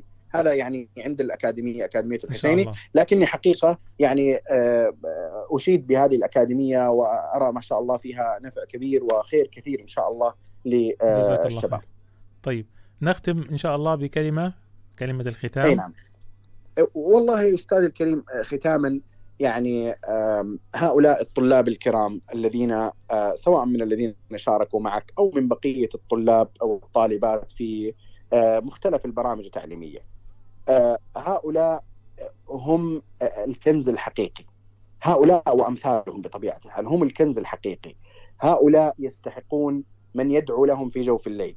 وحقيقة أنا لا أخفيك أنا يعني آه، خلينا نقول من كثرة التحديات المحيطة بي بالكاد أدعو لغيري دائما أدعو لنفسي يعني. أي فرصة. في الدعاء في أوقات يثبتك. الدعاء وأدعو نفسي لأن الحمد لله التحديات من كل مكان. ربنا آه، لكن آه، لكن إن تذكرت إن تذكرت أحدا فمن أولى من أتذكرهم طلابي. آه، سواء بعضهم بأسمائهم وبعضهم بالعموم. واحيانا والله أسمي. أو مثلا أقول طلاب البناء المنهجي طلاب كذا. لأنه العلاقة حقيقة التي تربطني بهم آه، هي علاقة وإن كنت لم ألتقي بأكثرهم. يعني ما التقيت يمكن إلا بنسبة 1% من الطلاب. آه، لكن حقيقة تربطني تربطني بهم علاقة كبيرة آه، ليس محلها الشخص. ولذلك أنا أقول من هنا من من هذا المكان كل من دخل هذه البرامج وتعلقه بشخص معين صاحب هذه البرامج أنا أقول له أنت تخطئ طريق. أيوه. الأشخاص ضعفاء. أنا الذي احدثك إنسان ضعيف أخطئ وأصيب وكذا. وأعظم شيء يمكن أن أحققه أعظم شيء يعني أعظم نجاح أنا أعتبره إن حققته هو أن أدل الناس على الله. لأن الذي ينبغي أن يتعلق به هو الله. والدين دين الله سبحانه وتعالى والمنهج منهج الله القرآن كتاب الله السنة سنة نبي الله. أنا مجرد إنسان أتشرف أن أكون في ضمن سلسلة من يوصل الخير للناس من يربي الناس به من يعلم الناس من خلال هذا الخير. فمن جهتي أصيب وأخطئ بشر ضعيف إنسان لا لا أريد لأحد من الطلاب أن يعني يعتبر إنه يعني المدار على هذا الشخص بعينه في ذاته. وإنما التعلق يكون بالله سبحانه وتعالى. ويعني الله يجزيهم الخير على هذا على هذا الكلام الجميل على هذا التعبير عن الاستفادة. إن كان شيء يعني يستحق أن يعني يلتفت الإنسان إليه التفات ملاحظ النعمة ليشكر المنعم فهم هؤلاء الطلاب. الذين أسأل الله سبحانه وتعالى أن يثبتهم آمين. وأن يسددهم آمين. وأن يهديهم وأن يبارك فيهم وأن ينفع بهم ويعني أقول لهم جميعا آه، لا تلتفتوا لدوائر المشكلات وتنحرفوا عن الطريق. ركزوا البصر إلى المستقبل إلى الأمام إلى الغاية. آه، وأنا أقسم بالله العظيم أن الغاية حميدة. وأن هذه الأمة الإسلامية ستستقبل مستقبلا آه، شريفا عظيما منيرا أحسن وأفضل بكثير من من الوضع الحالي الذي نعيشه. وأن الأمل هو بمثل هؤلاء الذين يتقون الله ويصدقون ويصدقون معه ويسيرون مخلصين راغبين آه، قد ضحوا بأوقاتهم وبذلوا آه، كل ما يستطيعون ليتعلموا العلم الصحيح ثم ينفعوا به الناس. والفضل لله اولا واخرا والشكر له اولا واخرا. فيعني ما يوجد ذرة فضل إلا وهي من الله. أي خير تلاحظه أنت أيها الطالب في برنامج من البرامج اعلم أن الذي سخره هو الله والذي يسره هو الله سبحانه وتعالى والذي أمد من يعلمك هو الله سبحانه وتعالى. فالخير كله من الله الفضل كله من الله سبحانه وتعالى وهذا أشرف ما يدعو الإنسان إليه أن يؤمن بهذا بهذه القضية إيمانا تاما ثم يبذل ما عليه ويجتهد في أن يبذل ما عليه. والله يجزيكم الخير أستاذ الكريم الخير. ويعطيكم العافية وأطلنا عليكم يعني كثيرا زياده إحنا مستمتعين وعاوزين نزود كمان لكن طبعا عشان إن شاء الله هذه المداخلة آه، ستقتطع من البث لأن البث طويل ثلاث ساعات ونص. وسعداء نعم. بهذه المداخلة. حقيقة أوضحت كثير من الأمور وكذلك أيضا آه، وجهت رسائل طيبة لهؤلاء وأيضا من أفضل النصائح هي التعلق بالله سبحانه وتعالى وحده وعدم التعلق بالأشخاص. جزاك الله خيرا آه، شيخ أحمد وتشرفنا بك. ويعني إن شاء الله كذا نكون إن شاء الله قريبا نلتحق بهذه الدورات ويلتحق جميع المشاهدين الآن ومن سيسمعون هذه الحلقة بعد البث. يلتحقوا بهذه الدورات وينتفعوا بهذه الأشياء في هذا الزمن الصعب اللي إحنا أنا كل يوم بصراحه أنا في فترة من الفترات كنت أحد الطلبة اتصل من اللغة الجميلة وما شاء الله والهم اللي بيحمل هم الأمة. أنا كنت من أشهر بقول ال ال ال الكام اللي هم يعني يعدون على الأصابع مئات. دول لو ماتوا طب الجيل الجديد ده هيلاقي مين اللي يدعوهم إلى الله؟ ومن الذي يتولى ويرفع هذه الراية؟ فسبحان الله اليوم اليوم اليوم النهارده بعد ما سمعت الشباب هؤلاء والله استبشرت خيرا. جزاك الله خيرا وبارك الله فيكم وأسأل الله سبحانه وتعالى أن يثبتنا وإياكم على آمين. الحق جزاك الله خيرا شيخ أحمد. والله أستاذي أستاذي بس تعليقا على كلامك الأخير. أنا أقول لك إذا إذا أنت كنت مستبشر بنسبة معينة فأنا أدعوك أنك تزيد النسبة هذه كثيرا. ترى نعم. والله هناك من الخير وما يبعث على السعادة والسرور بالنسبة للإنسان المؤمن أكبر مما يعني مما هو موجود في شؤم الواقع أو في شؤم بعض ما هو موجود في الواقع من فساد وانحراف. نعم قد يكون من حيث الحجم ومن حيث الانتشار هناك فساد عريض. نعم ولكن من سنة الله سبحانه وتعالى أنه إذا وجد الحق الصافي الذي يحمله الحملة المخلصون الصادقون الربانيون فإنه لا شيء يقهره. وقال سبحانه وتعالى أنزل من السماء ماء فسالت أودية بقدرها فاحتمل السيل زبدا رابيا ومما يوقدون عليه في النار ابتغاء حلية أو متاع زبد مثله. كذلك يضرب الله الحق والباطل.